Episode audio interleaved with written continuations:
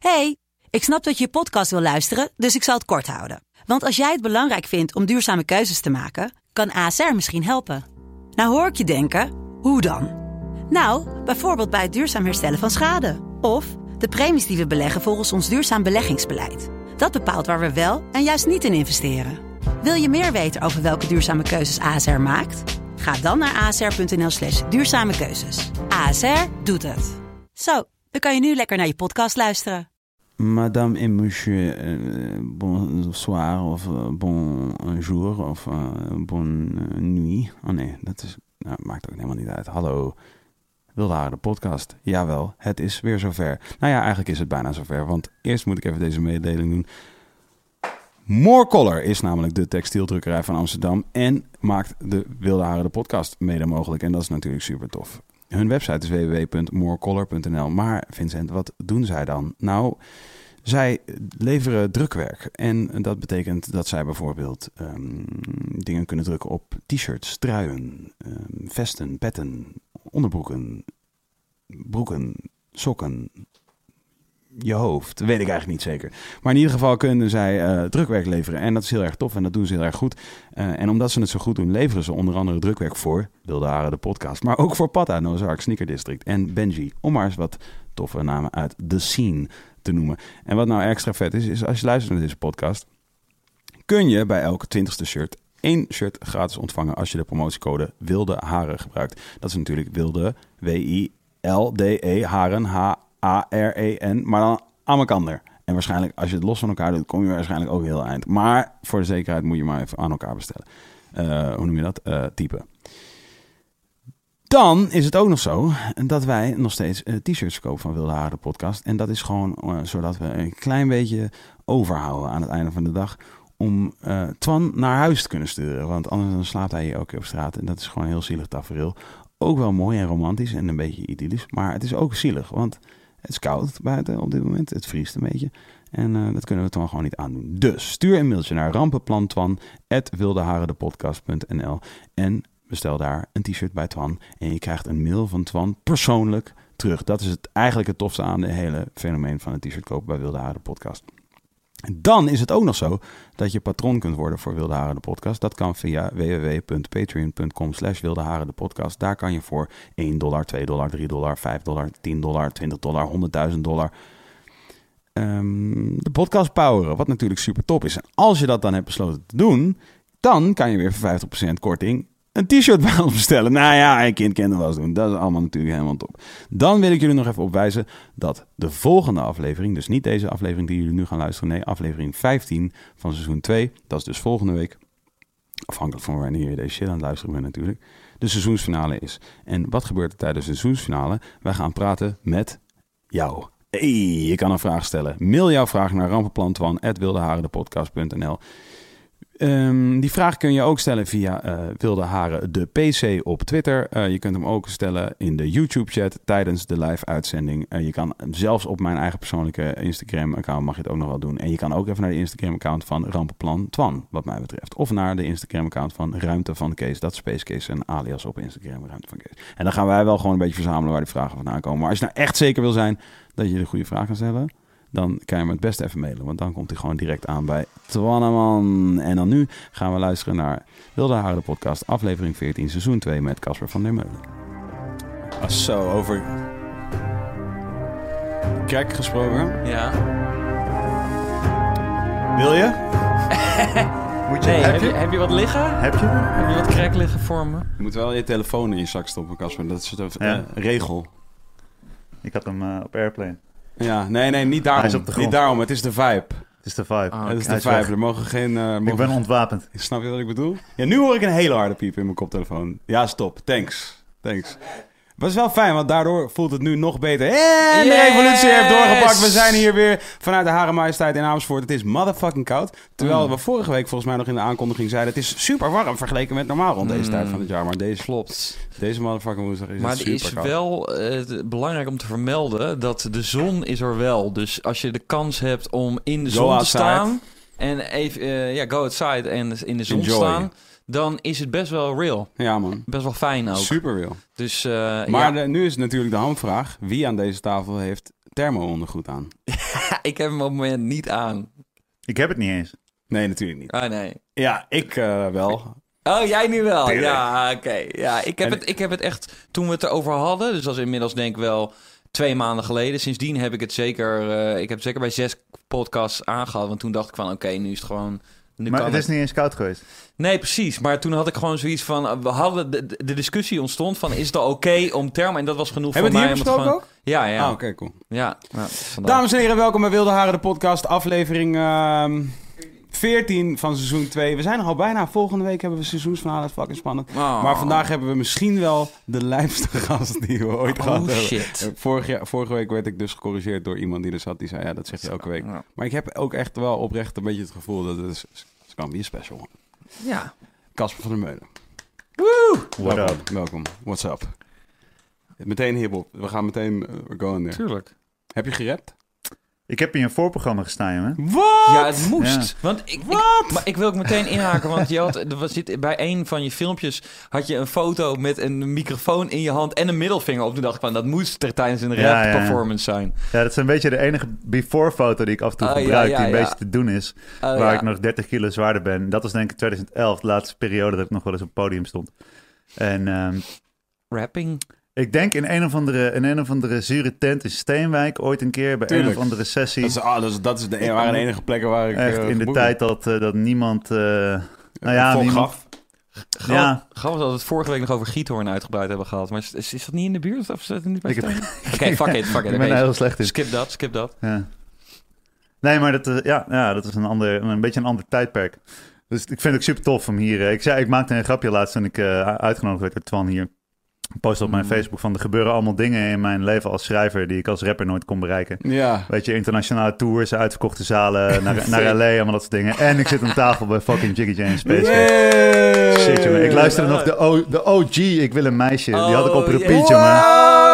De OG, De OG. dus echt voordat de, de videoversie er was, zeg maar. Jaren voordat mensen Kees Klopt. kenden van tv Wow. gewoon. Klopt, klopt, die bestaat. Dit Wow. Internet, internet MC Ook tijdperk. toen Toen, dat- het ja. een woord werd, Toen, internet toen, MC. toen het ook nog wack was om op het internet te zijn als je een, als je een rapper was. Ik Eigenlijk.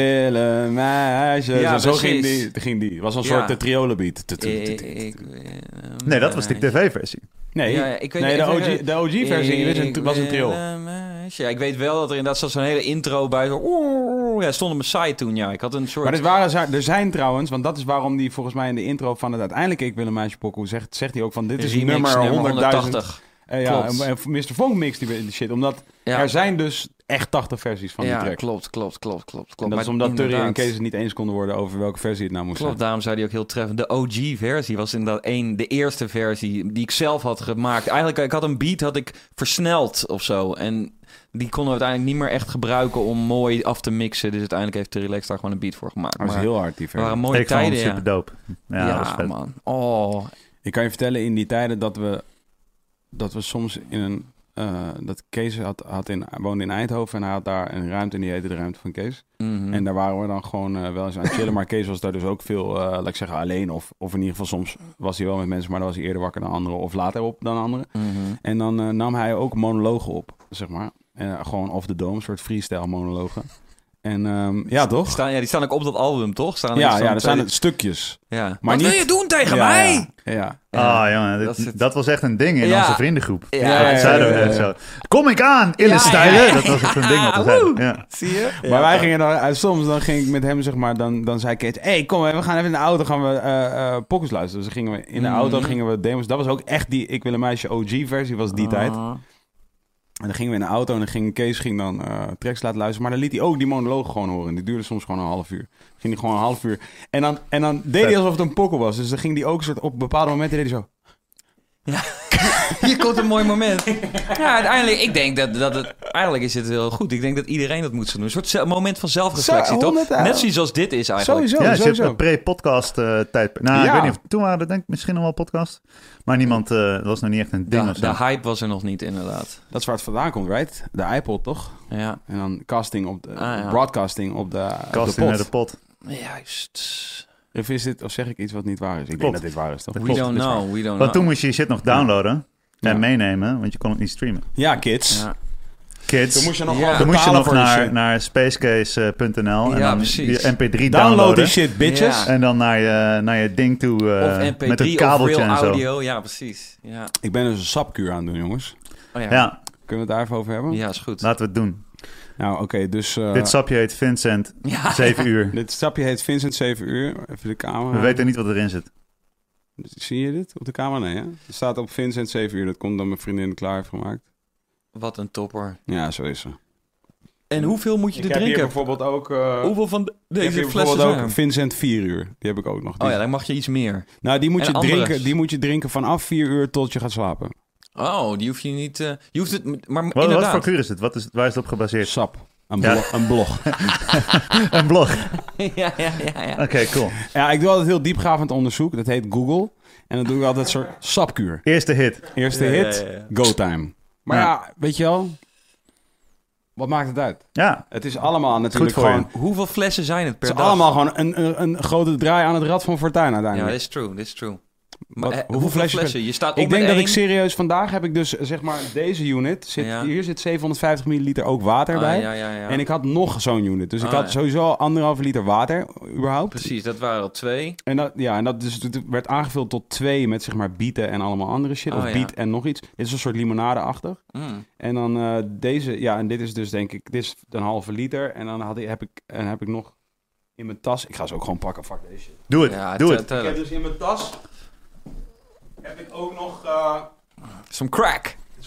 Some crack. Ja. Je moet natuurlijk wel ook- iets erbij hebben to spice it up a little, zou ik zeggen. Beetje de honger onderdrukken. Ja, ja, ja, ja, ja. Oké, dan heb ik dus in mijn tas, heb ik nog... Half, oh ja, dit is dus die, dit is dus eh, ook de juice. Half Maar dan elf. verdeeld over twee flesjes. Oh ja, precies. En dan heb ik hier nog eh, Vincent 1 uur Wow. Dat is gewoon een pot bruine bonen. en, eh, en Vincent 10 uur. Oh my god. Nee, dit is het, eh, is Ik vind dat je wel veel eet, man. bloed van eh ik denk dat je dik tien overleden tijdens renners. deze... Nee, nee, ik ben eh, juist echt al eh, echt veel lichter geworden van deze shit. Ja, het is heel gek. Dus dit Dat zijn... eh, ja, ik wou net zeggen. Dit is zijn al... Oké, die ene is eigenlijk nog zo eentje. Dus is heel twee, veel, drie, heel veel. vier, vijf fles per dag. Ja, dat is wel... Ja, dit maar- is wel echt heel veel. Ik denk dat dit bij elkaar wel een liter of zes, zeven, misschien wel zeven is. En eh, voel je, voel, heb je het idee dat het veel is? Of heb je zoiets van, dit is gewoon precies goed? Of heb, heb je nog honger eh, na al die flessen? Of is het gewoon, eh, ben je voldaan daarna? Kijk, zoals je weet, vind ik het gewoon leuk om af en toe te kijken hoe ver mijn, eh, hoe, Ja. ver, hoe ver dat wat ik leuk vind op te rekken is naar dat wat ik eh, interessant vind om te proberen. Oh, oh ja, oké. En, eh, en eh, dus in het, in het kader van, eh, van jouw eh, eh, bezoek Mhm. sluit dat een beetje aan. Ja, ja, sapkuren zijn nice, man. Het is, eh, nou ja, nice, ik weet het niet. ik, de, eh, eerlijk gezegd, wat ik het moeilijkste vind aan sapkuren... is dat ik geen koffie drink dan.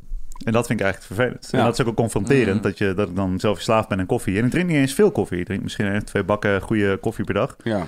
Maar eh, toch merk ik het. En voor de En rest dan- vind ik vasten vind ik echt super relaxed. Is het jouw wakker wordt, eh, wakker wordt ritueel, koffie? Dat is eh, een belangrijk deel ervan, ja. Ja. Het eerste wat ik... Nou ja, ik drink eerst ongeveer een liter water. En dan drink ik eh, koffie met een lading kokosolie en wat andere dingen erin. Wat eh reishi, paddenstoelen of shaga, verschillende soorten supplementen. Maar... ehm, en dan eet ik verder eigenlijk niet. Dus ik, eh, tenminste tot een uur of twaalf of twee, zoiets, heb ik een maaltijd. En dan, en dan eet ik om een uur of zes of zeven maaltijd. Dus ik eet maar twee keer per dag. En een groot deel van de dag ben ik dus eigenlijk aan het vasten. En soms eet ik eh één maaltijd per dag, soms sla ik een dag over en dan eet ik helemaal niks. En dan een sapje of zo, weet je wel. Dus het is, ik vind vasten echt wel een hele relaxte manier om je lichaam beter te leren kennen Ja, vooral. toch? Ja, dat vooral. Maar dat heb ik dus inderdaad ook met die koffie. Want ik, zeg maar, als ik dit dus dan eh, vertel aan mensen... Het is overigens, het, was, het kwam echt toevallig zo uit. Ik had, had bedacht dat ik dat nu ging doen. Ik had natuurlijk kerst, oud en nieuw. Toen hadden we een, een Noorderslag. Toen was ik jarig. Toen was, eh, was er nog een of ander evenement waar ik heen was geweest. In ieder geval mijn afgelopen anderhalf maand bestond uit eh, eten en drinken. Alcohol en meuk. En dus zeg maar... Dus ik, ik had gewoon even een soort van... eh, even een soort harde reset nodig in Ja. die zin. En dan, eh, en dan vind ik het dus altijd leuk. Dus, toen heb, ik- dus ik heb nu dus ook al anderhalf maand... Dus, eh, in ieder geval geen... Ik heb geen sigaret aangeraakt of iets. Mhm. En dus inderdaad vorige week gestopt met koffie voor de zekerheid. Zodat ik dit kon gaan doen deze week. Omdat ik dacht als ik koffie en dit in één keer moet doen, dan word ik helemaal lijp. Maar koffie, Dat is eigenlijk waar ik ook heen wil. Dat is één gekke crack. Fucking hard Wow. jongen. Echt, ik had na de, eerste keer dat ik een sap, of nou ja, de eerste keer, maar laatste week een keer een sapkuur of watervasten. Nou, in ieder geval, de een of andere kuur. Ik doe altijd rare shit, gewoon wat ik leuk vind om dingen te testen. Hmm. En eh, toen daarna was voor het eerst dat ik vier dagen helemaal geen koffie had gehad. Helemaal geen cafeïne, helemaal niks. En toen dronk ik weer een, een kop koffie jongen, na die vierde dag. En dan was het echt zo... shit. Ja, dat is echt confronterend hoe verslavend het is. Ja, En eh, er zijn best wel veel eh, interessante middelen verkrijgbaar in Nederland, zeker, weet je wel. En er, zijn heel veel, er wordt heel veel eh, gepraat over drugs en het is allemaal taboe en dingen en zo. Maar als je kijkt naar hoe verslavend koffie is, het is, het is echt hardcore. Ja. het is echt, het is dat iedereen het goedkeurt en dat Het lekker is en dat lijp. het cultuur is. ik maar- was de tweede dag dat ik geen koffie dronk. Dus dat was vorige week, begin van de week, zeg maar. Ja, ik was zo strontzagrijnig. Het was echt niet te doen. Ja, we hebben daarna ook hier gepo- heb ik het even over gehad, toch? ja, Telfriend, klopt, het is klopt, van, klopt. eh, Het was niet te doen. Echt niet te doen. Ik stond af en toe gewoon ineens bij het koffiezetapparaat. Ja. Stond ik daar gewoon en dacht ik... Hè? Ik was... ja. Ah, Ja, kut. Ja, ja, ik ga ja. helemaal geen koffie drinken. Ja, kut. Ja, Ja, dat stond ik ik met de daar gewoon. shop eh, altijd, ja. Maar eh, zeg Casper, voor de mensen die nu eh, luisteren, dan wel kijken of een combinatie van beide en eh, Wilde Haren de podcast. Waarom weet jij zoveel over eh, kuren en, eh, en allemaal andere shit? Ja, omdat ik geïnteresseerd ben in Ah, shit. Ja, het is, het is eh, een beetje bij mij... eh, ja, die foto die je hebt gezien Mhm. inderdaad. Dat was in 2011, 2012. Toen was ik een dikke rapper. En, eh, Wat is jouw rapnaam? Deze Casper. Ja, mijn rapnaam was gewoon Casper. En Ah, ik was, ja. ik was, Niet eh, gewoon Boef of was Ja. Casper? Nee, het was gewoon Casper. Oh, echt gewoon Casper? Jij Ja. was gewoon de, je had er gewoon voor gewoon Boef. Ja. Nou ja, ja. Ja, Ja, blijkbaar. Nog nooit over nagedacht. Nee, ik weet niet wie gewoon Boef is. Weet je niet Ik, ben er Boef niet meer, ik luister niet meer mee. Oh ik ben er helemaal uit. Maar Ah, anyway, jammer, dus ik had... jammer, Ik Maar had je kent Boef toch wel? ja, ik, ja, maar ik wist niet dat hij gewoon Boef Ja, was. ja, ja, hij gewoon Ja. Boef. Het is gewoon. Boef, Ja, man. ah, ja oké. Het is gewoon boef. Gewoon, gewoon boef. Dus eh, ja, dat deed ik. En ik, ik wilde een beetje, ik was een beetje een, eh, een hippie. Ik wilde, ik wilde een soort van anti-held zijn. En eh, dat was allemaal leuk. Maar in die tijd ging het, niet, eh, ging het gewoon niet goed met mijn gezondheid. Mm. En ik werkte als leraar op school. En ik gaf biologie, natuurscheikunde, dat soort dingen. En die kids die keken tegen me op. En eh, muziek, ik was toen niet zo heel actief meer als rapper. Ik was voornamelijk bezig als drummer en percussionist. En we, we produceerden wat dingen en zo. We waren een opnamestudio aan het bouwen. Maar eh, ik zat niet lekker in mijn vel. En ik had allemaal, allemaal last van allemaal dingen die ik helemaal niet hoorde te hebben als eh, jonge man van 26. Weet je, ik had allemaal schouderissues. En één keer in de maand lag ik wel een keer vast in bed met een rugprobleem. Ik had migraines, ik had de hartritmestoornis, allemaal dat Ben, soort ben je dingen. altijd, was je altijd, had je altijd overgewicht gehad? Zo goed als altijd. Ja, ik was eh, vroeger ook echt een dikke jochie in de klas. En eh, ik kon heel, heel slecht omgaan met het verwerken van de prikkels, van wat er van me gevraagd werd. En ik moest altijd eh, binnen de lijnen denken en dat kon ik niet zo goed. Ik kon niet goed leren op de manier die van me gevraagd werd. Dus ik heb altijd wel dat, eh, die issue gehad. En voor mij was het altijd op zoek naar manieren om daar niet mee te hoeven dealen. Dus inderdaad roken en blowen en zuipen en videogames en wat er maar, wat maar, maar uit het moment. Rapmuziek. ja, Ja. rapmuziek. En rapmuziek Ja. was dan eigenlijk mijn eerste redding. Want toen ik, toen ik na een paar jaar eh, helemaal niet nuchter eh, eh, geweest te zijn was... Oh, die zin- Ja, ja, ja, dat, je, had, je had hem. Maar die, ehm, eh, toen, toen stopte ik opeens met blowen en roken met alles. In één keer ging ik ook opeens vegan en eh, ik dronk geen koffie niet meer en shit. Toen was ik een jaar of 16. Eh, en toen, toen kwam er echt van alles in me op. En het enige wat ik toen kon was eh rap. En muziek maken was, Ja. was gewoon een uitlaatklep.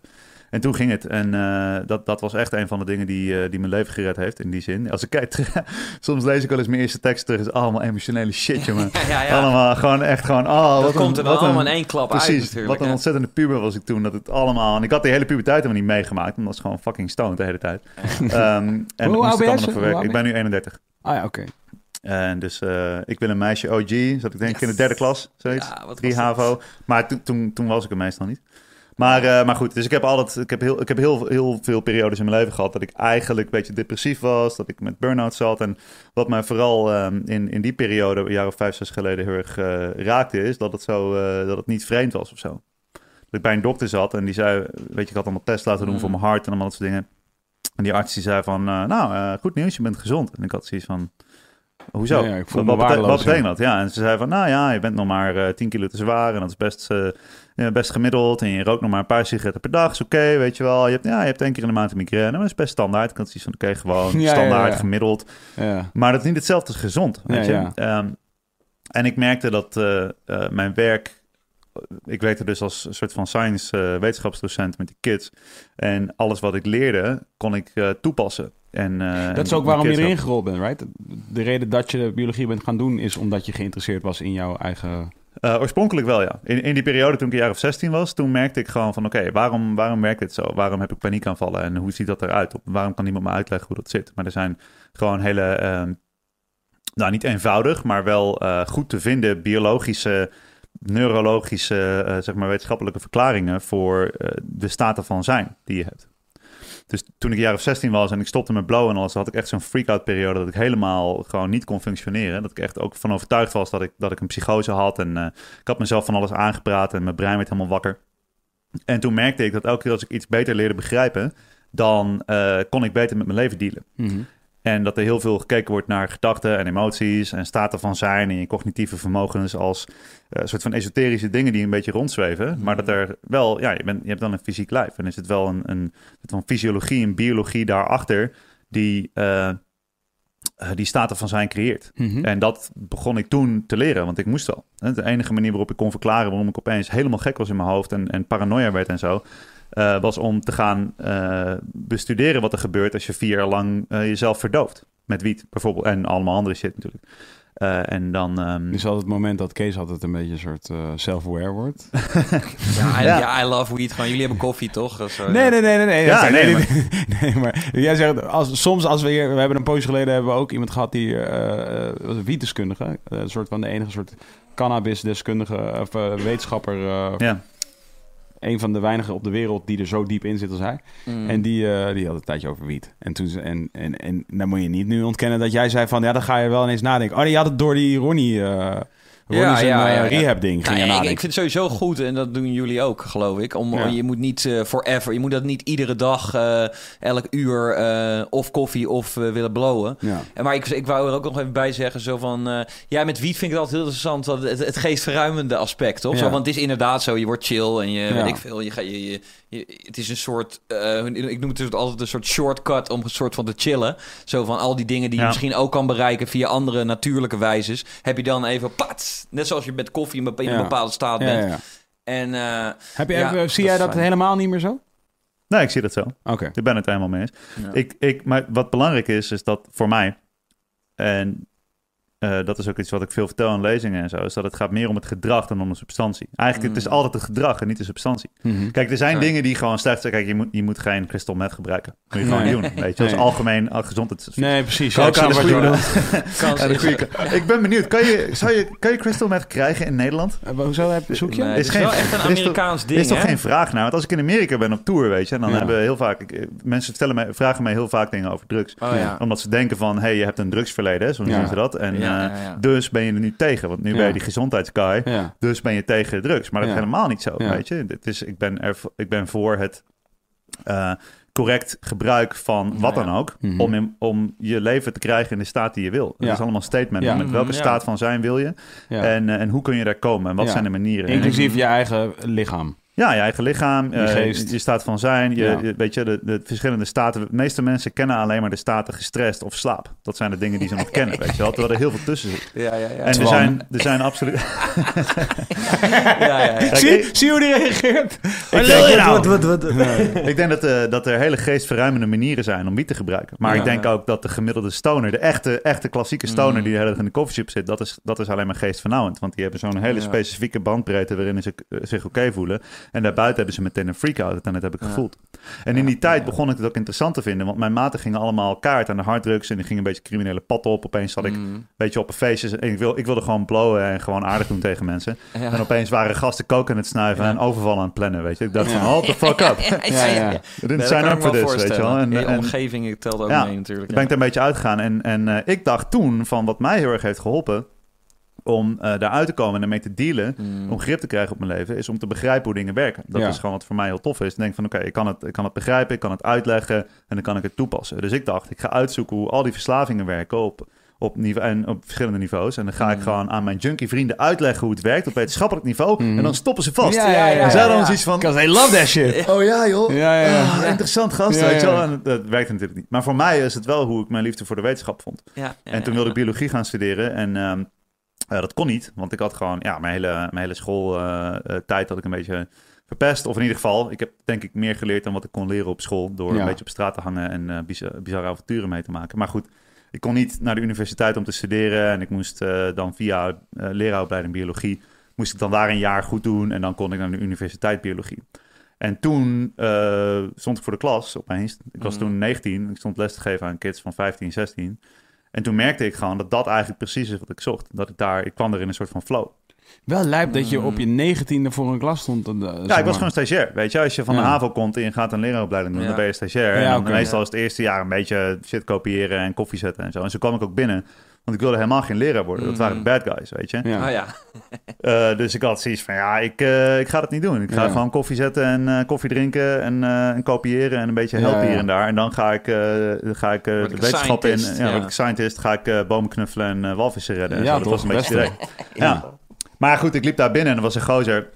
Hij heet Erik Soer, dat moet ik er altijd bij zeggen. Ik heb echt dit verhaal heb ik al op vier of vijf podcasts verteld. En, en de eerste drie keer vernoemde ik, eh, had ik geen eervolle vernoeming voor deze gast.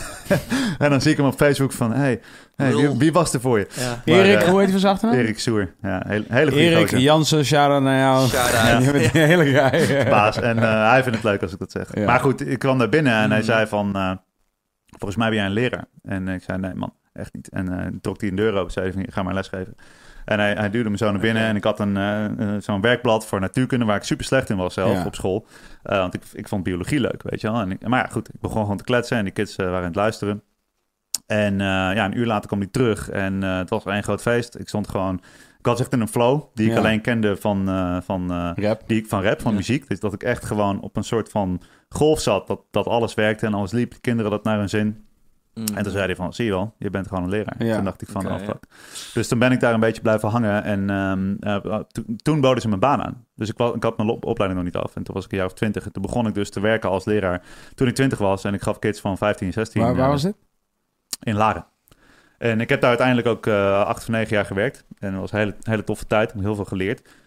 Eh, en nog steeds heel erg op zoek naar manieren om, om het leven te beïnvloeden. Want eh, ik had wel allerlei inzichten gehad eh, eerder. Maar dat was niet meteen in de praktijk te brengen. En dat Ja. is voor, voor de meeste mensen die weten eigenlijk... Weet je, iedereen weet wat voor goede voornemen die zou moeten hebben. En weet je hoe ze zouden moeten eten of bewegen, meer of minder dit en zo. Maar eh, daadwerkelijk doen is echt veel lastiger. Dat was het voor mij ook. Mhm. Dus ehm, ja, ik heb een aantal, aantal soort van loops gehad in mijn leven van een paar jaar. En dat ik elke, elke zoveel tijd echt in een dip zat. Dat ik, dat ik het niet meer trok en dat ik Ja, eigenlijk ja. depressief was. En had slecht in mijn Wa- wa- gezondheid. Was, was je voor jezelf dan ook echt... eh, liet je dan ook eh, diagnosticeren voor... Oh, je bent inderdaad depressief of iets. Of, laat ik zo zeggen voor iemand die nu wellicht luistert en zegt van... Oh ja, dit herken ik. Eh, nee, nee, ik heb geen, op een gegeven moment ging ik geen diagnoses meer halen, want dat was nooit heel behulpzaam. Mhm. Het belangrijkste hierin is, is dat ik toen ik een jaar of elf was, toen kon ik dus slecht functioneren op school en ik had geen vrienden en ik zat niet lekker in mijn vel, ik was te dik en zo.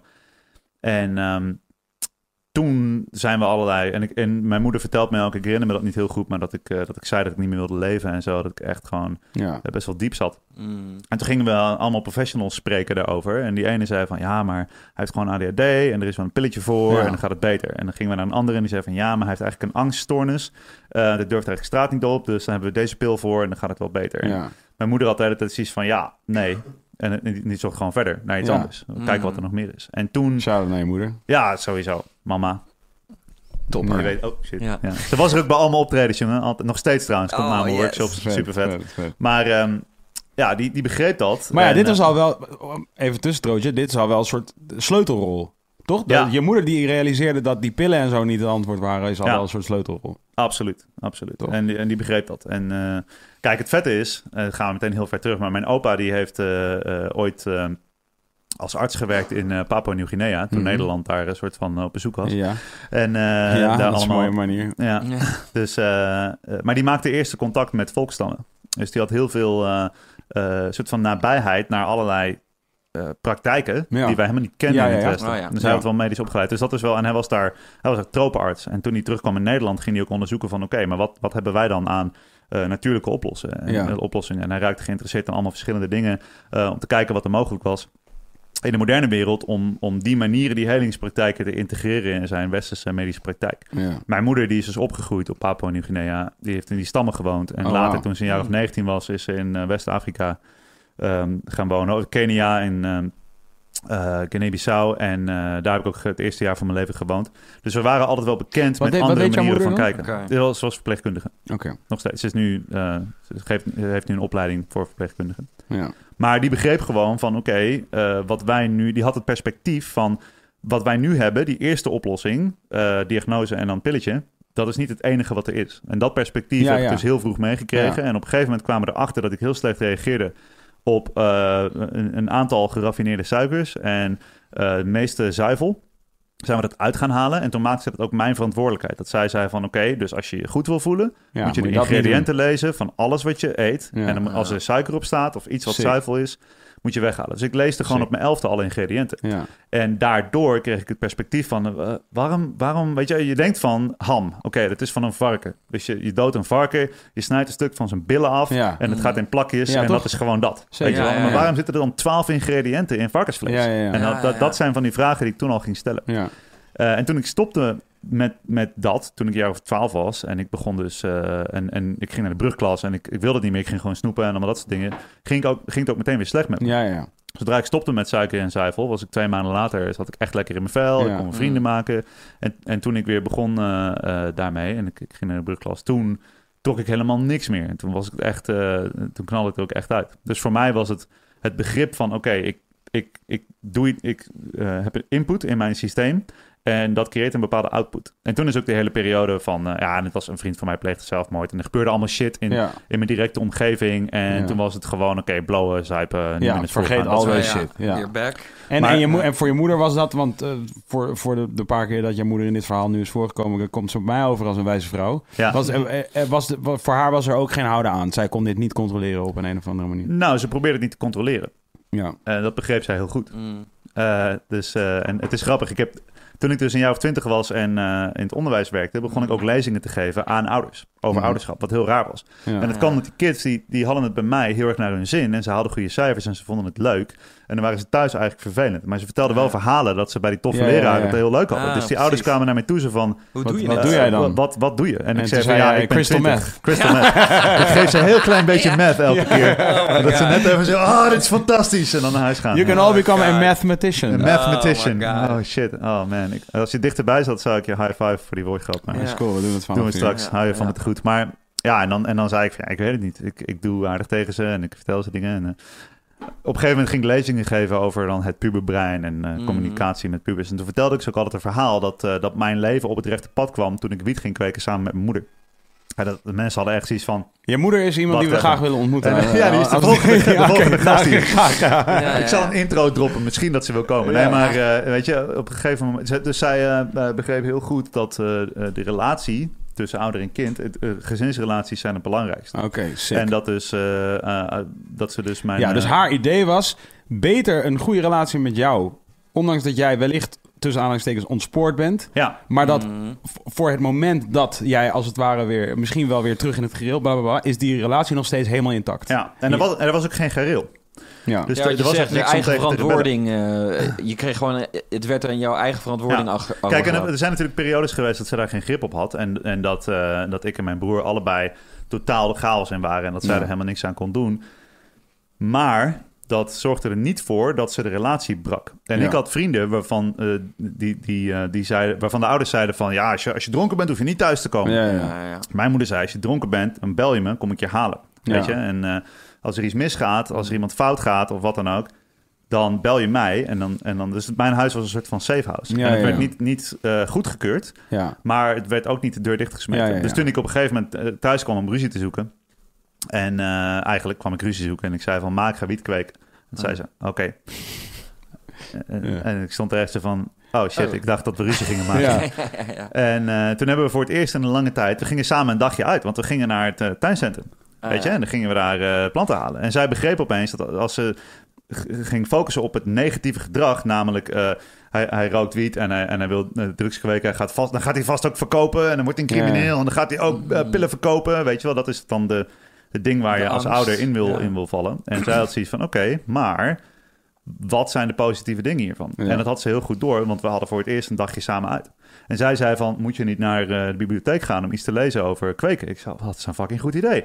Dus ik naar de bibliotheek, was toen een jaar of 14, 15. En ik had zoiets van, wow, hier zijn allemaal interessante boeken. En als ik zelf iets uitkies wat ik interessant vind om te lezen, dan vind ik het eigenlijk super vet om boeken te lezen. Dus ik ging spijbelen van school om in de bibliotheek te lezen over botanie en over biologie en over Ja, grondsoorten. Ja, en, classic. dus zij begreep heel goed dat mijn natuurlijke interesse in, in de natuur Ja. En mijn natuurlijke behoefte om te leren, dat die gestimuleerd zouden worden door die planten. Ja. En ik kwam bijvoorbeeld op tijd thuis om de planten water te geven Ja, en, om de, en om de lichten aan en uit te zetten en zo. En dat waren twee plantjes en uiteindelijk is de oogst ook niet zo heel goed gelukt. Misschien heeft ze wel gewoon gerigged, het hele ding, dat ze uiteindelijk zich gewoon die planten... Maar in ieder geval, dat, eh, wij hadden weer communicatie, ik kwam op tijd thuis, ik was zorgzaam, ik was geïnteresseerd, ik las boeken.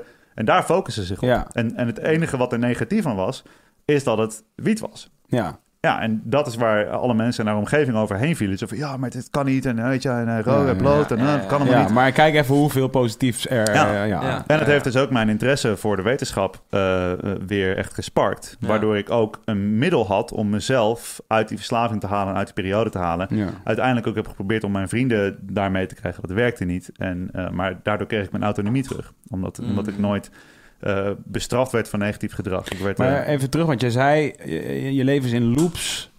Beland je steeds weer in depressie. Dus ook later nog ja, is dat Ja. toch weer gekomen. Ja. Hoe, hoe kwam dat dan? nou en ik denk dat dus we, we leven in patronen. Mhm. Toevallig vandaag een stukje op. eh, ik heb zo'n column op Sublime, eh Sublime FM. Toevallig ging dat vandaag daarover. Dus het is leuk dat het nu te sprake komt.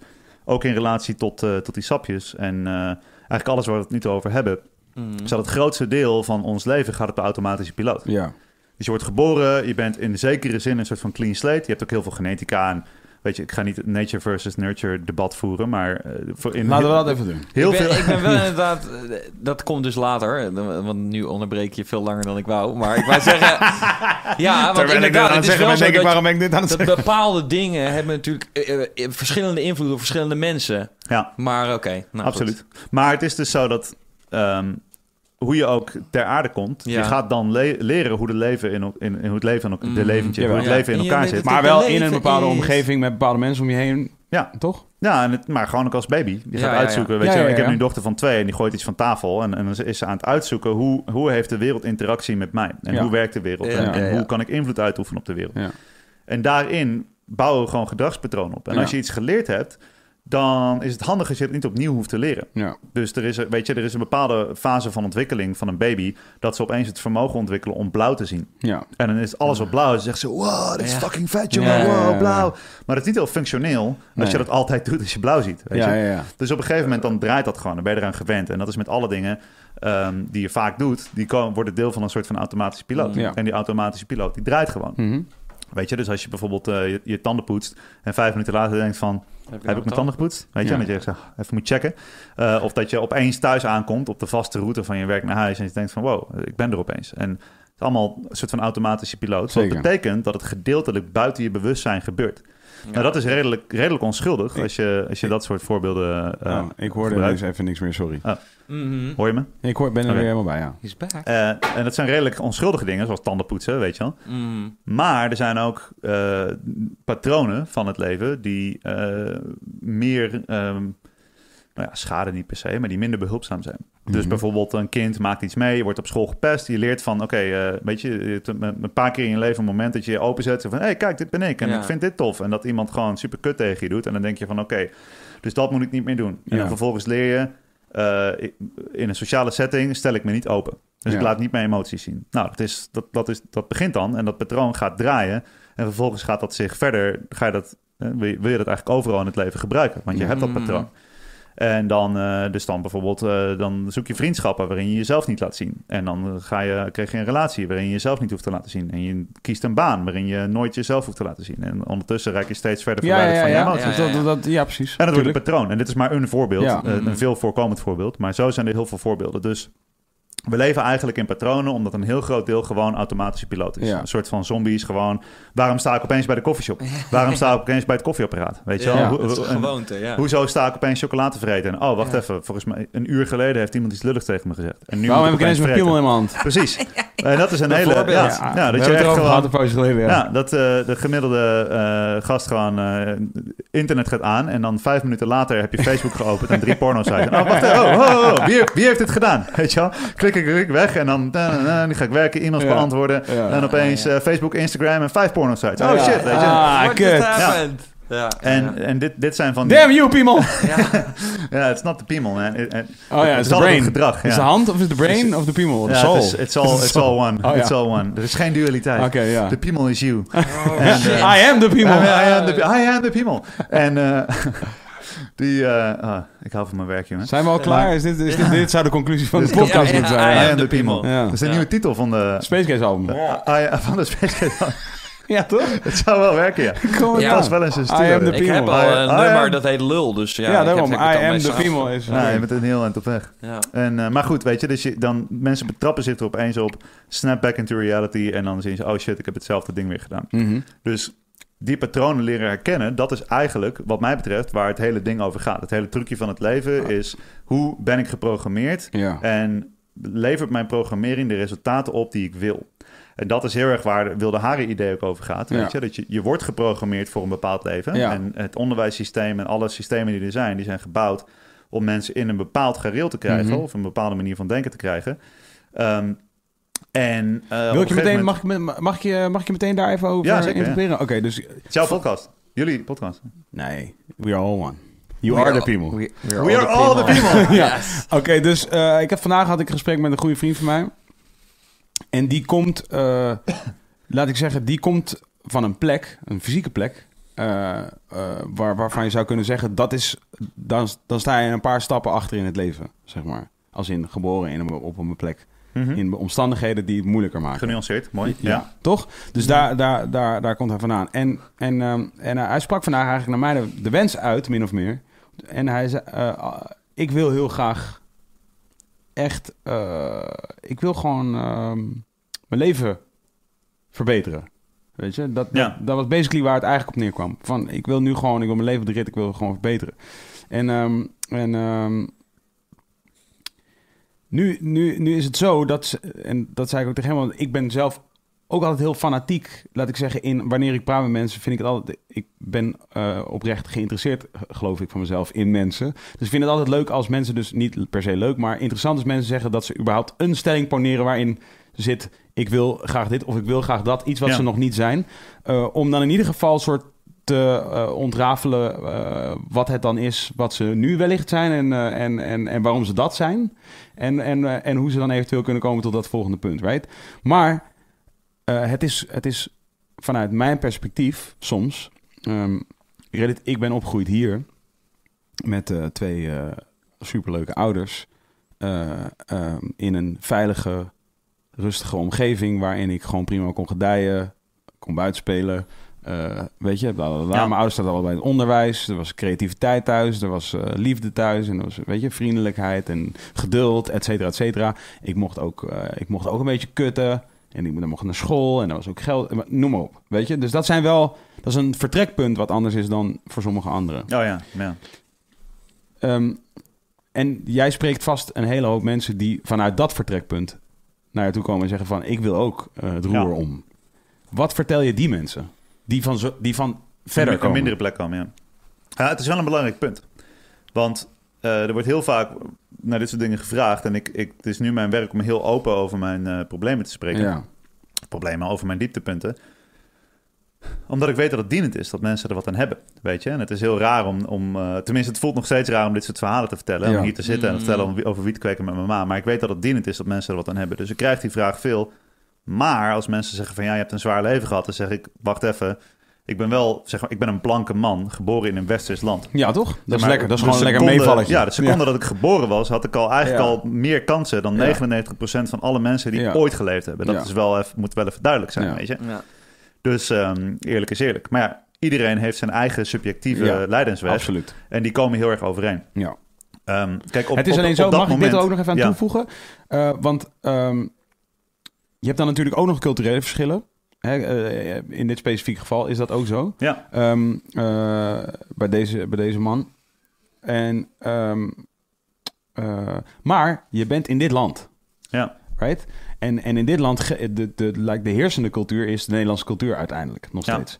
Dus laat ik zeggen, de, de westerse, en ik mag het nooit zeggen, maar de witte westerse hè, Hollandse cultuur is, Ja. is heersend hier. Dus zeg maar, dus je moet niet alleen, je moet niet alleen van ver komen omdat je, omdat je misschien op een, met een tussen aanhalingstekens achterstand bent begonnen. Je moet ook nog eigenlijk cultureel gezien aanpassen, Ja. weet je, aan, aan iets anders. Wat, wat het extra ingewikkeld maakt of zo. Wat ik denk dat belangrijk is en wat geldt voor iedereen, is dat alles wat in jouw leven is, Hmm. is je eigen verantwoordelijkheid. Ja, honderd En er is een heel groot verschil tussen schuld en verantwoordelijkheid. Ja. Dat is ook belangrijk. Het is, het is niemands schuld dat ze hier zijn gekomen vanuit een oorlogsverleden. Hè, Dat, daar moet je mee dealen. Ja. Maar het is wel je verantwoordelijkheid om ermee te dealen. Ja. Het is niet je schuld dat je overreden wordt, dat je misbruikt wordt, dat je ziek wordt. Dat zijn allemaal, maar het is wel je verantwoordelijkheid om ermee te dealen. En vanuit elk startpunt kun je die verantwoordelijkheid nemen en vanuit daar je situatie verbeteren.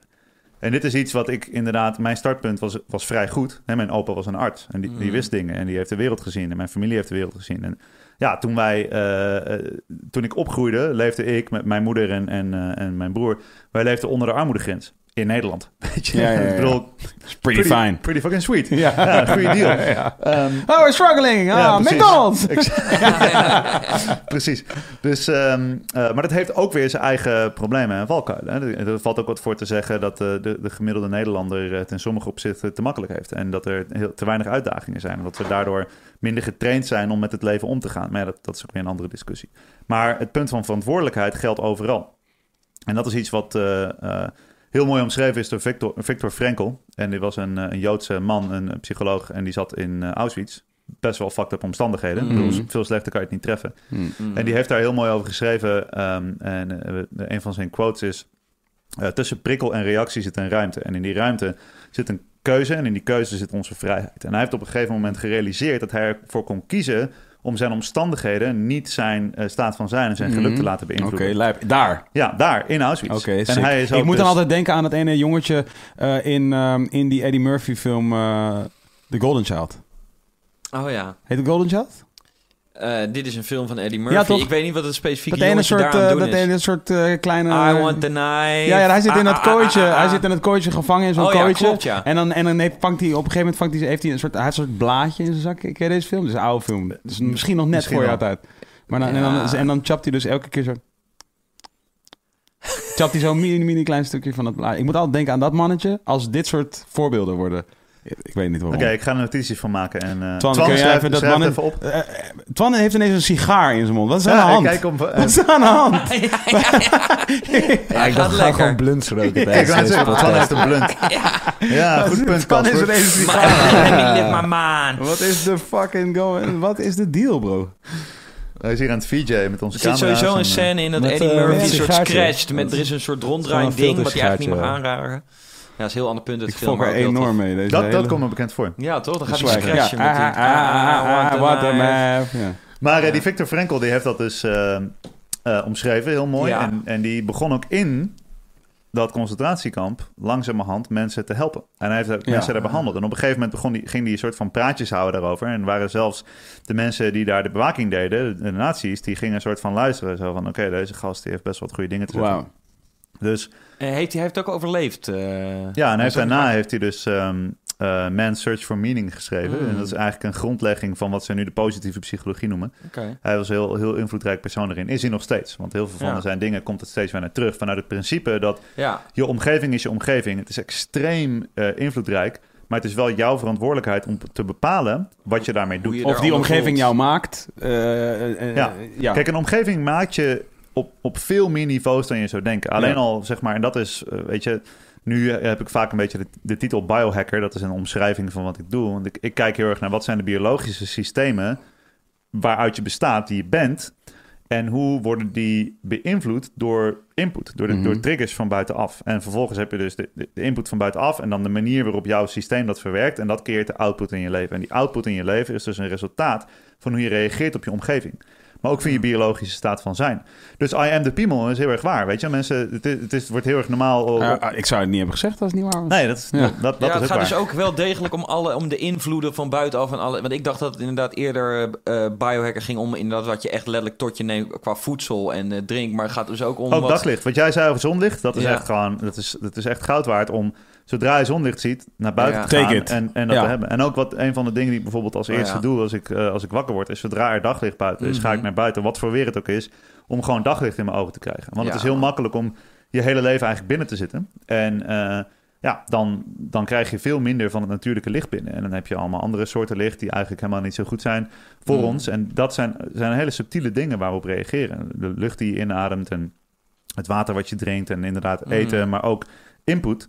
Mensen, eh, over het algemeen wordt bijvoorbeeld het ding waar jullie het net over hadden, zoals pornografie, wordt niet gezien. Ja, dat is een beetje een ding waar we niet over praten en het is Mhm. oké. En zolang je niet in het openbaar niks raars doet, dan is het oké. Maar het is best Mhm. wel een hele heftige input. En eh, ik las laatst een studie over dat de snelst groeiende groep met erectieproblemen zijn niet meer... No pun intended. Ja. Die, eh oh, dat was, shit, die moet ik even opschrijven. Tan, schrijf alle piemelgrappen even op alsjeblieft. Ja, die heb het ik is zo nodig. online. We Ik kunnen heb het nodig. Oh ja, ik kan het terugkijken. Ja, precies. De, de, de, En, eh, de non-erect penis is the fastest growing. The fastest growing group of non-erect penises. En de kinderen hebben zijn, het meeste nou, het zijn tegenwoordig niet meer oude mannen van 60 met een slecht cholesterol en een dikke buik. Het zijn eh, jonge gasten van 223 die zo erg ge- eh, eh, zeg maar gewend zijn Ja. aan allerlei hele heftige, intense Ja, eh, prikkels, dat Ja. ze niet meer kunnen functioneren. En het is alleen maar erger. En dat is ook zo met videogames. En dat dus is geweld en seksueel geweld. Pornografie is eigenlijk in heel veel opzichten seksueel geweld. Ehm, en, Ah, ja, hou op, dat is 100.000 Ik, ik, ik, maar ik vraag me wel af, want ook met, met games... maar dat is ook weer hoe je het doet. Hè? Het is Ik allemaal wou het net gedrag, zeggen- niet, de, niet, de, niet Ik het wou net zeggen, met, met dit soort dingen... Het is natuurlijk... De vraag is of, of mensen daartoe in staat zijn, of het mens... Heeft natuurlijk zijn grote moeite mee. Maar als je het kan scheiden, net zoals inderdaad eh computergames... Ik geloof wel dat er, dat er kids zijn die... En eh, ook met porno geldt ook voor porno kijken. Maar eh, laten we even computerspelletjes voorbeeld nemen. Dat, dat er de kids zijn die er heel heftig door beïnvloed worden... en denken van, wow, die inderdaad denken van... wow, hele heftige prikkels. Maar ik denk dat er ook wel kids zijn die kunnen...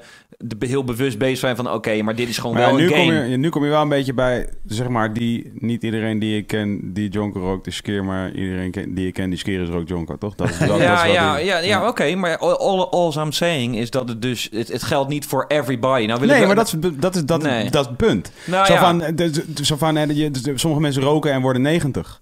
Je weet Ja, toch, maar ja. het merendeel krijgt longkanker, ja. Oké, nee, oké. Nee, maar het is wel inderdaad... Het punt is wel dat het gaat dus om het gedrag en niet om middel. Ja, ja, ja, nee, tuurlijk. En dat nee, oké, dat is wel wat, dat is inderdaad wat anders dan met roken bijvoorbeeld. Maar alsnog... Alsnog, eh, weet je wat? eh, eh, ik bedoel, er zijn, eh, er zijn minder ongezonde manieren om tabak te roken. En, en, Ja. eh, eh, de, de sigaretten die in, in de gewone sigarettenpakjes zijn... dat is echt totaal geëngineerd om jou gewoon helemaal kapot verslaafd te maken. Terwijl eh, de tabaksplant... Ja, nicotine is een heel mooi middel. Het is eigenlijk best wel een fantastisch stofje. Het is een soort van nootropic. Het verhoogt je concentratie. Als je het in die, op de juiste manier in de juiste vorm binnenkrijgt, kan je er heel veel aan hebben. Ik ken heel veel hele gezonde, hele fitte sporters, powerlifters en turners die nicotine gebruiken om hun concentratie en hun prestaties op bepaalde, op bepaalde onderdelen te verbeteren. Sick. En, dus eh, nicotine is helemaal niet het meest verslavende aan een sigaret. eh. Het meest verslavende aan de sigaret is de manier waarop die sigaret geëngineerd is om jou Mm. verslaafd te maken. En er Ja. zitten heel veel dingen in die dat eh, nog verslavender maken. Dingen die ervoor zorgen dat je de nicotine minder snel afbreekt. En dingen die ervoor zorgen dat je het sneller opneemt. Dat die sigaret zo snel mogelijk wegbrandt. En dat je er dus meerdere Mm. per dag wil roken. Ah, ja, ja, ja. Ehm, dus eh, weet je, ik- en, en, en dan komt er nog het ding bij dat mensen niet meer genieten van een sigaretten omdat ze zich schuldig voelen. Maar dat is met eten net zo. Ik moest, ik Ja. moest er net aan denken toen je net zei van... eh, eh, het wordt, ik weet niet meer wat je precies zei... maar iets van het wordt gewenning of het wordt gedrag. wat- Van, ik heb, als ik dus praat met mensen bijvoorbeeld over... eh, nou ja, over geen vlees eten bijvoorbeeld... dan is wat, het nummer één ding wat mensen zeggen is... ja, ik hou gewoon veel van lekker eten. Terwijl Ja. zo van, hoe vaak ben je nou echt aan het genieten van je eten? Nauwelijks. En hoe vaak heb jij wel eens geprobeerd om te genieten van eten zonder vlees? Want het is van, niet wel eens punt van dat je het niet moet doen. Het is van, als, je, als iemand vlees wil eten, moet je vlees eten. Maar mijn punt is gewoon van, jij stelt nu dat niet lekker eten, of eh, dat lekker eten en vlees is één ding. Ja, Je weet toch zo van, alsof, dus jij, hebt, jij, jij bent nu smaak en zo, smaak en structuur en alles, dat, dat, dat ken je allemaal toe aan vlees, blijkbaar. Dat is hoe jij het ziet. Zo van, nee, dat is vlees. Terwijl, hoeveel dingen eet je die geen vlees zijn? En dat is, dat is dan per definitie meteen niet lekker. Dat is gewoon die... En geniet je echt elke keer. Ja, zoals als je echt aan het eten bent. vlees eet. Ja, want dus, dus kijk, Dat ik, is het mooie van zo'n sapkuur. Je hele, al je conditionering komen naar bo- naar boven. Als Ja. je, en zeker als je een keer watervasten gaat doen, dat is helemaal eh, eh, zwaar. Dan heb je gewoon drie dagen alleen maar water. Ah, Dan word je extreem geconfronteerd met de manier waarop je geprogrammeerd bent en Ja. jezelf geprogrammeerd hebt om eh, je hele emotionele staat van zijn aan eten te hangen. Ja, Maar dat je ook eigenlijk nooit geniet van eten. ja. Dus als je drie dagen geen, helemaal niks hebt gehad, alleen Ja. water. En dan neem je een groen sapje, wat je normaal gesproken ranzig zou vinden. Ja, dat is echt een fucking lekker groen sapje, ja. jongen. Hey, ik heb het nu toevallig. Je weet toch, ik had, ik had eh, een beetje soort, eh, ik had, zo, ik had zo'n eh, zo'n dingetje in mijn mond, toch? Dus ik zeg maar, Aft. ja, zo'n afte. Dus ik had zeg maar, dus ik deed met zout nu, dus zeg maar deze dagen, water, heet water met zout om een soort te reinigen, toch? Om mijn mond te reinigen. Eh, om er minder last van te krijgen. Maar dat slikte ik niet door. Maar de, de smaak van zout in mijn mond, omdat ik nu geen eten aan het eten. Dat echt. Oh, zout! Oh, dit is de. I love you, zout! Ja.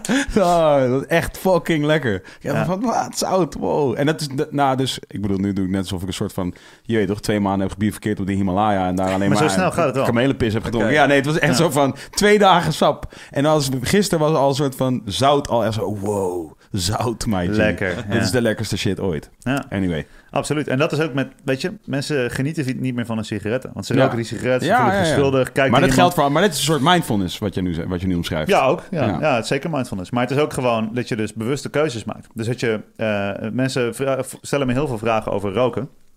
Ik heb zelf ook 14 jaar gerookt. En ik, eh, eh, ik ben daar eh, met, na heel veel niet succesvolle pogingen wel succesvol mee gestopt. Om die rela door de relatie met dat middel te veranderen. En dus ook jezelf beter te begrijpen. En in plaats van alleen maar extern te proberen die omgeving te veranderen. Zonder dus eigenlijk de resultaten in je leven veranderen. Zonder dat je van binnen iets verandert. Dat Ja. werkt niet. Gewoon exact dezelfde persoon blijven. Maar dan zonder die sigaret. Dat is niet zo. Want Ja. je bent een nieuwe persoon geworden met Mm. sigaret. Wat betekent Ja, dat je ook een nieuw persoon moet worden zonder sigaret. Dat de emotionele afhankelijkheid, eh, weet je, ja, ja. ja. trauma's, emotionele dingen, eh, eh, het mentale patroon, de manier waarop je het gebruikt om voor jezelf te zorgen. Voor heel veel mensen is die sigaret het moment dat ze even eh, een momentje van, van rust hebben. Toen ik stopte met roken had ik geen pauze meer. En een hele lange tijd was het gewoon, weet je, vooral toen ik op school Ja, werkte. ja. Dan zegt ze van, de bel gaat, het maakt me niet uit wie je bent of wat je doet. Kasper gaat smoking. roken. Ja, en ik was ja. naar buiten en ik stond in het fietshok met mijn maten en we waren gewoon aan het paffen. Ja, En na vijf minuten was ik weer helemaal klaar om te gaan. Stopte ik met roken, had ik geen pauze meer. En ik voelde me echt niet gezonder. Ja. En ik voelde wel, mijn longen gingen beter, ik kon beter hardlopen en ik wist van het is beter, maar Ja. ik had geen pauze meer. Ja. En geen pauze hebben is ook niet gezond. Dan zeg ik niet dat je moet gaan roken om pauze te nemen. Je moet gewoon die manier... en Ja, dus die sensatie externe- van pauze had je gewoon niet meer. Zo Nee, van, omdat ik dat, deed het niet meer. Dat associeerde met die sigaret. Ja, en ik vond het ook niet belangrijk genoeg meer. Nee, oké, Want die, die drang om te roken, die, die stuurde me gewoon naar buiten toe. Ik stond gewoon buiten, no Ah, matter what. weet je wou niet eens meer pauze nemen. Nou, daarna was het, was het zo van, ja, ik heb geen reden meer. Ik heb, ik heb Ja, geen drive meer om pauze te nemen. En eh raakte ik alleen maar gestrest van, weet je wel. En, Ja, ja, en dan merk je dus ook... En wat dan ook interessant is, is dat de gezonde keuzes ehm, zijn vaak niet eh, normaal. En we vinden normaal belangrijker dan gezond. In, en zeker Ja, in ja. Nederland is normaal zijn Ja, ja, ja. is belangrijker dan gezond. Ja, ja, dat, En dat- en is... dat- eh, Je mag ja. niet e- een extreme vorm van iets hebben. Je mag niet extreem gezond Sowieso, zijn. je, moet bent meteen gewoon helemaal normaal. een lipo, toch? Dus Ja, eh, ja, ja, van, ja. als ik je ben de- echt een fucking lijpo. Ja, Want klopt. toen ik de hele dag Zo zat te roken en te blowen op de banken, te zuipen, Ja, dat was wel- dat was normaal? Ja, toen was ik gewoon een normale jongeman die van het leven genoot. en nu eet ik twee keer per dag en ik doe af en toe een sapkuur, ik douche koud, ik loop in mijn korte broek een berg op. Weet je, ik ben 30 kilo afgevallen en ik kan En een ben je marathon gek in je lopen. hoofd. En nu ben ik helemaal raar. Ja. Casper, dit is echt extreem. En helemaal, ja. een van de dingen die ik deed dus, ik begreep van oké, die, die sigaret die geeft mij iets. Het is een momentje voor mezelf, voor mezelf zorgen, het is pauze. Maar er is ook gewoon intern, weet je, de, de, een chemie die vrijkomt als je die sigaret neemt. Je hebt de nicotine, maar je krijgt ook endorfine, Ja, dopamine. Ja, ja, ja. Dacht, dat moet Maar ik dat is, met al, dat is met aftrekken, dat is met eh, Ja, alles, dat is toch? met alles. shit. Mhm. Dus, eh, maar ik dacht van, ik ga niet mijn sigaret vervangen voor aftrekken. Ehm, want het zijn te veel dingen combine these tegelijkertijd. forces. ja, precies. Het is allemaal heel goed te combineren. Ik kon goed multitasken, jongen. Ja. Maar ik dacht van, oké, ik ga... Je moet eh, wel echt goed opletten dat je wel een... eh, dat je, dat je, zo, dat je Ja. niet verkeerd... dat je de verkeerde aansteekt. Of in je mond stopt. Ah, Oké, sorry. Oké, zo I take it back, I take it back. Kunnen we deze take even opnieuw doen? Oh, we zijn live, Ja, oké. We zijn live. Nee, eh, maar ik dacht in plaats van aftrekken ga ik opdrukken. Ja. Dus ik ging push-ups doen elke keer als ik... eh, of niet elke keer, maar ik dacht, oké, systeem bouwen. Ja, toch? En ik moet mijn systeem herprogrammeren. Ja. Dus ik dacht, ik ga terug naar vijf sigaretten per dag. En dan ga ik, eh, als ik op vijf ben en dat, dat stabiel ben, daar ben ik oké mee. Dan ga ik één van die sigaretten vervangen met een set push-ups. Zoveel als ik kan. En dat waren er in het begin vijf of zo. En later werden het twintig. En op een gegeven moment was dus ook die sigaret die ik met mijn maten in het fietshok rookte op school. Die eh, ging ik ook vervangen voor push-ups. Dus die Mm. gasten gingen zo van, yo, we gaan naar buiten roken. En ik zei, yo, later. En ik ging naar beneden en ik begon gewoon push-ups te doen. En die gast zegt zo, ja, eh, Casper, dit is echt raar, jongen, wat je nu doet. Je kan ja. niet zomaar midden in een school, midden in een Nee, leraarkamer kan push-ups gaan doen. Ja. Ik zei, oké, maar dus als we zeggen van, we gaan even naar buiten en hete kankerverwekkende rook onze longen inzuigen. Ja, tuurlijk, jullie zijn coole gasten, jullie doen dat. En ik ga, dus weet je, die, de, de gezonde keuze is niet normaal.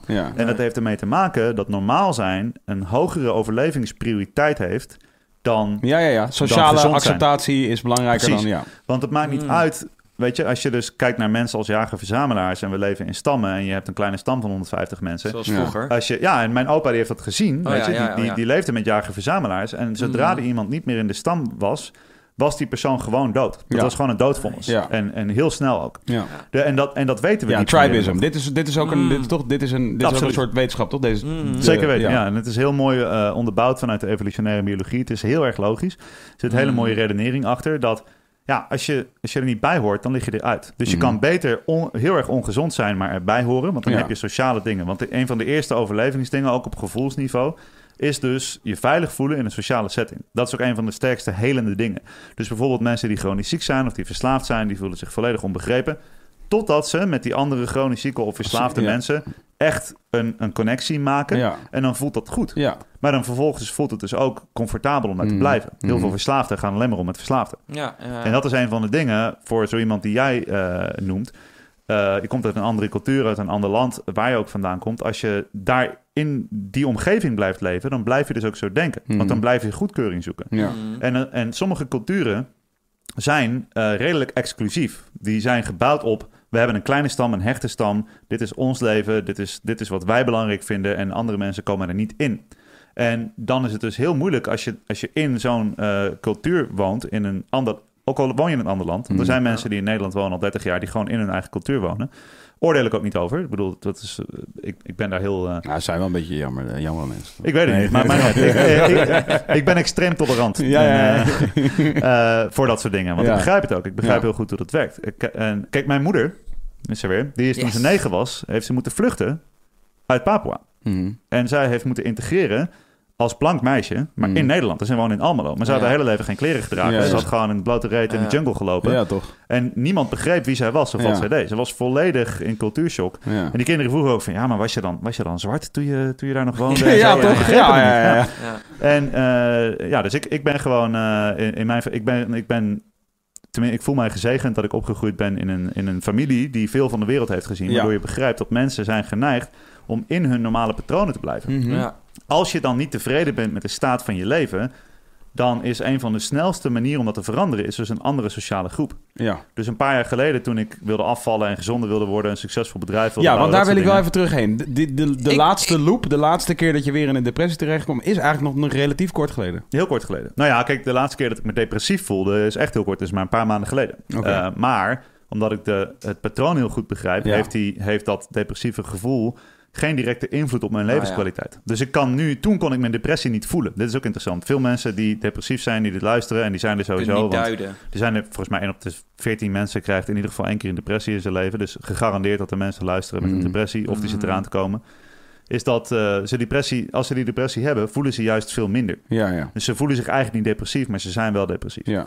En eh, vroeger was dat zo. Waren dat hele langgerekte periodes van dat ik eigenlijk niks gedaan kreeg en ik was eh, alleen maar negatief aan het denken en ik zat vast in mijn eigen gedachten.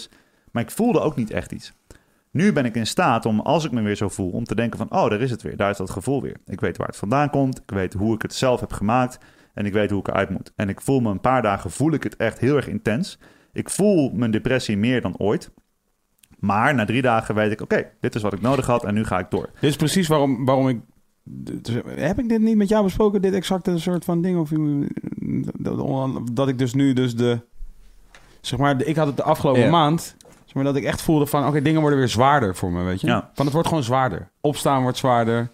eh, eh, gesprekken voeren met mensen wordt zwaarder. Werken wordt zwaarder. Nadenken over een beetje gewichtige eh, Zaken. zaken wordt zwaarder. Alles wordt, werd weer zwaarder.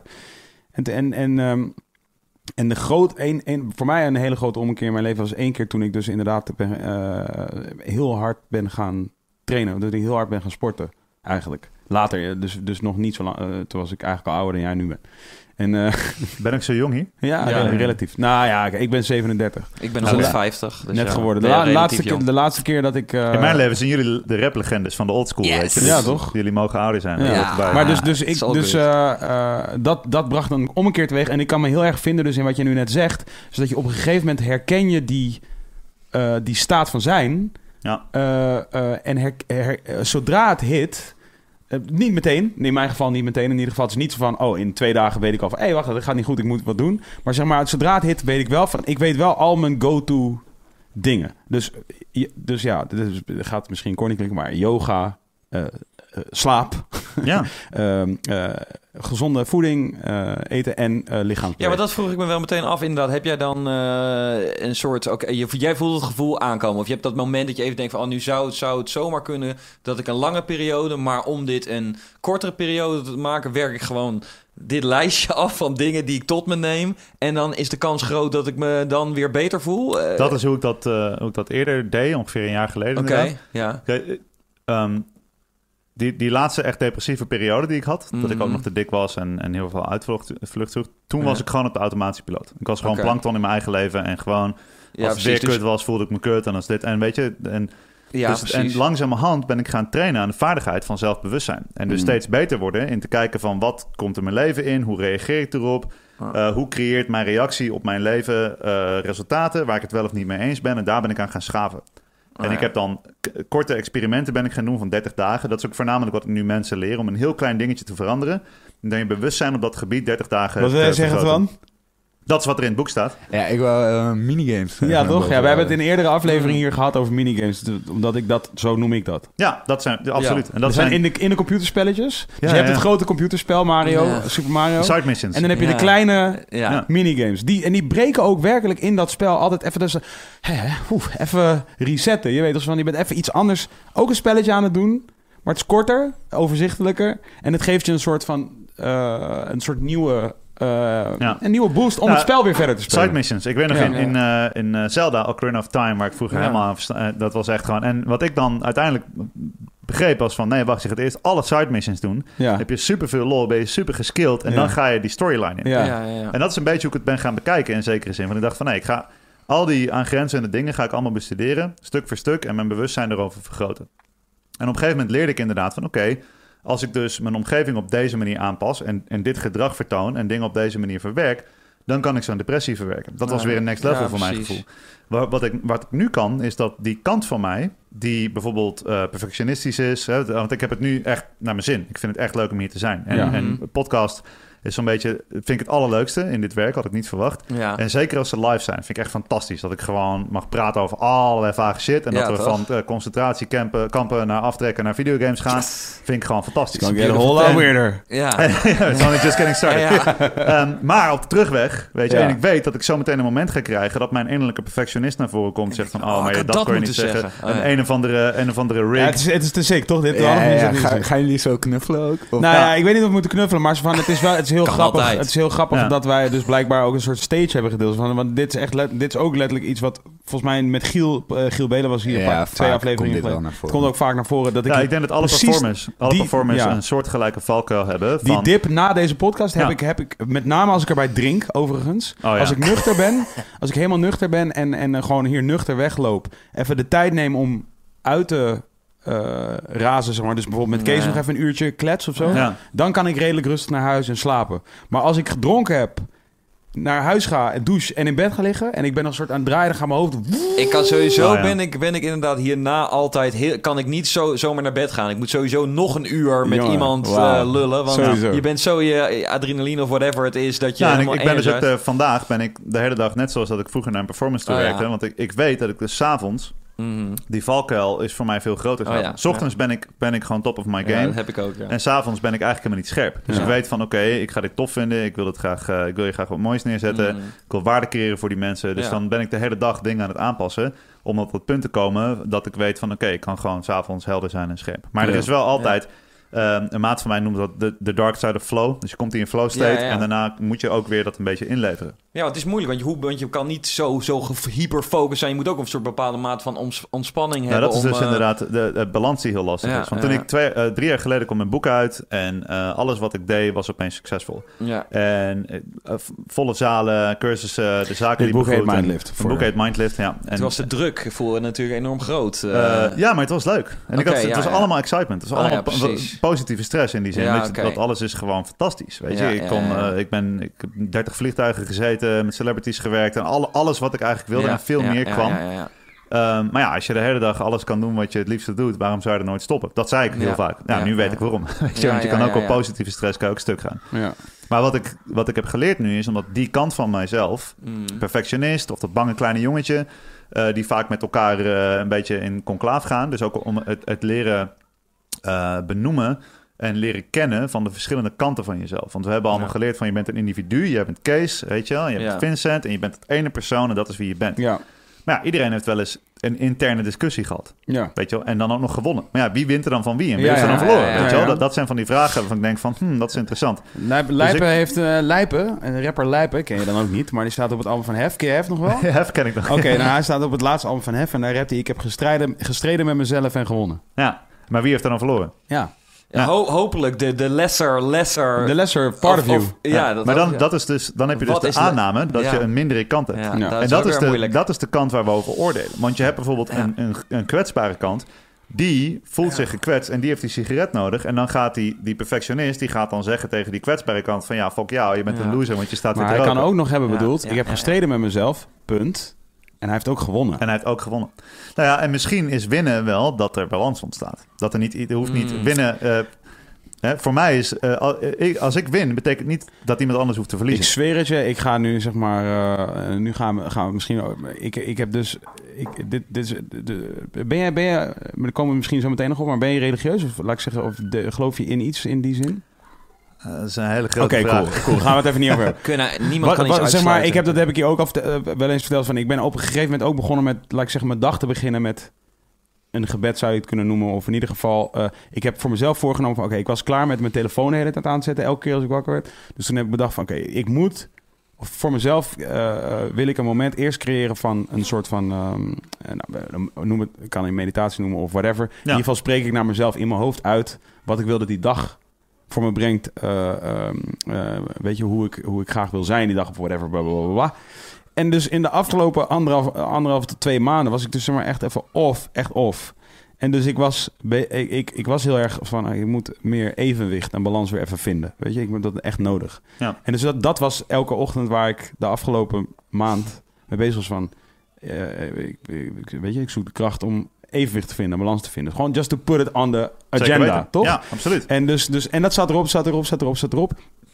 Vorige week zegt mijn vriendin, die overigens ook op een gegeven moment heeft gezegd... je moet Casper van der Meulen moet je uitnodigen bij podcast. Dus, Was het jouw vriendin? Shout naar haar, ja. Ah, cool. En, ehm, eh, maar dat is, dat is langer geleden. Ehm, maar vorige week zegt mijn vriendin tegen mij van... eh we een sapkuurtje doen? En ik zeg, ja, is cool. Dus ik ben altijd... Als je dat suggereert aan mij, ben ik altijd meteen down om dat te doen. Ja. En dus, dus, eh, dus we gaan dat doen.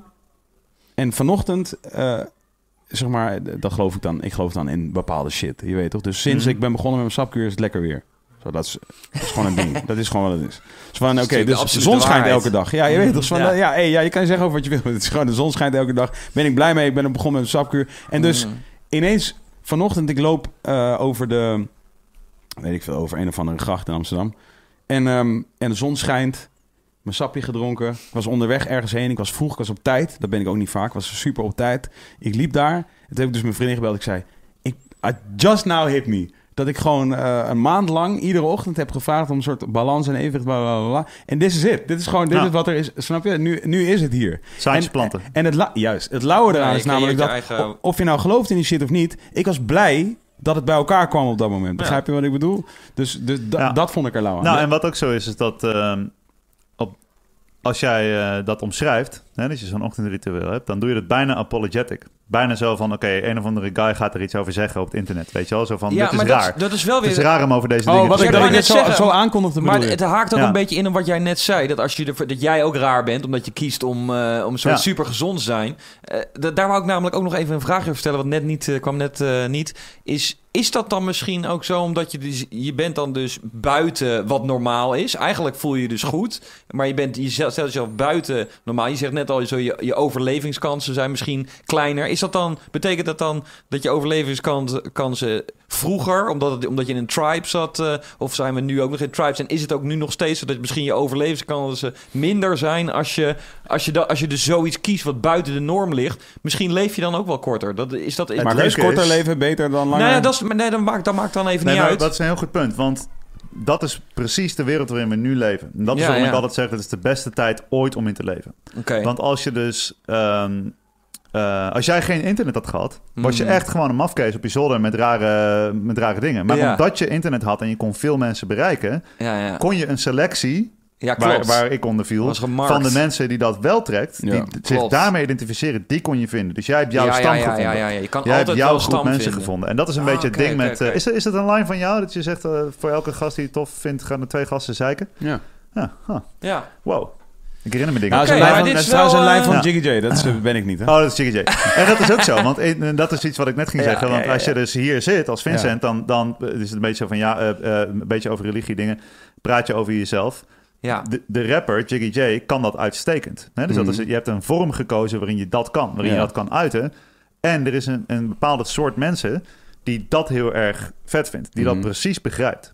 En dat is ook waarom ik, Ja, waarom ik dit soort podcasts heel erg graag doe. En, maar ik regelmatig bijvoorbeeld de Telegraaf zeg ik gewoon nee tegen. Want ik, wil, ik, wil helemaal, ik wil niet in de Telegraaf. Ja. Niet met iets positiefs en ook niet met iets negatiefs. Ja. Want ik heb helemaal geen behoefte om bij miljoenen mensen op de stoep te landen. Ja. Want ja. daar heb Ja. ik niks aan. Nee. Wat ik wil bereiken zijn de mensen die door mijn ding geholpen Mm. kunnen worden. Die Ja. door de, ik maak slechte piemelgrapjes en ik zeg af en toe fuck. Ja. En ik praat over spirituele dingen vanuit Ja. een wetenschappelijk Ja. oogpunt. Mm. En soms zeg ik dingen te lomp, maar er er is een, een groep mensen die dat trekt. Ja. Het mooie is, als je dus vroeger in een kleine omgeving woonde en Mm. een, een kleine stam, dan is het verschrikkelijk moeilijk om eh, één iemand te vinden waar je het mee eens bent. Mijn broertje, ik heb, eh, ik heb vier broertjes, een daarvan is hyperintelligent. Ongelooflijk intelligent, maar wel op een Mm. manier dat hij het soms moeilijk vindt om sociaal contact te maken. Mm. Raakte op een gegeven moment, toen hij op school zat, eh, trok het helemaal niet op school.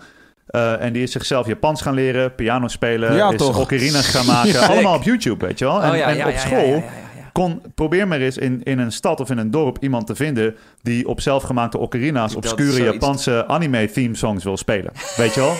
Vind je stam maar eens. Er is niemand. En je bent gewoon een outcast. Je weet wel dat Space Gaze op een gegeven moment een tape heeft uitgebracht, Ja. niet heel erg lang geleden, die dus Nou ja, heeft. maar dit, nou, dezelfde reden wat jij zegt is gewoon enorm waar. Inderdaad, ik, ik zou dan die dude waarschijnlijk zijn, eh, soortgelijk. Maar eh, het grappige is inderdaad dat ik, dat ik, ik zat dus, dat is dus het antwoord op mijn vraag. Zo van, ik vroeg me dus af van, ja, nu heb je, heeft dus eigenlijk iedereen een, een tribe door cause de internet, zeg je Yes, eigenlijk een absoluut. beetje. En dat Ja. is het ding wat mij echt mijn leven gered heeft. En dus ook mijn broertje, weet je. Die heeft, Ja, Er is gewoon een, een scene, een niche, waarin mensen dat doen. Ja, en ja, waarin je ja. gewoon een rockstar kan zijn. ja, Mm. ja, En dat, ja, is, ja. dat is wat jij ook Precies, hebt gedaan. En ja. zeker in, in die begintijd. Dat Mhm. gewoon eh, de, de, de gemiddelde, eh, zeg maar, eh, persoon... iemand zoals ik, Ja. iemand die ik was... die vond niet zozeer aansluiting bij het standaard rap gedeelte. Maar rap was wel mijn emotionele, mijn manier om, om als Mhm. uitlaatklep. ja. En, eh, en dan moet je... En als je dan iemand vindt die dat op een manier doet die bij je past... dan heb je precies van, hé, hey, ik hoor erbij. Ja. En het hoeft niet 100%. meer in je directe omgeving te zijn. En dat vind Nee. ik een van de grootste positieve dingen die over het hoofd wordt gezien van het internet. Dus nu, dus toen ik eh, een paar jaar geleden mijn patronen wilde doorbreken, toen leerde eh, voor iemand, een aantal mensen die ik sprak in die tijd, het kwam ook weer heel mooi samen, weet je. En ik, geloof dan niet in het lot, maar ik geloof wel dat er altijd dingen op je pad komen en dan kun je daarvan leren en je kunt ze aan elkaar verbinden. Eh, dat, is een, dat is een persoonlijke keuze, maar dat is mijn opvatting. Maar in ieder geval, ehm, iemand zei, als je omgaat met negen losers, dan ben je nummer tien. En Mhm. toen keek ik om me heen en toen dacht ik, hmm, alright. Weet je, oké. En je, je bent het gemiddelde van de vijf mensen waar je het meest mee omgaat. Ja. Oké. En toen realiseerde ik me opeens dat, ehm, If you're the smartest guy in the room, you're in the wrong room. ja, exact. Ah, oké. En, eh, sorry Kees, ik kan beter gaan. Ja, ja, shit. Ik hou wat En, langer eh, mijn mond. Hij kijkt zo van, waarom kiest die Kees? Oh. Nee, ik vond het wel leuk. Maar, ja. Nee, ik weet wel. Dat is precies wat ik aan het denken was. Maar eh, daar had ik wel een theorie over. Maar nee, nee, nee, don't push me. Maar eh, wat, wat leuk is eh, aan, aan die mogelijkheden... dus ik ben het Mm. gemiddelde van de vier mensen waar het meest mee omgaan... dat soort dingen... eh, je kan nu die andere mensen vinden. Ja. En eh, ik heb er toen voor gekozen om eh, mijn eigen plan te trekken. En dat betekende dat ik een poosje eenzaam was. Nou heb ik, heb, ben ik gezegend dat ik eh 15 jaar geleden eh, mijn, mijn droomvrouw heb ontmoet... en dat ik er altijd bij ben geweest. Dus ik was Ah. nooit helemaal alleen. Shout out Ja. naar Ja. haar. Absolute shout-out. Ja. Die, die heeft mij in al mijn fases meegemaakt en Mm. eh, eh, me altijd bijgestaan. Maar en daardoor kon ik ook die keuze maken om gewoon te zeggen van... oké, deze gasten, daar kan ik niet meer mee omgaan. En wat Ja. ik nu heb geleerd is dat dat... Ik, het, dat was toen een oordeel naar hun. Maar eigenlijk was dat een oordeel naar die kant van mezelf. Ja. Ik wilde dat gedrag niet meer van mezelf accepteren. Dus kon ik het ook niet meer accepteren van mensen om me heen. Dus Mhm. moest ik die groep een beetje afstoten. Nu kan ik daar weer veel relaxter contact mee hebben... Ja. omdat ik dit nu geïntegreerd is Ja. in mijn leven. Ja. En ik niet meer bang ben, zo van, oh ja, maar als ik met die gasten ga, dan zit ik morgen weer te gamen. Want dat was echt, ik was keihard aan de hustle om Ja. een boek te schrijven en een onderneming te bouwen. Maar ik kon ook vijf minuten fietsen en een jointje roken en Ja, games precies. spelen met mijn Als jij op maat. een gegeven moment ontdekt dat je verslaafd aan alcohol... moet je misschien even niet meer in die kroeg hangen waar al je vrienden zijn. Exact, Maar als je er eenmaal goed vanaf bent... kan je best een keer een biertje gaan drinken daar. absoluut. Ja. En eh, zo een van mijn favoriete quotes is, eh, if you're feeling depressed, first make sure you're not surrounded by assholes. Ja. En dat is, dat is wel, weet je, voor veel mensen, die zijn op zoek naar goedkeuring van die klootzakken waar ze mee omgaan. En daardoor zijn ze depressief. En, Maar dat is dan weer de eh, keerzijde van internet. Ja, Toch? Is dat zeg maar op zoek naar de tribe. Eén. Eén is de tribe wordt al heel snel veel te groot. Ja. En oncontroleerbaar in die zin. In de zin van, als jij dus, als jij, eh, ik bedoel, als jij een Instagram-account hebt van, laat ik zeggen, meer dan, hoe, hoeveel mensen heb jij op je Instagram-account? 8.500 zoiets. Oké, nou, maar als je een, Inst- dat is nog manageable. Somewhat, toch? Maar als jij een Op naar Instagram-account hebt, 10.000, dan get je swipe up. Maar- ja, toch? What, what? Ja, woe! maar als jij een Instagram-account hebt van 500.000, dan het gevoel wat je wellicht zelf hebt, is dat jij, dat, dat jouw tribe is. Maar dat is niet zo. Nee, absoluut niet. Toch? Maar, en en, maar- en, maar en een ander om- ding is wat ik nog even wilde vragen geval aan jou is van wat als kijk wat jij hebt gedaan denk ik is jij hebt je tribe gevonden op internet eh, of, of zoiets Gedeeltelijk, ja. ja en en daar heb je ook eh, daar die ben je op een gegeven moment fysiek mee gaan klikken Ja. dat is ook wel weer een ander ding dan bijvoorbeeld een gamer zijn vanuit je huis Absoluut. ja. toch en zeg maar met een groepje jongens al elke dag gamen terwijl je dus je vet vreet met chips en en jonko Ja. en eh, en energy drink sorry voor dit eh, deze ook stigmatisering van de gamer hè? Je hebt ook e-sports. Dan gaan Die mensen gasten zitten nu eh, achter een keyboard, jongen. Wow, Sorry, we gaan sorry, hem, we gaan sorry, hem slopen, sorry. we gaan hem Sorry, slopen. als je een gamer bent, je hebt Ja. heel mooi half maar wat lang ik heb gedaan is, en je wil dat, je wil dat systematiseren. En, en het is gewoon, het, het mooie is dat op het internet alle informatie, alle inzichten zijn te vinden. En je hoeft Mm. alleen maar te gaan zoeken en dan kun je het toepassen. Maar dan moet je het wel toepassen. Ja. Dus ja, als dus je het kijkt naar... just je like the real world dan, toch? Exact. Dus je kijkt naar, je bent, je bent het gemiddelde van de vijf mensen. Dus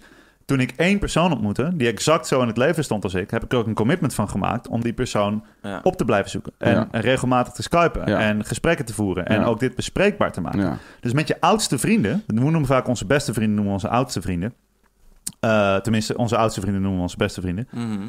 Maar vaak als je zo'n nieuw iemand ontmoet waarmee je volledig uitgelijnd bent, dan kan je daar meteen tien keer zo diep mee gaan in gesprek en, en Ja. in gevoel, Ja. dan met mensen die al heel Maar dat kent. maakt het ook veel waard als je oude vrienden hebt met wie je dat nog hebt. Als dat zo is, dat Ja. is fantastisch. Want Ja. dan kun je blijven evalueren. Ja. Heel vaak is het zo dat we met onze oudste vrienden de diepst ingesleten patronen eh, hebben. En dat Ja. die ook het het moeilijkst vinden als er één iemand opeens iets anders gaat doen. Hoe, ondanks dat het gezond is en dat het Ja. goed voor ze is, gaan ze toch iets anders doen. En nu heb ik eh, een soort van een sociale omgeving wereldwijd van mensen die ik ken, die ik persoonlijk goed ken, waar ik regelmatig contact mee heb. En daar heb ik totaal andere eh, soort van leefregels mee, hele andere understandings mee. Dus ik heb Ja. een van mijn dagelijkse rituelen, en eh, dat wil ik niet te veel systematiseren, maar ik focus me erop in de ochtend, denk ik ook aan die mensen. En dan om- omschrijf ik ook voor mezelf waarom ik dankbaar ben dat ik met ze omga, welke eigenschappen van die mensen ik graag in mijn leven wil hebben. En daardoor ben ik me dus bewust van hoe ze me beïnvloeden. En laat ik me ook expres bewust beïnvloeden. Ja. Daardoor word je dus ook extra beïnvloedbaar. Dus ik vind het steeds moeilijker om om te gaan met mensen die heel veel klagen bijvoorbeeld. Want daar, Ja. ben, daar ben ik soort van allergisch voor geworden. Want dat deed ik vroeger heel erg veel. Ja. Dat wilde ik uit mijn leven hebben. Als ik nu in de rij sta voor de kassa en voor mij staat iemand te klagen, ga ik gewoon naar een andere rij. En Of tenzij ik me goed voel en ik denk Mm. van... nee, weet je, ik ga gewoon een gesprek aan met die persoon... en gewoon over iets leuks praten. Dat kan ook. Maar Heb anders je, ga heb, ik naar heb je andere ooit dat een van die personen waar je dan heel erg mee klikt, wat ik, wat ik, wat ik heel erg herkenbaar vind, maar waar, wat ik altijd zo, zo eens heb, dan ga ik me toch een soort van remmen. Want ik denk dan van, ja oké, maar ik kan niet deze persoon helemaal doodstalken de hele tijd. Dat is eh. waar. En dat is dus ook zo, dat, dat de manier van omgaan... I love you! Ja. Ja, dat is ook een code. Ja, was zo van je wil dat alles voelt right. Het is net Ja. zoals een als, als, als feeling like an actual stalker probably.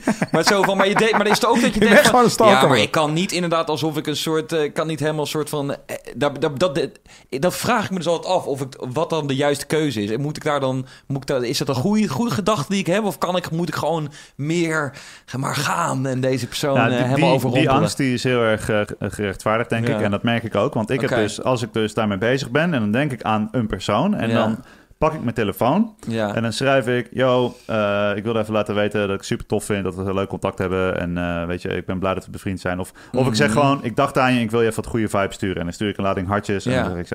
En, dan, en dan stuur ik dat. En dan voel je Ja. je even super kwetsbaar. Ja. En dat is het ding. Het voelt dus echt super eng om mensen op een oprechte en open manier... te- om tegen iemand te zeggen, ik hou van je en ik waardeer je. ja, ja, dat is super eng omdat we allemaal geleerd hebben van als je je openstelt, kan je een klap krijgen. Ja, precies. en is- dat ja, precies. leven wil ik niet meer leiden. En eh, gelukkig heb ik dan maat, weet je, de, eh, een van de gasten waarbij ik, die, die stuurt dan altijd terug gay. En, ja, ja, ja, en dat vind ik fantastisch, Dit wel. overkomt me echt vaak inderdaad. Ja, Dat maar, die is- begrijp, maar dat is een beetje een ding wat we Ja, hebben. En soms dan, dan deelt hij een nieuw spiritueel inzicht. En dat is Ja, ja. fantastisch. En hij ziet alles, eh, de hele wereld prachtig in. En dan stuur ik alleen maar terug gay. Maar het is, Ja, ja, dat ja, zijn understandings die ja, je dan ja, weer ja, hebt. ja, ja. Om het ook niet te, te soort van zoetsappig nee, te daarom. maken. Dat is moeilijk. Maar het is wel zo dat als je eenmaal omgaat met mensen die de eigenschappen hebben die je graag wil in je leven, Mm. dan, is het ook, dan kan je opeens kwetsbaar zijn. Natuurlijk, en als ik kijk naar de mensen waar ik vroeger probeerde bij te horen op het schoolplein, alle alle klootzakken en pestkoppen, Mm. ben ik zo dankbaar dat ik niet bij hun hoorde. Want dan Mm. was ik nu wie zij zijn. En het grappige Ja. is, heel veel van die gasten, die kopen nu mijn boek en die sturen me e-mails van, ja, mijn leven gaat niet zo lekker en sinds ik je boek Ja, lees gaan ja. dingen beter. En dan denk ik, wow. Maar ik, ik wilde vroeger bij horen en dat mocht niet. En toen ben ik iets anders gaan doen. ja, En nu heb ik opeens een ander leven. En dus ik ben daar dankbaar voor. Niet dat ik een beter leven heb, maar Nee, nee, nee. ik, ik ben wel blij dat ik niet in die groep pas. Eh, en ik Terwijl ben heel die groep blij. wel de grootste uitdaging is misschien om, om, om zichzelf ook te verbeteren. Misschien inderdaad. Zeker weten. Ja, dus ja, dat is wel grappig. Alleen dat is iedereen zijn eigen verantwoordelijkheid. ja, ja oké. Dus het leren kennen van die Maar als het iedereen zijn eigen verantwoordelijkheid is, dan zeg maar, eh, jij neemt het wel op je om te spread the gospel, zeg maar. Ja, dat klopt. Dus, dus, als, dus, als iemand, eh, dus als iemand je komt vragen, waar trek je die lijn? Als iemand wat komt vragen? Ja, als iemand je komt vragen, hey, help mij. Zeg Hij zegt help me, maar hij begint wel te klagen in de rij. Nou, en het is die gozer die jij vroeger een sukkel vond. Maar die heeft het misschien wel het hardst nodig. Ja, eh, ik, ik, eh, ik ben daar heel erg eh, los van. Dus ik, ik, ga daar niet, ik oordeel daar niet meer over. Oké. Ik oordeel er wel over, tuurlijk. Ik oordeel heel veel. Alleen ik kies ervoor om het oordeel niet in gedrag om te zetten. Ja. En dat is ook zoiets, weet je. In het werk wat ik doe, eh, er wordt er gepraat over roken en drinken en eten en over oordelen. Want als je spiritueel, als je ultra spiritual bent, dan mag je niet oordelen, want dan ben je hoger dan dat en allemaal dat soort dingen. Ehm, en op die manier wordt er heel veel gekeken of, eh, naar mensen zoals ik. Mm. Sorry hoor, sorry hoor, mag ik, wil jij ook, met- Twan, wil je me één plezier doen? Mag ik ook... Nog een sapje? Eh, wil je hier heet water in doen? Ja, is goed. Fucking chill. Tan, wil jij even mijn haren wassen? Ja. Die, eh, En ik moet ook plassen, Twan, kan je dat regelen? Kan jij mijn billen straks afvegen? die sapfles die zit zometeen weer vol met gele eh, ja, ik Ja. eens even sapkuurtje. Ochtend, ja. ochtend, ochtendurine-kuur. Ja. Oh, het is zo koud hier. Ja, dat heb jij natuurlijk niet. Ja, nee, ik vind het ja, best wel warm. Ja. Maar goed, in ieder geval... Maak je in- ook zo in- druk de hele in- tijd? In mijn rol mogen, mogen Ja. mensen eh, vaak niet meer eh, echte mensen zijn. En dan moet je een soort van guru zijn Ja, die ja, ja. helemaal alles perfect doet. Ja. En dat doe ik niet. Dus ik oordeel zeker over mensen. Alleen ik, ik, ik maak dan de bewuste... Ah, ja. Ik maak, word me ervan bewust dat ik oordeel. ja. En dan maak ik de keuze om daar dat niet in mijn Maar dat is, weet, je- te laten weet je wat het, weet je wat het grappige is altijd als je dit soort dingen zegt? Eh, Voor de duidelijkheid, ik hang geen enkele religie aan. Maar dit, is wel, dit zijn bijvoorbeeld dingen die heel erg dus gefundeerd zijn in heel veel religie. Ja, Toch? Eh, als in, absoluut. als in eh, hè, gij zult niet oordelen. Dat betekent niet dat je dat niet doet. Het betekent dat je niet mag acten op dat wat je waarschijnlijk wel voelt of, of denkt. En je maakt een bewuste keuze. Precies. En de religieuze Ja, want dat is de vrije wil. Maar dat is allemaal, dit is allemaal embedded in, in religion. Zeker En dus weten. ik denk ook heel vaak met die shit is van... Dat is hoe ik er nu vaak in is. Zeker als ik dus mensen als jij hoor spreken... en, en hè, bepaalde andere mensen die... eh, die er, eh, ja, ik wil niet zeggen soortgelijke theorieën... maar in ieder geval... ehm, ja, life eh, altering of life elevating theorieën op nahouden. Eh, dat ik dan vaak denk van... Ja, daar ben ik het dan heel vaak helemaal mee eens. Zoals dat ik het met jou eigenlijk gewoon helemaal eens ben. En dat ik dan denk van ja, dit is dus voor, voor mijn gevoel is zeg maar mindlift, bij wijze van spreken, is gewoon wat ooit een Bijbel is geweest of ooit een Koran is geweest. Nou, dat is iets wat ik zelf nooit mensen, ja, Maar op een bepaald niveau is dat zo. ja. En dat, en dat is weer, komt terug op hetzelfde als wat ik net zei over die stammen. Is dat je dus nu kan kiezen welk gedachtegoed je aanhangt. Mm. En op wat voor manier je contact maakt met die mensen. ja. Ja. Alle mensen in de geschiedenis die ooit geleefd hebben, voor zover we weten, hebben religie gehad. Dus hoe zouden we denken dat we er nu mee wegkomen om zonder religie te Ja. leven? Er zijn bepaalde, zoals je, wat je zegt, slaap, beweging, Ja. een bepaalde soort voeding, Ja, een bepaald contact van mensen die Ja, je veilig voelen in een groep. ja. En weet je, de, de kerk, als je kijkt naar, ik, ik geef eh 10 maart, en promotie, 10 maart geef ik een, eh, een seminar. 200 mensen en het is in de Metaalkathedraal in Utrecht. Dat, is, dat is een, was ooit een kerk. Ik ben in een kathedraal, ik sta op een podium te spreken. Ja, we, ja, ja. we zingen zelfs samen. dienst, Nou ja, toch? we zingen, we zingen Ja. niet echt, Ja. maar het is dienst. En, Ja. Maar Mm. dat betekent dus dat mensen van all over the place komen. En wat ze daar doen is, ze komen eh, samen, ze Ja. spreken dankbaarheden Ja, uit. ja. Eh, we mediteren, we hebben een moment stilte. Eh, we praten over dingen die we belangrijk vinden. Ja. Preach er- it to the choir right now. Precies, ja. er is sociale controle. Dus Ja. je, je deelt wa- Ja, wat ja. Je, hoe gaat het met je. En je voelt je verbonden. ja. Dat zijn alle dingen die in alle kerken gebeuren. Ja. Alleen nu, wat er nu zo is, is dat heel veel grote religies... die hebben, zijn natuurlijk helemaal kapot gegaan aan de macht en het geld. Ja. En die hebben dat kapot gemaakt. En nu kunnen mensen dus op een eigen initiatief... op een kleinere schaal hun eigen stam vinden... Ja. waarmee ze hun eigen kerk kunnen bouwen... en hun eigen geschriften kunnen hebben. ja. En als je kerk en geschriften zegt, dan hebben heel veel mensen... ja, maar ho, nee, maar dat kan niet, dat kan je niet zomaar zeggen. Maar er zijn heel veel spirituele mensen... die noemen het meditatie... ja. Maar wat is het verschil tussen meditatie en gebed? Ja, Weet je wel? En die niets. zeggen nee, ik lees zelfhulpboeken. Maar ja, Ja. de Bijbel is misschien wel de original zelfhulpboek. Dus ik denk dat dat juist eh, heel belangrijk is. Dat mensen ook dat gaan realiseren. Dat, die, dat samenkomen, dat spreken over dingen die je belangrijk vindt. Dat is heel erg eh, essentieel voor het menselijk zijn. En voor geluk en voor de staat van je leven. Mhm. Maar maak dan wel een bewuste keuze voor wat het is. Want elke zondag eh, je helemaal kapot zuipen en de, en, de, en de fans van het andere voetbalteam in elkaar slaan. Je kan je afvragen of dat de manier is om je te verbinden met iets groters. Ja. En je kan je afvragen of naar de kroeg gaan in. En weet je, of, weet je, er zijn heel veel voorbeelden daarvan te noemen. Ja. Van dingen die ingesleten zijn. Nou ja, mensen- hiphopcultuur is volgens mij... Ja. In hiphopcultuur is, er zit al deze shit ook. Dat is waar ik dat Toch? gevonden heb. Er, er, Ja. zit, er zit zeg maar, er zit, er zit het mooie van, van de verbondenheid eh, van het participeren in de cultuur door dans of rap of DJing of eh, graffiti. Mhm. En, ehm, ehm, eh, maar nu, zoals het geëvolueerd is, is er nu ook, zeg maar, champagne, eh, geld. Ja. Eh, eh, ju- eh, weet je, ehm, kettingen, sieraden, horloges, eh, kleding, whatever, whatever. Wat nog Mm. steeds deel uit kan maken van die cultuur. En Ja, nog steeds een mooi ding kan zijn. Ja. Tenzij het consumes you Ja. eh, op een manier waar je eigenlijk helemaal Ja, niet zou willen en, gaan. En dat is in, in, in wat wij religie noemen, is het ook zo. En dat Ja. is zeker waar, want in die eerste, toen ik... En met ehm, voetbal is het ook zo. Laten we de voetballers ook nog even geven wat ze willen. Zo Ja. van, toch? Bij Ja. voetbal is het ook zo van ja, je kan prima eh, natuurlijk gaan naar je stadion. Eh, weet je, support je team. Ga daar met je matties en wees blij daarover. Maar dat is En er weer is ook iets een anders grotere dan... verbondenheid. Hè? Want je kan dus overal ter wereld Ja. kan je naar een voetbalstadion gaan en dan begrijp je precies wat de regels zijn. ja, begrijp je het spelletje. En je hebt ook respect voor de tegenstander, Ja. want zonder de tegenstander bestond je niet. Ja. Dus je voelt je verbonden Ja. met iets hogers. Overigens ben ik niet tegen eh, twee eh, groepen, laat ik zeggen, hooligans, die willens en wetens eh, clashen met elkaar. Als ze, als, ze, als ze zeggen van, nou, ik wil dit, ja, hij wil dit ook.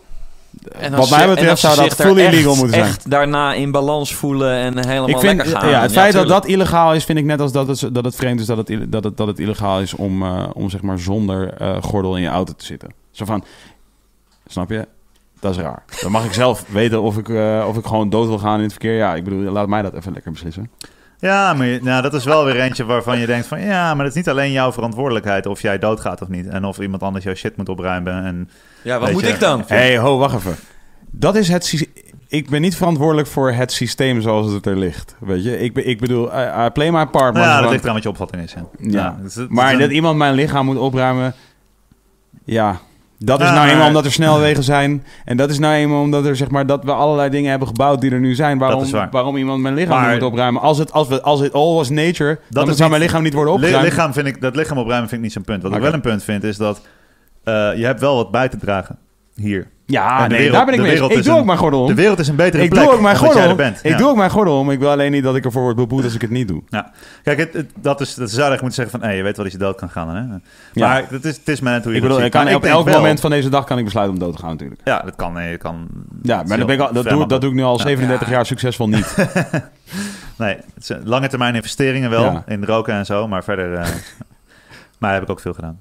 Maar ik denk wel dat, dat het, het, het is dan de bewuste keuze. Hè? Dus mensen die eh, puur op de autopiloot eh, hun, hun stemming laten afhangen van wat hun voetbalteam doet, of van wat hun weer doet, of wat dan ook. En Ja. zich dan afvragen waarom ze niet tevreden zijn met hun leven. Mhm.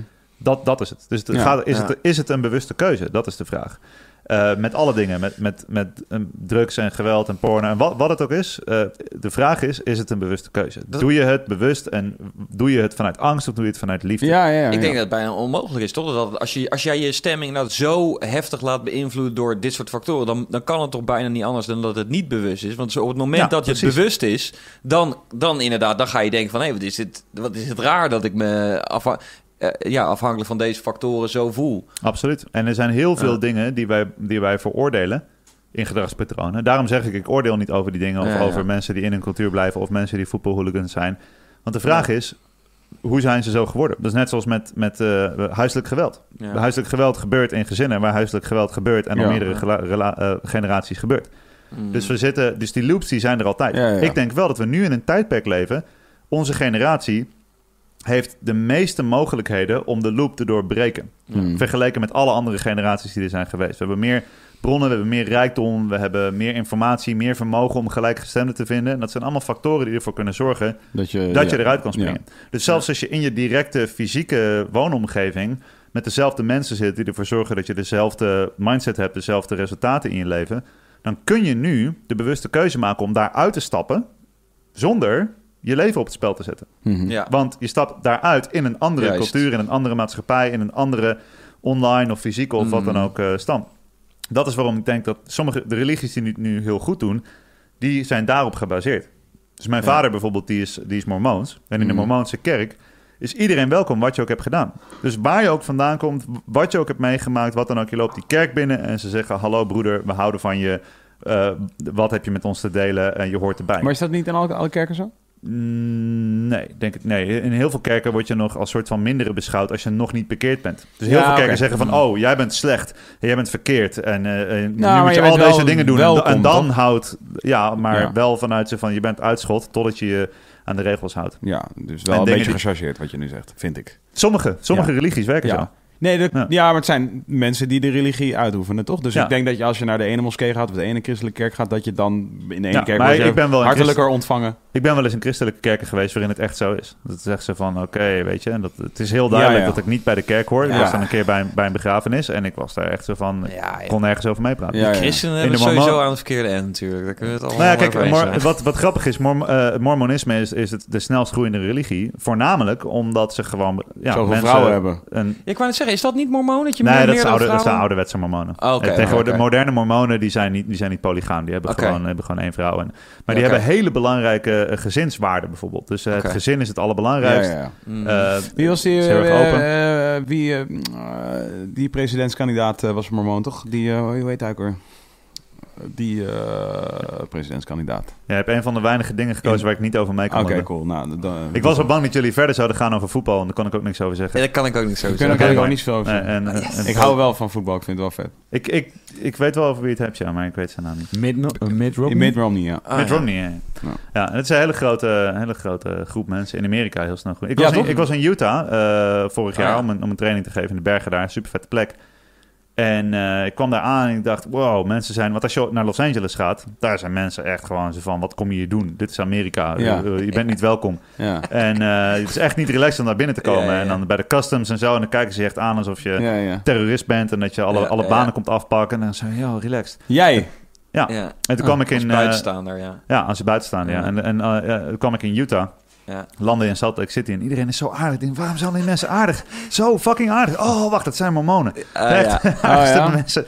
Maar dat is dus niet eh, direct gepaard met dat ze dan in, de kerk willen betrekken. Dat is gewoon echt omdat ze een soort aardige... Dat Ja. is gewoon hun... Ja, ze zijn, dat zijn gewoon de stelregels. Je bent tegen ja. iedereen ben je gewoon altijd helemaal aardig en vriendelijk en open. En Ja. eh, gastvrijheid is daar een hele hoge waarde. Dus eh, focus. We hebben de sound effects van het toiletgedrag. Gaat iemand Van scheiden volgens mij. De bril is naar beneden gegaan. Die sapjes, jongen, die gaan, Oh. er hard naar, die gaan er hard uit. Oh, hoe We komt dat eruit, vraag ik me af. Wat, eh, komt dat er ook liquid uit? Juicy. Nou, ja. Het is wel inderdaad zo dat de verschillende kuren die je kan doen, die, eh, die zorgen echt voor eh, de meest bizarre soorten ontlasting. Want zelfs als je watervast, er zijn mensen die heel lang watervasten en die, en die Ja. blijven best wel lang nog scheiden. Ja, ik Dus, zeggen, er komt nog best wel lang concreet eh drollen uit, zeg Concrete trollen komen maar. eruit. ja. Wow. Ja, en ik ben inmiddels twee jaar vader, dus ik heb me de afgelopen twee jaar verdiept in de con- consistentie van Van poep. drollen, ja. En, ja, ja, ja. Ik heb vandaag nog poep opgeruimd. Dus, Oh, ja. dus Maar, dat is maar een hoe, komt dat, hoe komt dat dan, dat, er, dat, dat die ontlasting zo lang doorgaat? Ja, dat is een goede vraag. Zit- De darm is heel lang, hè? Ja. Dat is, heel, Ja. dat is ongeveer eh 100 meter. En eh daar zit nog heel lang Ah, kilometers zelfs Dat is, dat is how I broke it down, even snel. Ik Nou, heb er geen eh, verstand van, maar... Oh nee, nee, nee, dat is het brein. Ben ik nu, aan Nou, er zijn heel veel dingen die kilometers lang zijn, maar je Ah. bloedvatenstelsel is 100.000 kilometer lang. Oh. En je darm is een meter tussen de 8 en 12, maar Ah, ja. Die ehm, er blijft heel veel aan hangen. En Ja, bouwt toch? heel, heel veel aan op en Ik- zo. En dat is ook een van de redenen dat mensen vasten, is omdat ze eh, een keer een soort van clean eh, reset willen. Ja, ja, ja, precies. En ook precies. omdat je, je darmflora is, eh, je, je darm is een van je grootste organen. En zeker op, op niveau van invloed. Een van de meest invloedrijke organen voor je staat van zijn is, eh, Ja. is je darmsysteem. Omdat de, de specifieke darmflora van, van Kees, die Ja. hier nu zit, Ja. is maar ongeveer 30 of 40 procent daadwerkelijk een, een zoogdier, een mens, een organisme. Wow. En die andere 60 of 70 procent is gewoon eh, externe entiteiten, schimmels en bacteriën. En een heel groot deel ervan leeft in je darm. En je Ja, darmen ja, ja. hebben een directe verbinding met je brein. En dus je je mentale en emotionele cognitieve staten van zijn... zijn direct gelinkt aan je darmflora. Daarom is het heel goed als je even naar de wc Hoe goed, hoe goed met darm. Ik- Dus als ik straks ga scheiden, dan ben ik, is de kans groot dat ik nog iets scherper ben. eh. Eh, nou, dat, dat sowieso, maar dat heeft daar niet zo heel Met veel mee te balans maken. Maar het is wel eh, zo, dat, dat is een van die dingen... dat je dus eh, je, je, je darmflora bepaalt heel, heel erg sterk je, je staat van zijn. Dat is de gut daarom- feeling, toch? Dat is de gut feeling. En je hebt gewoon een brein daar zitten. Ja, je ja, hebt gewoon ja. een, een darmbrein en een hartbrein. En, Maar er eh, zijn ook religions die dus ook werkelijk geloven dat, dat, dat, dat, dat het ware, zeg maar, het ware eh, soort het gevoel komt vanuit je buik en niet vanuit je hoofd. Toch? Dus van, dat is waar, Ja. waar je eigenlijk je beslissingen zou moeten Er maken. is steeds meer Hmm. wetenschappelijke consensus, of in ieder geval eh, wetenschappelijke redenering, die dat ondersteunt. Omdat dat het brein wat wij onze identiteit noemen, dus dat is die denker die hier voorin zit, het Mhm. prefrontale kwap. Als je mensen vraagt van wie ben je echt wijs is, naar waar je identiteit zit. De meeste mensen hebben een soort van poppetje wat achter hun Ja. ogen leeft, waar je Ah, niet kan kijken. Ja. En die probeert een beetje die zak botten door die enge Ja. wereld heen te sturen. Ja, toch? Een heel, heel ja. erg dualistische, of heel erg soort van onverbonden manier van kijken. Ja. Als je kijkt naar eh, de invloed van eh, eh, darmflora, darmsysteem op je staat van zijn, dan zou je kunnen zeggen dat het grootste deel van, je, van wie je bent eh, in die darmen gevormd wordt. En eh, bijvoorbeeld opeens bij de koelkast staan en opeens eh, suiker willen eten. Mm. Het kan inderdaad zijn dat je emotioneel verslaafd bent aan suiker. Maar het kan ook zijn dat dat ding wat in je darmen leeft, bijvoorbeeld Candida, die draait op suiker, Ah, ja. dat die gewoon een signaal naar boven stuurt en zegt: Hallo, zak- we're going! Wat is, precies. dit? Wat is dit? Een kandelaar? Wat zei je nou? Wat dit?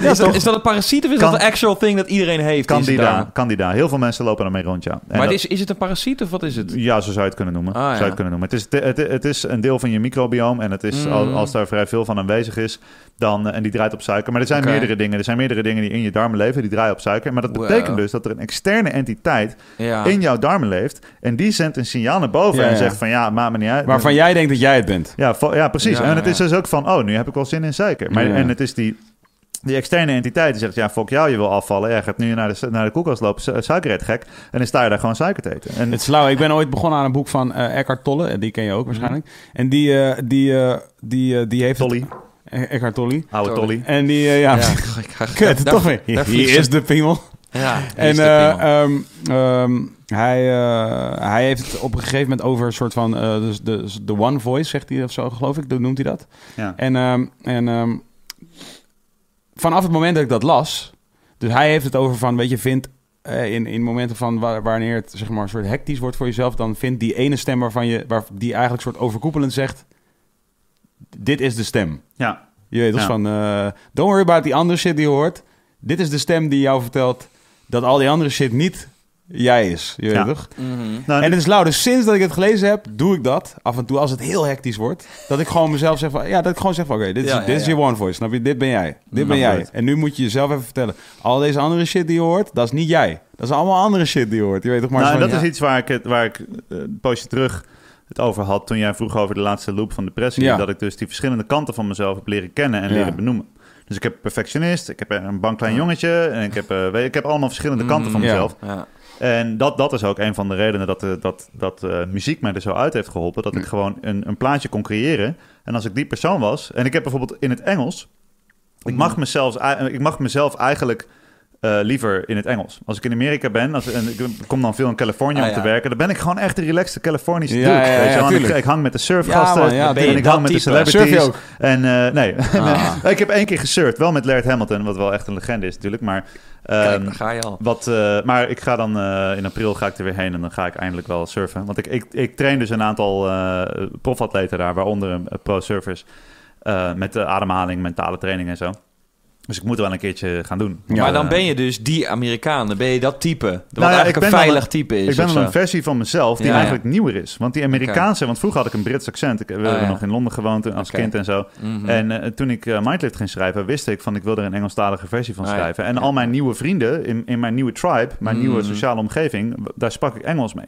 En toen heb ik op een gegeven moment gekozen van misschien is het een leuk experiment om te kijken of ik heel erg Amerikaans kan klinken. Of ik Ja. voor een Amerikaan op, op een punt kan komen dat hij denkt van, komt deze gozer uit Amerika of niet? Ik moet Ja, nu heel even denken vast. aan het Louis C.K. eh, stukje waarin hij een soort stem doet van een zeg maar heel duidelijk Afro-Amerikaanse stem opzetten. En dan zegt van hij heet these Chinese stereotypes. Gaat hij zo? Ik, in ieder geval, ik moest daar nu aan denken. Dat is tering grappig. Dus Ah, hij is wel geniaal. Ramplan Twan gaat nu opzoeken zodat we het even kunnen checken. Ja. Ja. Dat is super grappig. Ja, hij is geniaal. En over Ja. aftrekken gesproken. Hey, hij is de Hey, master. Ja, Ja. blijkbaar ja. Ja. Maar, eh, nou ja, of ik weet niet of hij de master is. Misschien is hij wel de slave Ja, daaraan. ja, ja. Maar, eh, maar goed, en dat is een heel nieuw, zeg maar, deze hele nieuwe, Ja, eh, dit nieuwe leven wat ik heb gebouwd de Ja. afgelopen drie jaar. Mm. Die, eh, die Amerikaans-Engelse kant van mij, Ja, die ja. is daar heel erg in kunnen En je hebt dat opzettelijk Ja. gedaan. Je hebt een Amerikaans accent eh, aangemeten voor Ja, jezelf. want ik wilde gewoon, het was een leuk experiment. Ik dacht van, oké, eh, ik, ik las allemaal studies en ook, Ja. ehm, Ben je dan ook nog gaan voor een regio, trouwens? nee, niet per se. Oké. Maar ik ben gewoon gaan kijken. Want ik luisterde heel veel audioboeken en heel veel podcasts en zo. Dus ik dacht van oké, ik ga gewoon daar een beetje het gemiddelde van nemen. En op een gegeven moment las ik heel veel audiotapes van de gozer die uit Canada kwam. En toen wist ik niet. En later realiseerde ik me dat... eh, Het kwam ik in Amerika, vroegen ze van... eh, Heb je in Canada gewoond of zo? En dan had ik dus blijkbaar dingen opgepikt die heel subtiel master. waren. Ja, ja, ja. Ja, Maar die- die kant van ze mezelf. toch? Die, eh, zo'n hele... zo'n Ja, nou dat is, dat, dan zit je wel wat noordelijker in Canada. Maar eh, eh, abo- en hey zeggen ze overal achteraan. Oh ja, ja. Maar eh, ja, weet je, dus ik heb een soort van die nieuwe versie van mezelf, die ik de laatste tijd gebouwd heb, waar ik gewoon heel blij mee ben. Die, eh, die spreekt heel veel Engels, eh, Amerikaans Engels. En ik vond het leuk om te kijken van hoe native kan ik gaan klinken. Want in principe is het onmogelijk als je niet Ja. als kind native in, eh, in een taal hebt leren spreken, is het onmogelijk om zo te klinken. Dus ik Nu- vind het gewoon leuk vind om ik het wel testen. altijd dat de Amerikanen minder heftig oordelen over hoe een accent klinkt dan wij zelf. Zo van, wij Zij vinden het heel vaak al heel tof. Wij- vind het super tof. Ja. Wij vinden het vaak altijd van, ah, maar dit is, je, kijk hoe Nederlands deze guy nog praat. Zelfs al is het al best wel goed. Wij zijn strenger. En Hey, you sound like you're from here, man. Ja, Ja. dan een Amerikaan die, die denkt Maar heb je een specifieke regio die je het leukst vindt qua eh, tongval? Eh, niet echt. Nou, ik kom veel in, in Californië Ja. en ook wel in New York. En daar hebben mensen niet, de meeste mensen waar ik mee omga, hebben niet een hele specifieke tongval. Oké. Nou, want, want Eh, ik vind namelijk... De grote Dus, steden, zeg maar. ja, want dus Ja. ik luister specifiek twee eh, MMA-podcasts het meest. Joe, Joe Rogan, wat eigenlijk niet echt een per se een MMA-podcast is, maar Ja. hij praat heel veel over MMA. Nou, hij is, woont in, eh, in, eh, aan de, aan de Los. Angeles, ja. Ja. Ja. En, ehm, en ik luister eh, eh, Ariel Alwani en hij is een Canadees die in New York woont. Al een tijdje. En hij heeft dus wel een soort New Yorkse, klein beetje New Yorkse tong, tongval met inderdaad wat Canadees. Forget about Maar it. zijn de, Forget twee dingen die ik, zijn dus de twee dingen die ik check. En, eh, en het zijn toevallig dus. Maar ik, eh, bij Joe Rogan, de enige momenten dat ik bij hem soms denk van. Ah, is als hij dus een soort heel erg soort. ehm, really? Soort, Really? Ja, die soort van. Oh my eh, god, ja, ja, dat precies. is- dat zijn dingen die ik wel heel erg oppik. Dat ik merk dat ik die spreek, dat ik heel veel like zeg. Als ik Ja, de ja, dat is zit. ook zo Ah. Alleen als ik met mensen Night Live spreek, en dat is, dat is ook een beetje een ding. Als ik dus, eh, ik, had, ik had laatst een training met mensen uit, uit 14 verschillende landen, een week lang. En eh, er waren vier schotten. En als ik dus met hun aan tafel zit, Ah, dan ja. ga ik langzamerhand, ga ik als soort van chameleon, ga ik langzamerhand schots klinken. Ja, En ook, ook veel meer vloeken en zo. Dat vond ik Ja. dan wel heel leuk. ja. Eh, want ze vloeken echt fantastisch. thing, ja. Maar eh, ja, dat is gewoon grappig. En ik had vorige week ook, was ik retreats aan het begeleiden in, in Polen. En had ik mensen van over de hele wereld. En er was een, een ehm, eh, Braziliaanse man en die woonde in Portugal. En die was daar. En die zei, ik vind mijzelf in het Portugees eigenlijk leuker en vriendelijker. Want in het, in het Braziliaans ben ik een beetje een hete peper. En, en, eh, en Portugezen zijn Ja, wat misschien ook logisch, toch? Omdat Ja, je dan, dat is waar de taal eigenlijk vandaan komt. Dan ga je misschien ietsjes... eh, Oh. Ja, nou ja, het is, hij zegt van ja, Braziliaans is gewoon een taal En het is je ook de een hele stapje, tijd... eh, het is ook ja. een stapje verder, toch? Als je niet je soort van je eigen taal spreekt, dan heb je net iets meer tijd om na te denken. Maar wacht even, in Ja, Brazilië je- spreken je- ze Portugees, toch? Maar dan een Braziliaanse versie Precies, ervan. En de, daar, dat gaat bijvoorbeeld wat, eh, Ah, in, in een ander tempo en zo. Ja. Maar ehm, Oh, ja. dat, dat betekent dus dat je kan verschillende... eh, de hele onderliggende rode draad hiervan is, of voor mij een beetje de Mhm. moraal, is dat je kan dus kanten van jezelf kiezen en ontwikkelen. En ook in een bepaalde rol gaan stappen. En als je dus die ene stem, die, waarvan je vindt dat dat degene is, die eh, wil dat hij het meest aan het roer is. Voor mij heeft hij zich het sterkst gevormd in de tijd dat ik heel veel Engels sprak. Dus Ja. het is voor mij een manier om, en daarom begrijp ik ook Ah, waarom ja. heel veel artiesten in het, in het Engels teksten schrijven. Eh, ik vond mijn boek, wat ik zelf heb vertaald, veel makkelijker te schrijven. Ik schrijf veel beter in het Engels. Hmm. Ik vond het veel makkelijker te schrijven. Ik kon Sowieso. mezelf beter verwoorden, want die kant van mezelf zat daar meer in. Die Engelstalige Ja. kant van mezelf. En dat is ook met die depressies en die loop. Ik weet gewoon nu van, oké, dat zijn verschillende kanten van mezelf. Ik weet inmiddels welke van die stemmen ik in principe wil dat die in charge is. Dus ik Mhm. zie het eigenlijk, weet je, je hebt een auto en je hebt een aantal passagiers. En eh, ik weet wie ik aan het stuur wil hebben. Ehm, maar als ik de hele tijd net doe alsof dat bange kind er niet is... of dat die perfectionist er niet is... dan kan die zomer opeens pissig worden en zeggen... fuck it, eh, I'm hijacking Ja. this shit. Ja. En dat is waarin je opeens aan het dieptepunt zit. Dat een deel van jezelf, wat je veroordeelt... waarvan je zegt van, die mag er niet zijn... Heel veel mensen denken dat ik dat omdat ik nu spreek over dit soort onderwerpen, Mhm. dat ik dan nooit meer depressief ben of nooit meer ongezond eet Ja, of dat ja. ik het nooit meer moeilijk heb. Nee, Ja. ik heb juist, mijn leven Ja. is best wel extreem geworden. Dus ik heb juist meer issues om mee te dealen dan eerst. Eerst Ja. had ik best Ja. wel een, een, een makkelijk leven. Want eh, op de bank zitten, vreten, klagen over het weer, klagen over je baas, dik zijn, dat is makkelijk. Let's be real. Ja. Het is gewoon, dat is er, weet je wel. Ja. En het was dan geen fijn leven. Eh, nou, ik, had, ik, had- ik had ook geen slecht leven, Ja. maar ik bedoel, het was, het was makkelijk. Ja. Het was beschikbaar. Ehm, en nu heb ik, weet je, ik doe elke dag dingen die ik nog nooit heb gedaan. Ja. En, die, die, en soms doe ik dingen die nog nooit gedaan zijn. En ik vind het eng. En ik, Ja, ja, ik, ik werk opeens met professionele MMA-vechters, terwijl ik niks van MMA weet, weet je wel. Zie. En eh, ik heb eh, veel gewerkt met Ian McCall, maar die is een beetje de unluckiest guy in MMA. Maar eh, die heeft wel veel meer werk He's gehad. about to be very lucky. Kat- Zingano heb ik meegewerkt. Dat is echt, echt een hele toffe, toffe vrouw om mee te in werken. de UFC. Ja, is de UFC. Die wordt geloof ik op, op nummer 4 of zo geplaatst in de, Ja. onder de vrouwen. Dus dat is best wel vet. Mhm. En ehm, eh, ik, ik ben niet heel goed in namen. Er is een gast die heet... eh, fuck, Chito Fever geloof ik. En, eh, maar in, in Los Angeles heb je een aantal gyms. Ja. Eentje is van Anthony Hardonk. Die ken je misschien wel. Dus uh, kickboxer uit Nederland. Die heeft daar een, is ook een eh, UFC, UFC-veteraan. Mhm. Die traint heel veel pro-gasten. En altijd als ik in LA ben, dan doe ik een workshop met hem. En dan is er een hele lading eh, pro-fighters. Eh, maar ik heb zoiets van, ik loop daar binnen en ik vertel ze allemaal dingen. En, en, en ze hebben allemaal performance gains op basis van wat ik ze leer. Maar ik ken die sport niet. Dus Ja. ik heb heel vaak, en dus een deel van wat in mijn werk nu heel erg is, wat heel veel performance hebben, is eh, wat ze noemen de imposter. Dat is een, een kant van mezelf die nu opeens sterker is. Dat is een, een stem in je hoofd die zegt van, ja, maar wacht maar tot ze erachter komen wie je echt bent. Ja, ja, ja, Wacht ja. maar, je kan wel allemaal wijze dingen zeggen op podcast en Ja. leuke dingen in een boek De schrijven. Maar op een dag, ja precies, op een dag komen ze erachter. Kom je ware kleuren. Ja, precies. God. En dan lig je eruit, weet je wel. Ja, en, dat zijn- en het grappige is, ik, dat was echt zo van, holy shit, hoe deal ik hiermee? En toen ging ik erover praten voor groepen. En altijd Ja. als ik het daarover heb, krijg ik achteraf mensen naar me toe die zeggen van, oh man, bedankt dat je het daarover hebt. Want zeker in, in hoe, hoe meer performance er is, dus in academische circuits, eh, muzikanten. Ik begeleid een aantal professionele muzikanten, of nou nu nog eentje, coaching voor doe. Popmuzikanten die best wel bekend zijn. Mhm. Eh, en die, die leven dat heel sterk. Zo Ja. van, ja, wat als ze erachter komen dat ik eigenlijk helemaal niet zo Mhm. goed- goed maakt in het ook op- in één klap ook meer relatable, toch? Want je inderdaad, het, het, het, het heeft eh, het risico om bijvoorbeeld...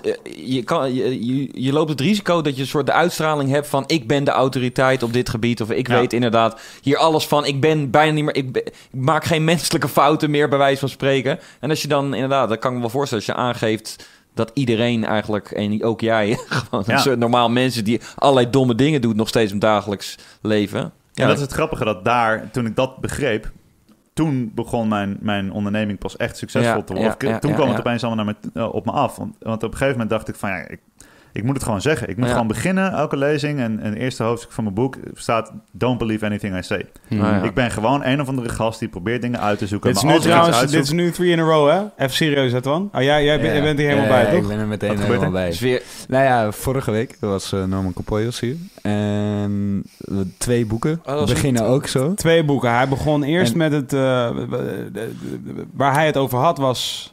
Ja, ik, ik heb, zit nu alleen het was een boek G- naar een onderzoek van JFK in ieder geval. Dat was stond- het. Oh ja, Dat de- was het boek. En Ja, dat, dat opende met geloof eh, niets wat hierin staat, bla bla Ja. bla, bla, want dit zijn Ah, ook, maar een rapport. Ja. En, en het grappig genoeg hadden we het daarvoor gehad over Bruce Lee en de Ja. Tao of Jeet Kune Do, dat eh, zeg maar de, de leer van Bruce Lee. En dat boek begint met een voorwoord van Linda Lee, de vrouw van, of de weduwe van ehm, Bruce Lee. En die zegt in dat boek, flikker dit boek weg als je het hebt gelezen. Ja, ja en het- dat is de, weet je, eh, de boeddhistische leer Ja, leert het ook aan. Die zegt van in principe, alles wat ik zeg is bullshit, totdat je er wat mee kan. Of Ja, dat je het ja. toepast, of dat je Ja, zelf de dat- waarheid... Dat, staat erin ook letterlijk in het voorwoord van het Jeet Kune Do. Staat ook dat inderdaad ik- van, dat- gebruik, dat gebruik soort- het als onderzetter of wat dan ook maar. Ja. Ja. niet nog een keer lezen. Ik heb een stuk inderdaad, op een gegeven moment staat er in het boek van... eh, als, je, als je nu dit wat ik net heb geschreven meteen toepast en het boek wegflikkert... dan heb je meer waarde uit het boek dan wanneer je het uitleest. Ja, ja, ja. Dus stop Ah, maar, ja. weet je wel. Ja, ja, ja. En ik denk dat dat hele belangrijke dingen zijn. En je komt er ook niet meer weg om, om tegenwoordig om een soort te doen alsof je een of andere pristine guru bent die alles goed heeft. En ik merk dat Nee. Waar mensen het meeste behoefte aan hebben, is gewoon realness. Mhm. Dat je ziet van, hé, hey, daar is een andere persoon. En er zijn ook geen grote eh, soort van superhelden meer die er heel lang waren. We hebben geen Ja. Nelson Mandela, meer. Malcolm X, eh, eh, Moeder Teresa meer. We hebben nu Zo, allemaal- dit is ook, ja, dit, dit je bent een soort samenvatting aan het geven van allemaal podcasts die we hebben gedaan. Ja, Oké. stoppen na deze. Ja. Ik heb niks... Ja, is Nee, maar dit, het komt omdat gewoon deze, omdat we Nee, in deze een- tijd leven, een toch? ja, dit is ook echt een herhaling Ja. van... eh, van eh, ik heb de afgelopen eh, verkiezingen op een gegeven moment eh, ehm, eh, gesproken bij een, eh, bij een eh, weet ik veel, een soort samenkomen van... een beetje een soort highbrow left-wing Nederlandse grachtgordel eh, activisten. En, en, en ehm, dat wilde ik eigenlijk afzeggen. Maar toen, ben, toen, toen was ik op schoolplein bij de Herman Brood Academie, werkte ik nog op dat moment. En, en toen eh, had ik daar een gesprek met iemand en toen zei ik van... Weet je, wat- weet je wat gek is aan muziek? Er, zijn geen, eh, er is geen, bijna geen idealisme meer in muziek. Toch? He- Hedendaagse liedjes gaan over individualisme. Of over, eh, laat ik zeggen, hedonisme. Ehm, eh, of liefde. Wat top is. Maar die liefde gaat dan alsnog over een soort individuele liefde. Ja, ja, ik hou van jou, jij houdt van mij. Of hij houdt niet meer van mij, of zij houdt niet meer van mij. Maar het gaat niet meer over... Wij houden van elkaar allemaal. Je weet toch? Hmm. Eh, We Are The World. eh, ehm, eh. Eigenlijk alles van Michael Jackson. Alles van Bob Marley. Alles van, heel veel van de Beatles. Heel veel van... zeg maar, al die, al die groepen hadden soort liedjes over universal love. Zelfs het begindagen van, laat ik zeggen, happy hardcore ging over universal love. Alles uit die tijd ging over universal love. En die hele shit is weg. Ja. In, uit popmuziek in ieder geval helemaal verdwenen. En, dus, en als je dan inderdaad kijkt naar, laat ik zeggen, helden. En, en in mijn optiek, dus met Michael Jackson zijn we de laatste hele grote, eh, echt, echt, echt insane grote verloren. Eh, die, die zijn er ook niet meer. Nee. Niet zoals toen. Dus natuurlijk heb je wel een Barack Obama. Maar als je nu dan het interview ziet met Obama en Letterman... ik weet niet of je dat gekeken hebt. heb je- eh, Jij bent niet geïnteresseerd in politiek. Maar is, dit is, Is ook dat, gewoon... eh, dat hij, dat hij een baard heeft? dat. Letterman heeft een baard. Ja, het wordt een serie ook. Hij gaat Oh. een serie doen inderdaad. Hij heeft een baard. En, eh, ik wil dat wel zien, want maar ik hij doet- wel tof. Hij doet een interview met, met, met Obama. En als je dan kijkt naar Obama, wat, wat op zich wel, je zou kunnen zeggen, een held. In ieder geval heldenstatus verworven, een beetje tijdens zijn eh Ja. ambtstermijn. hè? Vooral in vergelijking met Trump. Maar, maar de grootsheid van die helden is ook redelijk modern. Ja, Als je terugkijkt naar een paar honderd jaar geleden, ja, dan heb je gewoon verschillende kleine communities. Mm. En er zijn een aantal legendes van super toffe gasten die Ja. het doen. Dus dat is vrij modern. En nu gaan we weer terug naar, naar dat kleinere, die stamvorm eigenlijk. ja, waarin je helden hebt in kleine niches. Waarin je dus kleinere helden hebt, maar die staan ook dichterbij. Ja. En, en het Ja. zijn niet zozeer helden, maar het zijn meer een soort van tribe leaders. Zoals ik zeg, ik, vind, Mm. ik bereik mijn mensen, die vinden wat ik doe tof.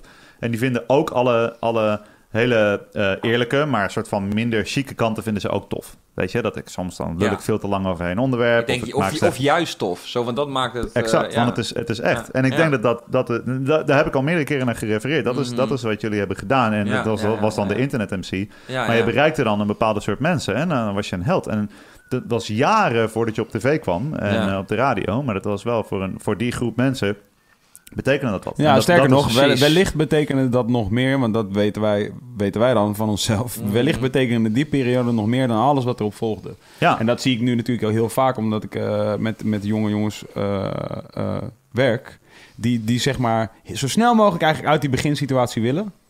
Ja. Om vervolgens terug te kijken met een hele hoop eh, nostalgie. Ja, ik Ja, denken van, fuck, toen was het echt tof, man. Die eerste periode. Je weet toch Ja. van, eh, dat was... Ja, dan is het nog puur en is het nog echt. En dat Ja. is ook wat er nu gebeurt op, eh, op social media en dat soort dingen. Dat kan wel. Je kan Ja. gewoon Ja, eh, best wel heel erg bekend zijn... terwijl niemand op straatje herkent. Ja. Behalve Ja. Die, die mensen die jou echt kennen. Ja. En dat is iets waar ik... eh, ja, ik vind het fantastisch dat het zo werkt. Want daar draait mijn hele onderneming op. Het feit Ja. dat ik... en mijn, hele, mijn werk, mijn boodschap, mijn missie... gaat erover dat ik, eh, dat ik niet druk maak om iedereen bereiken of iedereen te pleasen. Ik hoef helemaal geen grote held te zijn. Ik wil gewoon die mensen die specifiek door mij geholpen kunnen worden... die eh, wil ik helpen. Ja. En daarom vind ik ook dat het je verantwoordelijkheid is om je gordel om te doen. Want jij hebt ook, weet je, iedereen... Ja. Ik vind dat iedereen... Dat is mijn opvatting. Dat is ook een, ook een spiritueel ding. Maar ik denk dat elk mens een vorm heeft van expressie voor zijn eigen leven. En dat is voor iedereen anders. Wacht even, hè. wij hebben het... Wacht even. Wacht even.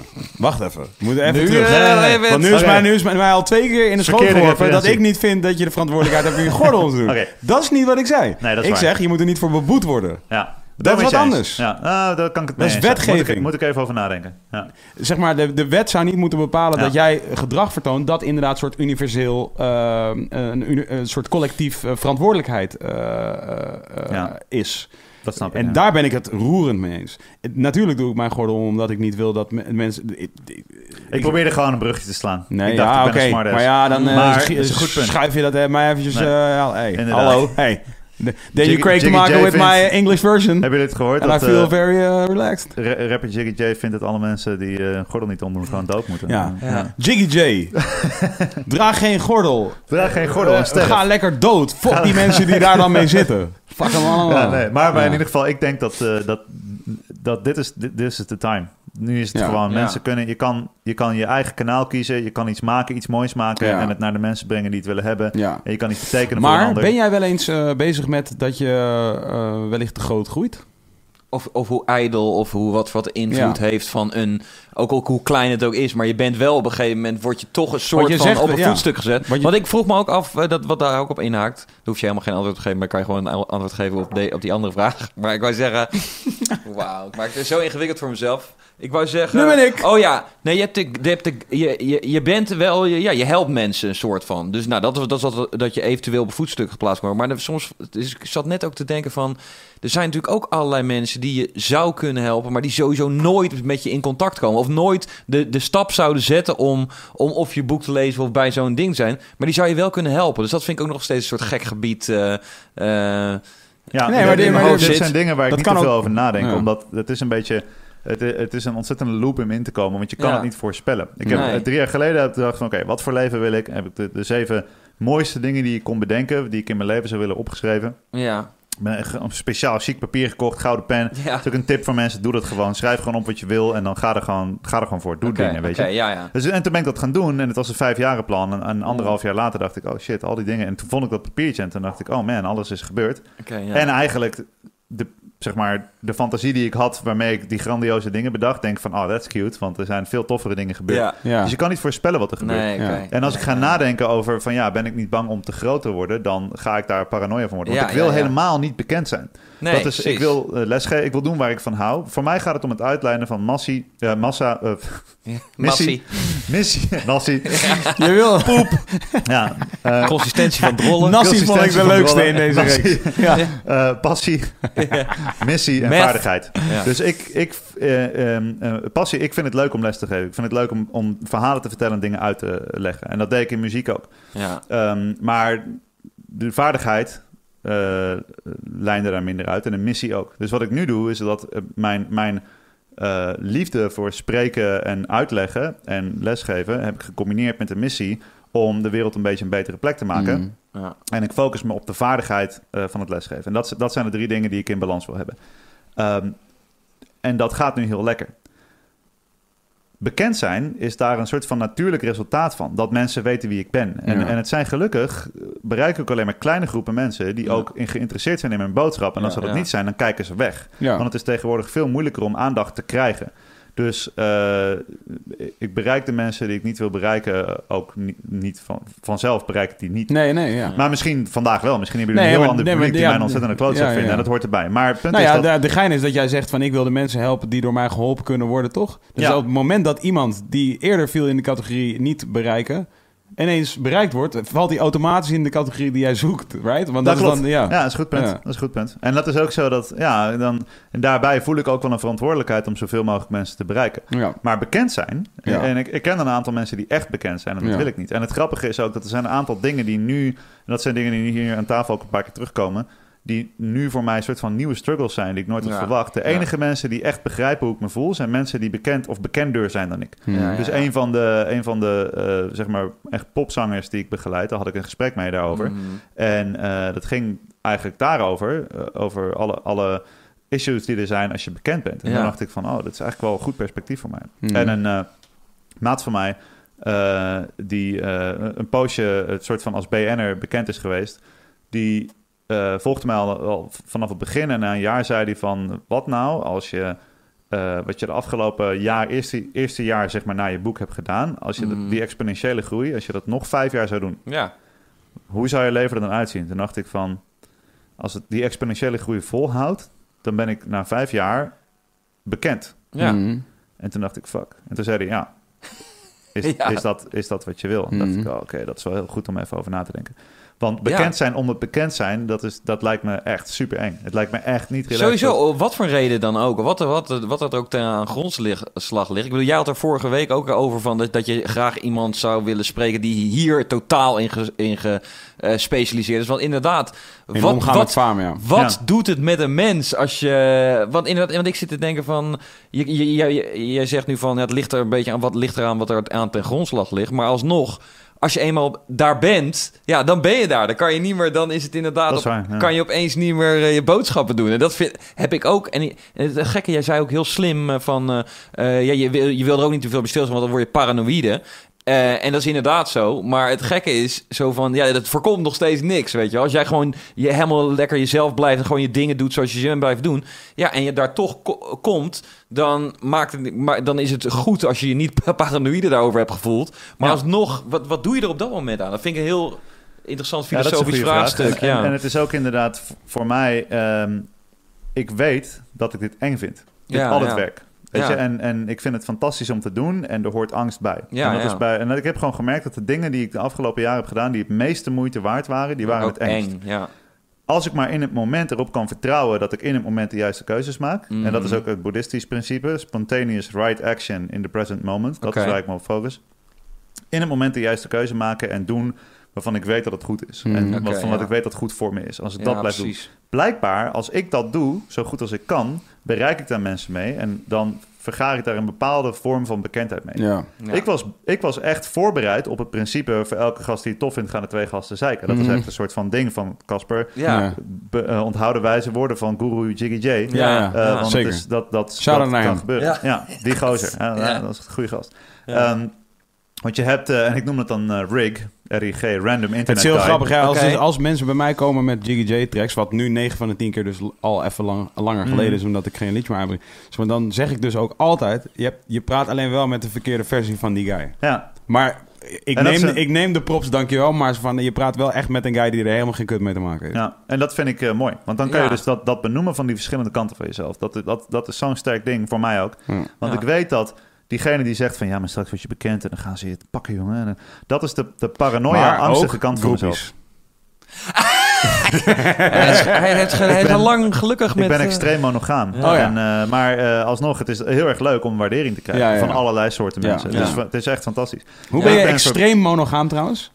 Nou, ik- Ja. nou ja, goed, Is, vergeleken is, met de is, is, gemiddelde er nog een level in monogaam en dan nog Ja, extreem niet. monogaam? Zo, is ik ben zoveel met één iemand. Dat is Ik ben niet zo normaal. extreem Ja, ik heb dat nog nooit gezien. Ik zie niet eens andere mensen. Nee, maar ik bedoel gewoon dat ik... Ik, eh, ik, ben, ik ben al sinds mijn zeventiende in een monogame relatie, weet je wel. Dus het is voor mij... eh eh, groepies zijn niet zo interessant. maar Nee, het is nee, heel nee. mooi om waardering te krijgen. Ja. Ja. Je nam het punt ook veel serieuzer dan ik had verwacht. Maar sinds ja. je zeventiende ben je, ben je met deze dame met wie je nu bent. Ja, Wauw.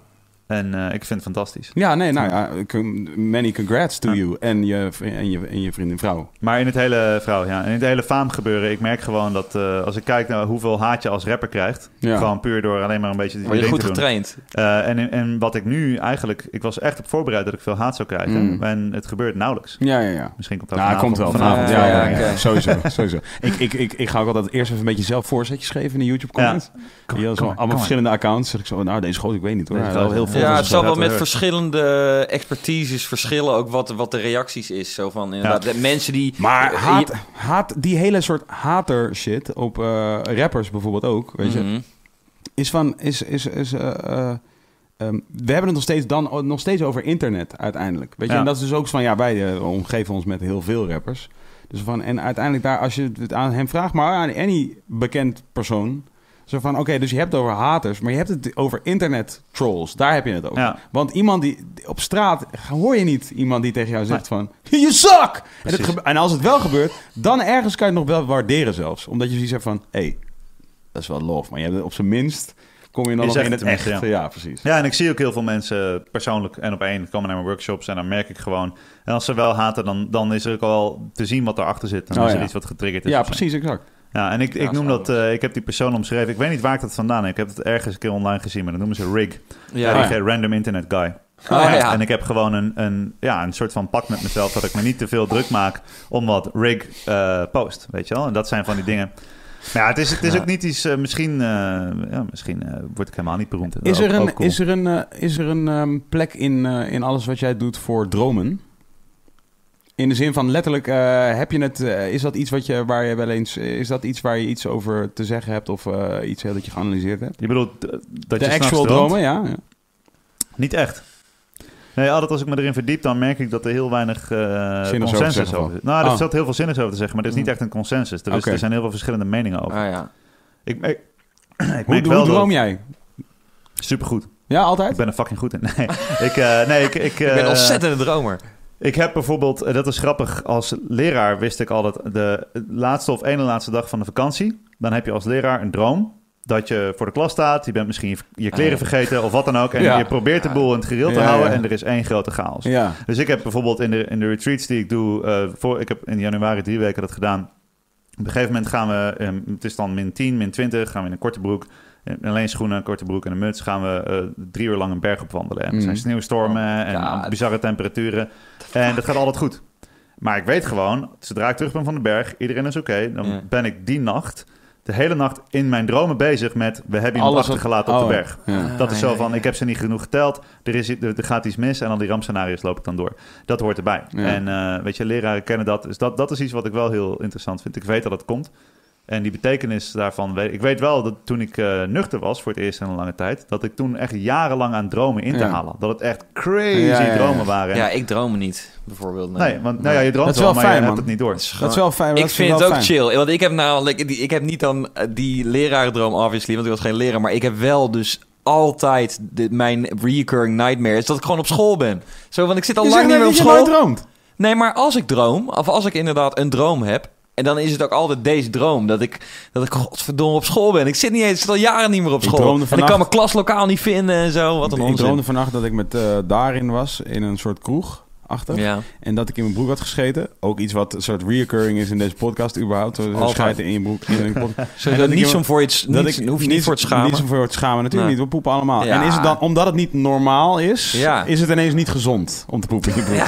Dus oké, dus, dus zeg maar, ik had gepoept, in mijn droom had ik gepoept in mijn broek. Maar ik zat dus op, ik dacht, ik liet zeg maar scheten in, in, die, in, in die droom dus. En ik dacht van, oh joh, ik wil echt veel scheten aan het laten. Ja. En toen liep ik dus weg van die, eh, van die stoel waar ik op zat en daar lag een jas op. En toen hoorde ik dus in mijn droom, hè, is dit allemaal, hoorde ik een gozer Ja. die zei van... Zit er nou kak aan die jas? en toen zei ik tegen daarin, we gotta run.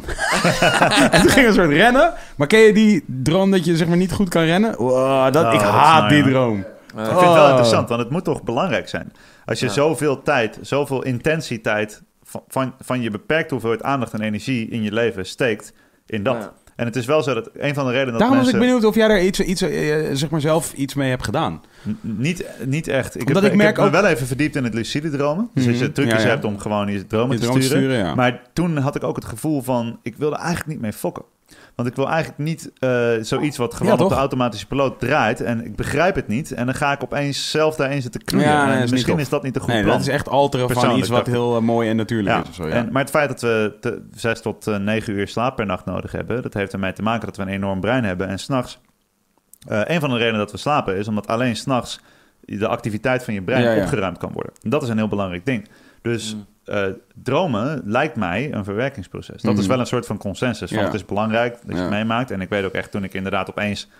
Vier, na vier jaar niet dromen, opeens twee, jaar, twee maanden dromen in aan het halen was. Dat ik echt gewoon uit ru- moest rusten als Mhm. ik wakker werd. Zo Ja, van, oh, ik heb negen uur geslapen, maar ik moet echt even chillen. nu. Maar Ik je heb echt zegt, je droomt wel, je droomt ik wel, maar je gewoon, vergeet het eh, of zo. Ja. Ik heb, Ja, volgens mij is dat. Eh. Volgens mij is, is als, je, als je stoned bent, dan droom je wel, maar dan, dan heb je het niet door. Maar weet ik niet zeker. Hoor. Ja, nee, maar dat is, dat is, waarschijnlijk wel. Ik heb, sta tijd, feel ik wil zeggen, ik heb tijden gekend dat ik gewoon in principe best wel oké was eigenlijk gewoon overdag als persoon. Maar dat ik, eh, dat ik zoveel soort heftige dromen had, nachtmerries, dat ik s'nachts niet wilde gaan slapen. Mm. Dus dat ik eigenlijk gewoon, een- voor mijn gevoel was ik gewoon cool. Maar dan, Ja. als, maar dan dacht ik van, als ik nu ga slapen, is het altijd dezelfde puinhoop. En dan ja hoor, ging ik weer slapen. Boom, wereld verging. Weet ik veel, moeder in stuk. En je weet toch, allemaal lijpe shit. Ja. En God damn, weer deze shit. Je weet toch? En, eh, en, ehm, en nu, en nu heb ik, eh, heb ik, in, heb ik steeds meer... ehm, zie- doorzie ik steeds wel vaker die soort patronen niet in zeg maar wat er precies gebeurt in mijn droom, maar de intensiteit van de droom. Die hangt wel, eh, daar is wel verband tussen eh, dat en mijn, denk ik, algehele eh, mentale staat op dat moment. Ja, er is heel veel symboliek en dat soort dingen. En Ja. ik denk ook dat... ehm, eh, het is gewoon niet mijn, mijn expertise, maar ik heb wel veel ervaringen erin. Dat als ik bijvoorbeeld iets verwerk emotioneel, dat dan opeens mijn dromen echt anders zijn. Ja. En ik merk ook dat de intensiteit van de kleuren en van de beelden en zo, die, die veranderen ook naarmate ik bepaalde fases van mijn, van mijn leven doorga. Mm. Absoluut. Is het, het, het best wel ironisch eigenlijk dat jij, door dat wat jou min of meer zelf gered heeft van, van, van, nou ja, van die infinite loop waar je in zat, eh, jou niet, niet alleen dat heeft gebracht, maar dus ook vervolgens dat dat het ding werd wat ook jouw succes is. Ja, eh, dat, vind ik wel mooi. Ik, ik heb echt alle dingen die, die ik nu als successen zou kunnen bestempelen, die komen allemaal vrijwel direct zijn ze terug te herleiden naar het dieptepunt in mijn leven. En dat vind ik vet. En Ja. daarom vind ik het ook zo belangrijk om heel eerlijk en kwetsbaar te zeggen: van ja, ik ben gewoon een of andere gast. Ja. Ik, ik zoek wat dingen uit en dan probeer ik het aan mensen over te dragen. En blijkbaar voelen die dat ook. Eh, weet je, burn 1 op de acht Ja. mensen krijgt een burn-out. Weet je, Mm. iedereen heeft last van overgewicht, iedereen is onzeker. Maar we lopen in, in de wereld rond eh, met allemaal maskers en muren en personages. ja, te doen alsof we dat niet te, hebben. te doen alsof we allemaal weten hoe het leven werkt. Ja. En, de meeste mensen hebben het gevoel dat ze de enige zijn die niet weten hoe het leven werkt. En dat al die andere mensen dat wel doen. Ja, ja, ja, Ja. ja, En ik heb gewoon zoiets van: oké, wat nou als we allemaal die shit af en toe een keer even laten vallen. En eerlijk zijn. En gewoon zeggen van: hé, hey, jij bent een mens, ik ben een mens. We hebben allebei struggles. Maakt niet uit waar je vandaan komt, wie je bent. Mm. We hebben allemaal dezelfde verlangens en behoeftes. We willen allemaal begrepen worden. Laten we even nader tot elkaar komen. En dan gewoon dat spelletje weer spelen.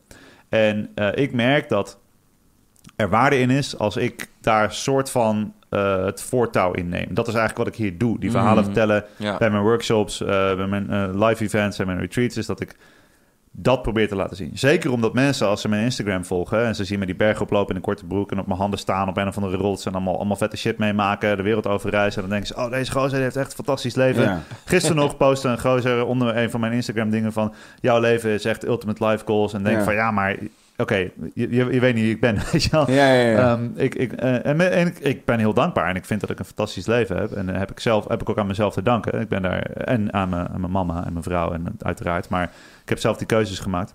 Ja. Maar is het Alleen- ook dat je een soort, omdat je diepste dal, of als je een diep dal bereikt, dat je dan misschien meer in staat bent om jezelf ook extra te ontstijgen, zou ik maar zeggen? In zekere zin wel. En het is ook zo van... Zo de wet van de remmende voorsprong, toch? Dat is het ook, toch? Van, je, Zou kunnen, als je, als je, als je, als je eh, zeg maar, dat wat, wat moeilijk is om te doen, hoe moeilijker het is om het te doen, hoe, hoe, hoe sterker je eruit komt als het je lukt. Ja, Mm. ja precies. Wha- What doesn't kill you make you Ja, stronger. Je hebt, ja. je hebt le- leren vechten, je hebt leren opkomen voor jezelf. En het is ook zo van... eh, als je, als je de, de diepste, donkerste kanten van jezelf hebt leren kennen... en je, hebt, je bent daar één mee geworden, je hebt het geïntegreerd... dan kun je ook in het leven gaan staan zo van... come at me, bro. Weet je, Ja. wat, kom maar. Ja, ik ja, weet het. Ik weet wie ik ben. Ik heb naar binnen gekeken. Ik heb me, met mijn demonen gestreden. De- eh, ik, ik heb mezelf over, overwonnen. Ik, ik weet wie ik ben. Dit klinkt Kom als een vertaling van een Engelstalig liedje. Ja. Kun je weer heel even Ja. terug? Dit moet even, dit moet, dit, dit moet even op. Nee, nee, nee, was niet. Face my inner demons. Ja, ik, ik zal, ja. het, het is heel standaard taal. Het is misschien, en eh, ik denk ook dat eh, clichés die, eh, die werken omdat ze werken. Daarom Ja. zijn clichés. Maar ik denk, ja, dat is voor mij zo van... Oké, ik, heb, ik heb best wel veel moeilijke shit meegemaakt. En, Ja. ik, ga, en ik ga nu eh, ja, proberen om daar wat moois mee te doen. En eh, wat aan de wereld te geven wat eh, de moeite waard is. Weet je? Hoe zit jouw vrouw hierin? Omdat die, jou, die kent jou 15 jaar en die heeft jou ook zien gaan van, eh, eh, van, van, van dalen naar pieken, naar dalen naar pieken. En wellicht eh, zal zij ook zeggen van... nou, dit is definitely het beste dat je er ooit aan toe bent geweest? Ah, weet ik niet. Ik ben nog steeds eh, niet altijd even leuk. Want eh, met, met dit leven komen ook nieuwe uitdagingen. En eh, ik ben eigenlijk vaker bang dan toen. Want ik had eerder, ja, eh, dat zijn die patronen. Met die Ja. patronen bouw je een leven om de ongemakkelijkheden heen. En nu Mm. ga ik al die ongemakkelijkheden rechtstreeks aan. Dus ik ben vaker bang, ben vaker onzeker. Mhm. Dus het is heel tweeledig. Maar we zijn natuurlijk ook samen uit die sociale kringen gestapt, bijvoorbeeld. En we hebben samen heel veel periodes doorgemaakt. Dus het is. We maken wel eens grapjes dat we allebei een soort van een goede investering, goede real estate hebben gedaan. Omdat we allebei alleen maar leuker en beter worden naarmate we ouder worden. Oké. En, eh, maar het is. Het Zij is, zit er ook zo in. Eh, ja, ja, absoluut. En zij draait een heel groot deel van het bedrijf. En ze, en ze is echt eh, ze is eigenlijk de business manager van, van, van. Learning, Ja, van wat ja. ik doe. En, eh, ze, en dat brengt ook nieuwe uitdagingen met zich mee. Dus we hebben meer vrijheden, meer mogelijkheden, meer, meer kansen in de wereld. Maar tegelijkertijd ook ehm, eh, uitdagingen. Dat is een beetje het ding. Het, als je een uniek leven bouwt, heb je ook unieke uitdagingen. En als je met je maten goed kan praten over van... ja, ik had dit gesprek met mijn baas, hoe zou Mm. jij ermee omgaan? Dan heb je gewoon peers die dat begrijpen. Ja, ja, ja, En bij ons, we hebben geen baas, we weten niks. Onze vrienden Nee. doen andere dingen. En zo van, ja, met, eh, hoe, hoe doen we dit? Geen we zijn allebei een beetje bang en ik weet niet hoe het moet. En, en dat vind ik, dat, dat maakt het alles heel puur. En dan moet je heel dicht bij elkaar kunnen komen en Mm. elkaar kunnen vertrouwen in ontwikkeling.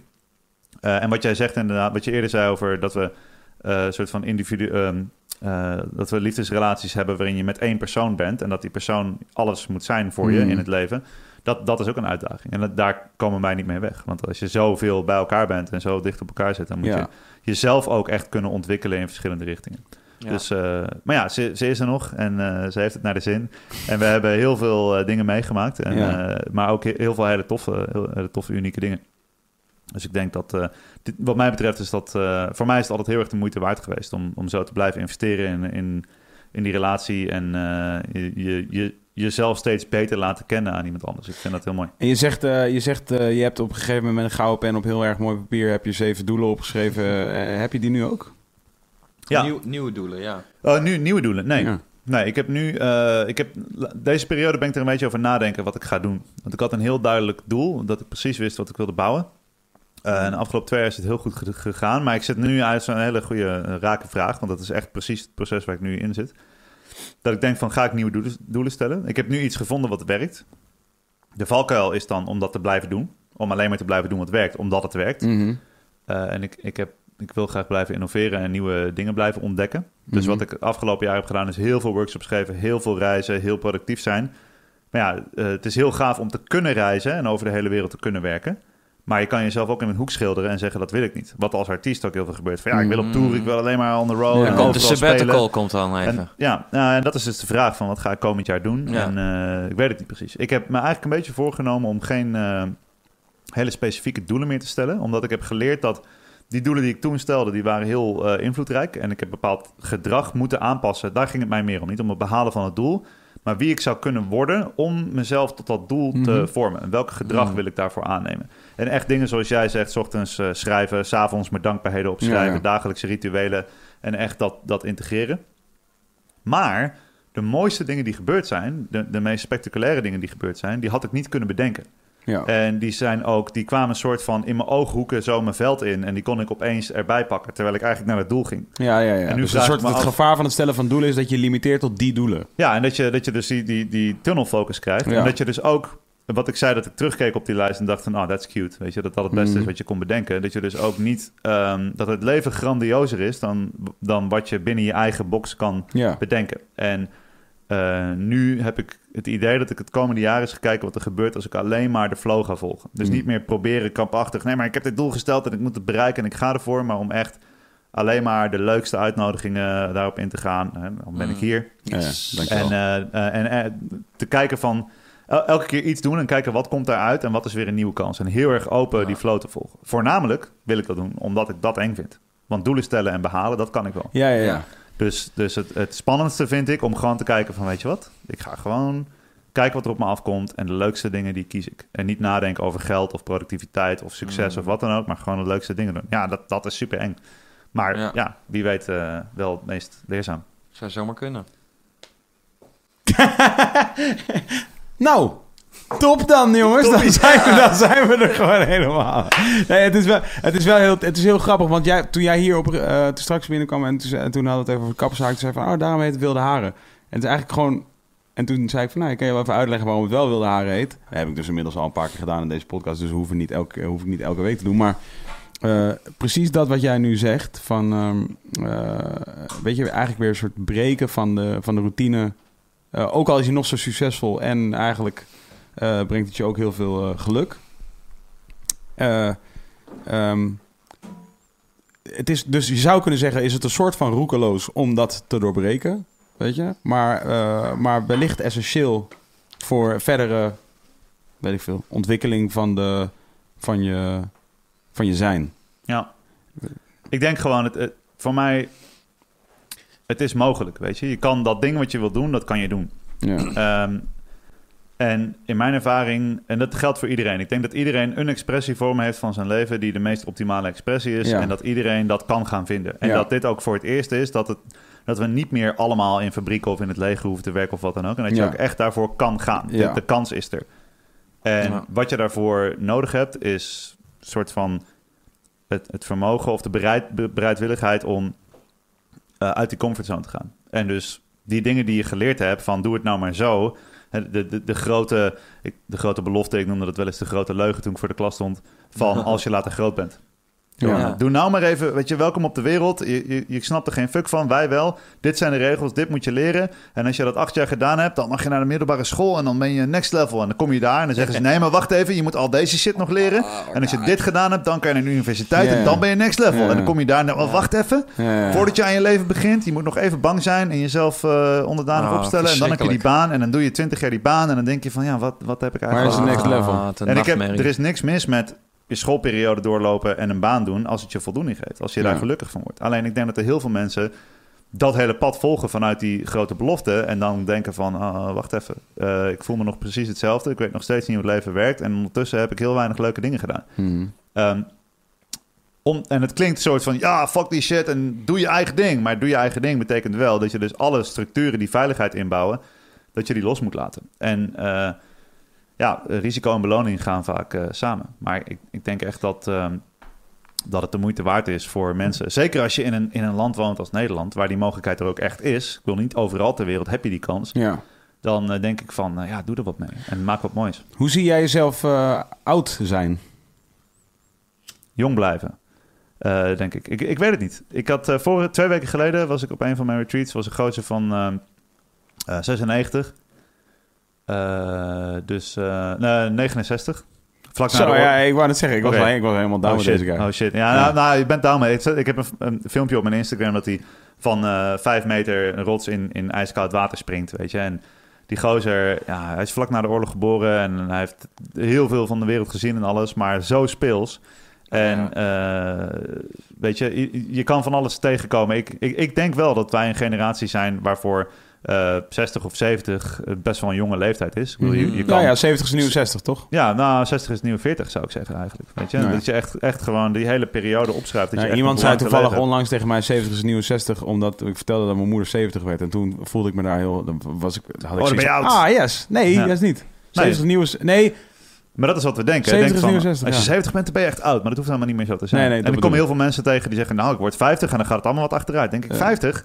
De gro- dikke kans is dat je nog 50 jaar te gaan ja, weet je? ja. En deze gozer was zo speels. En, Zo- eh, Twan, zoek eens op wat de huidige soort life expectancy is van een, eh, van een eh, Nederlander. ja, dus lifespan, en maar dan ook health span. Dat is een interessante. Want je ziet dus dat de Ja, ja, ja. lifespan toeneemt, maar de ja, ja. health span afneemt. Ja, ja, ja. Ja, ik vind het zo Dus grappig, want ik zou ook zeggen... speelsheid en, het kind in jezelf bewaren is heel, heel belangrijk. Maar ik wou zeggen, er is ook natuurlijk... valt ook wat voor te zeggen om, eh, hoe noem je dat... de distinguished gentleman te zijn, eh, weet je wel. En dat, Ja. dat komt vaak niet overeen met, met het kind in jezelf bewaren, voor mijn gevoel. Terwijl dat is toch iets, iets ook eh, wat veel mensen ambiëren van... ja, je wil een soort uh, chique, chique oude guy bent. Maar nu zet me dat wel aan het denken... of dat misschien dan ook betekent dat je stiekem toch ook wel eens heel speels bent. Maar ja, precies. Want die Ja. chique gentleman, he knows Ja. what's up. Ja, Die heeft waarschijnlijk, die fonkeling in zijn ogen dat hij altijd nog bereid is om het spel te spelen. Ja, en bereid is om. Of gentlewoman. Of gentlewoman natuurlijk. Ja, de- het context. Twan, Gentle Twan. Gentle Twan. 81,7 jaar. nu, Dat als je is, nu eh, geboren wordt. Nee, dat is 2015. Is dat eh, het laatste onderzoek van het CBS. Oh, ja. 81,7? En nog wel opmerkelijk is dat in de, in de Verenigde Staten drie jaar, eh, drie jaar verschil. Daar is het 78,7. Hm. Ja, volgens mij gaat Ik vind, het nog wel, ik vind het jonger dan ik had verwacht. Ik dacht dat de mensen wel echt... Inderdaad, dat 100 nu een soort van de... Ja, dat is een inschatting gebaseerd op wat we nu weten. Ja, precies. Hè, Dus als alles nu zo zou blijven Ja, zoals ja. het nu is. Ja, ja. Maar wat is de health span van die mensen? Want Ja. meestal, de meeste mensen leven nu meer jaren met minder levenskwaliteit. Mm. Ze worden eerder chronisch ziek en ze leven dan nog langer Ja, met ja. die, met die Met, het, met verminderde alle dingen aan. Ja, ja, ja. En, Twan? En ik, ik denk al dat, gevonden, of eh, niet? Ik denk dat ik wel 120 kan worden met eh, nog wel wat gezondheid. Maar ja, ik kan ook morgen onder een bus komen. Ik, wat mij betreft, eh, zoals ik er nu in sta, denk ik het wel. Maar je, kan ook inderdaad een soort brain aneurysm krijgen of whatever. Dat je op, dat, of denk je dat dat ook wel eh, te controleren valt? Weet ik niet. Er, er zijn heel veel mensen die ik ontmoet in, de- in de biohackers scene Ja. zo, die zeggen van eh, de dood is een, eigenlijk gewoon een technische issue die we de komende generatie gaan oplossen. Dat is gewoon even een ding, moeten we even de techniek achter fixen en dan is het Maar klaar. word je daar enthousiast van? Ehm, weet ik niet. Ik heb daar nog niet een hele, hele vaste mening over. Het, het voelt wel tof. Ik heb wel het idee dat... eh, kijk, bijvoorbeeld... Er zijn dingen die je nu al kan doen. Dus mensen die nu... eh, bijvoorbeeld mannen die nu 60 of 70 zijn... Als die eh, steroïden gaan gebruiken, testosteron gaan gebruiken... Ja, dan hebben zij daar gewoon allerlei voordelen aan. Want dan hebben ze weer de hormonale gesteldheid van Mhm. een veel jonger iemand. En bouwen ze spiermassa op, gaan ze rechterop staan... voelen ze zichzelf verzekerder, levenskwaliteit gaat omhoog. Nou, Ja. weet je, als ik nu 70 zou zijn... en ik zou merken dat ik mijn kleinkinderen niet meer kan optillen... Ja. nee, shoot me up. Ik, eh, ik vind het wel vet. Ik vind het leuk, weet je. En, eh, ja. dus Of, net zoals- maar wat je niet doet op dat moment... is trainen om vrede te hebben met dat wat jou gebeurt natuurlijk. Ik denk dat, het allebei kan. Want ik, wat ik heb gemerkt is dat ik, eh, weet je, bijvoorbeeld met, met gewichtsverlies, met, ik ben 35 kilo afgevallen, dat, dat ging om allebei. Want ik kon, dat kon ik pas bewerkstelligen en volhouden en daar gelukkig mee zijn als ik daar ook echt die tevredenheid mee had. En ik weet niet of dat zich verhoudt tot steroïden gebruiken.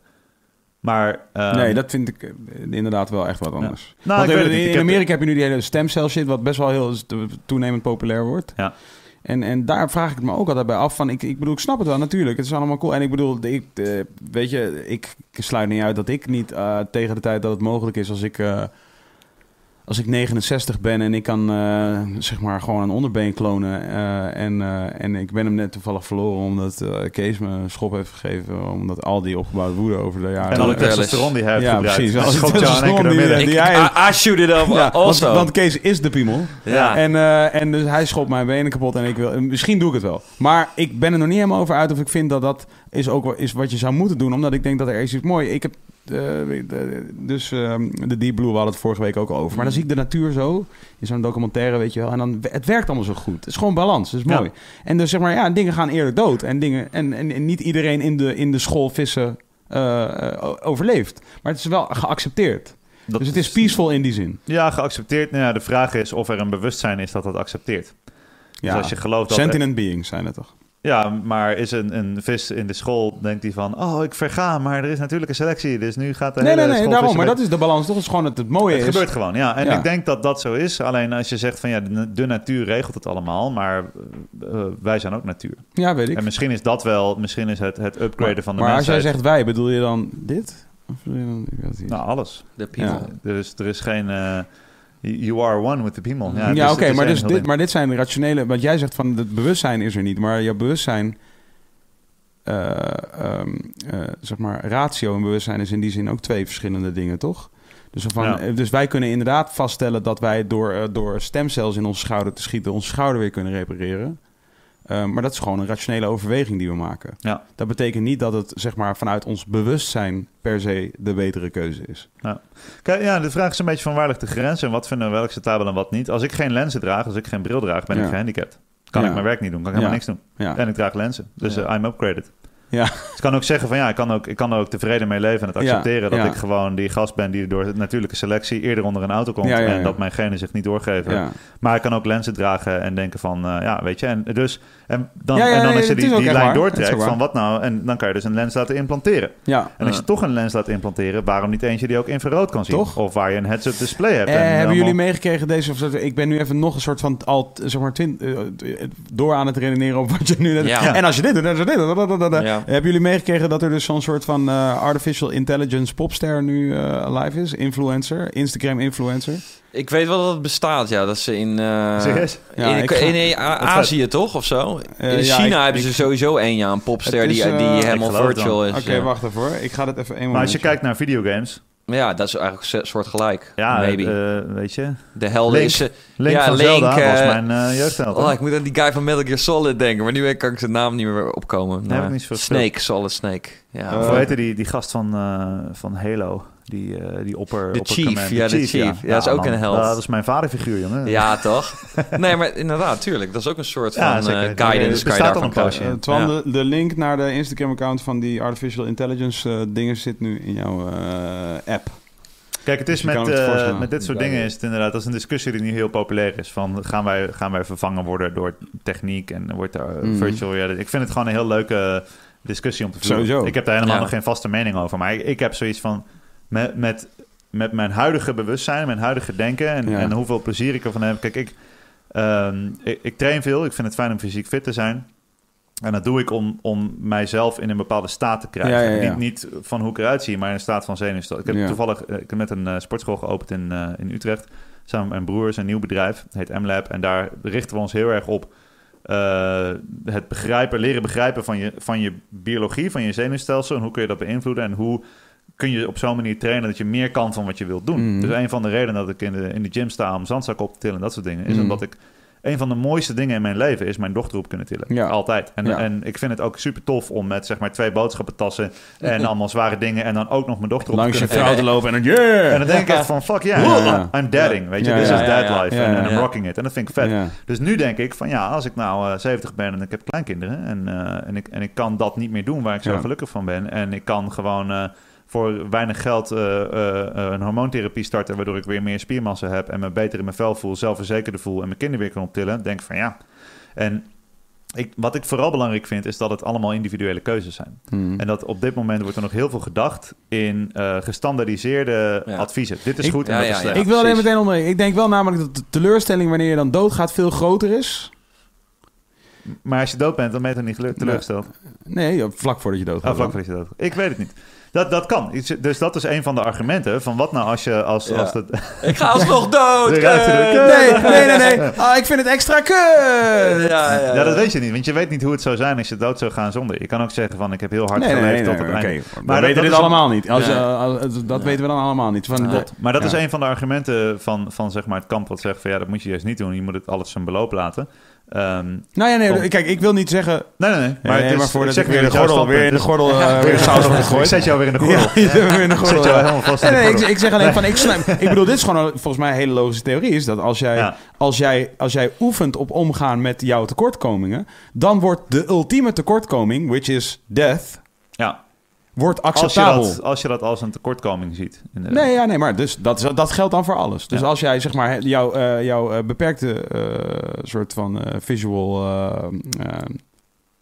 capacity, Vermogen, ja, ja. precies. eh, ehm, als je dat als een tekortkoming ziet, je zei net ik een handicap. Wat wel een soort, dat is, dit is gewoon een, een universeel aangenomen eh, ding. Ja. Het is een Ja. handicap. Van, dat is alleen maar omdat je het hebt aangenomen dat dat wordt gezegd dat dat zo is. Je ziet gewoon minder. Nou ja, als ik mijn bril afdoe, dan kan ik niet verkeer in. ja, ja, maar nu haal je het weer naar het soort van het systeem wat er ligt. Ja, precies. Dit is nee, hoe dat is waar. Dat toch? Is waar. Ja. Zo van, dat, dat, dat, dat is omdat het zo is. Maar wie weet, one day we de, de soort van short-sighted will rule. ja. Maar ik denk met dit soort dingen denk ik gewoon van er is, Wow. er is geen... eh, We gaan, trouwens, Twan heeft ook de... in het land van blinden is Ja, eh, snap lensloos eh, koning. Hè? eh, Twan heeft ook de, de AI. ja, dit is wel sick. dit is lijp, hè? Ja, maar ik, ik wil even meer weten. Want is, wordt dit gewoon automatisch ook gepost? Dit is gewoon een populaire artiest en influencer en soort persoon die dus wordt helemaal wordt aanbeden en is nep. Ja, oké, maar tot, tot welk level is dit artificial intelligence? Kijk, dat, kijk die visie. De muziek is er Ja, ook. oké, de visie. Maar ik bedoel, dat is gewoon... Dat is, er, is gemaakt. er een mens maar die ik dit bedoel, programmeert? Nee, oké, dus nu moet je discussie. Nu, nu, nu komen we dan op het punt. Wanneer is iets echt? Want eigenlijk ook wat Casper al zei, toch? Van, Jiggy J is ook niet... het bestaat niet. Snap je wat ik bedoel? Zo van, iedereen kan kijken naar mijn hoofd en zeggen... Hé, hey, Jiggy J. Maar dan Ja, ja. kan ik zeggen... Nee, nee, sorry bro. Nee, oké, maar wat ik me nu echt afvraag met dit is, zeg maar, is er gewoon een programma wat zorgt dat hier gewoon een foto Ja. verschijnt. Of is er een die mens die er bewust kiest van... eh, Ja, en dat, dat er een caption wordt ge- geschreven, Dat weet of ik wordt die caption niet geschreven? Dat weet ik allemaal niet. Ik, Ik, weet, denk, ik weet denk wel... niet dat het een, dat het een, dat het een artificial eh, intelligence is en en dat die een, die een sentient entity is die Nee. zelf heeft bedacht, ik ga een Instagram-account nee, nee. starten Nee, nee, en mensen... dat bestaat nog niet, geloof ik, hè? Nee, nog, nog Kees wordt nu even helemaal enthousiast. Je toch maar Transformers? Transformers! Sowieso kijk, kwam daar de sentient being. Was echt, werd werd er onge- ongelooflijk veel in gepraat, ja. Maar er wordt wel heel veel, dat argument wordt veel aangehaald van ja, maar dus stel nou dat, dat de dood een technisch ding is dat we oplossen en we kunnen blijven Mhm. upgraden en dat soort dingen. Worden we dan niet allemaal gewoon, want als je dus tot 400 kan leven, is het echt super kut als je op je 20 onder een auto komt en doodgaat. Dan is het Mhm. extra kut. Ja. Net zoals dat Ja. we nu zeggen, als, een- als, als, een, als een baby doodgaat. Maar daarom we vind ik het ook een erg. beetje ja. vreemd dat je deze dingen zeg maar, zegt... terwijl je wel dus gewoon in, in, in, een, ehm, in een korte broek eh de Himalaya oprent.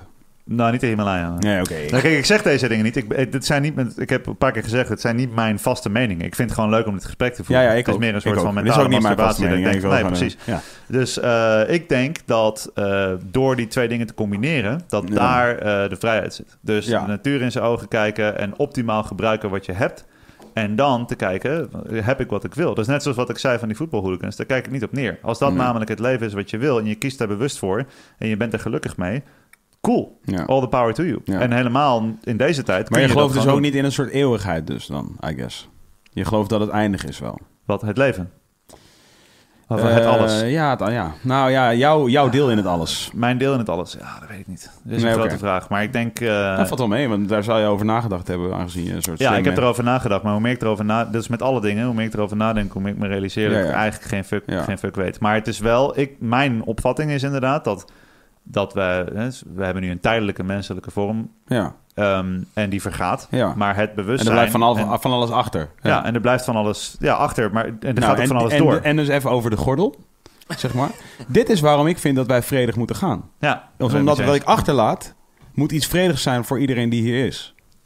Ja. En dat is mijn gordel. Dat is, en, dat is, en, dus, en, en, en wat ik dus denk is dat als jij... If you shoot up en, en allerlei dingen doet, zeg maar, die, die soort, eh, soort medically enhanced zijn of eh, weet je, of, of whatever. Dus alles wat soort van unnatural is.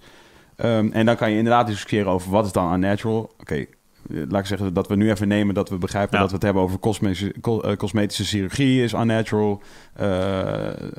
Ja, maar dat is dus aan de negatieve kant van het spectrum. Vinden wij al die dingen normaal. Dus als je, als je, we hebben een, een norm die we zeggen van dit is de normallijn, Mm. dit is gezond, dit is Mhm. normaal, hier ben je een mens zoals Ja. wij dat hebben afgesproken. ja, Mm. Als je daaronder zit, iedereen is er voor om te strijden tegen kanker. ja. Ja. Maar dus waarom zou je wel van min 100 naar 0 strijden om weer normaal te worden? ja. En, waarom zou je niet 0 van 0 100? naar 100 willen gaan? Nou, oké. dat, dat vind ik gewoon, Nou ja, dat, denk ik van, dat, oké, kan, dat kan ik wel. Kijk, ten eerste zou ik hier niet willen gaan eh, propageren voor eh, het accepteren van kanker, eh, zeg maar. Omdat dat. nee, ja, gewoon. Ja. Oh, oh, nee, maar omdat ik ook namelijk vind dat als ik dat zou doen, zeg maar. Niet iedereen denkt zoals ik denk. Begrijp je wat ik bedoel? Dus, Ja. van, dus, ik, dus ik, en ik respecteer dat dat zo is. En dus ik weet ook dat al met zo'n uitspraak je. eh, en, en ik weet niet als, als Judgment Day komt of ik het kan. Begrijp je wat ik bedoel? Wat, wat het verhaal van Gandhi is en zijn, eh, vriendin, zijn vrouw.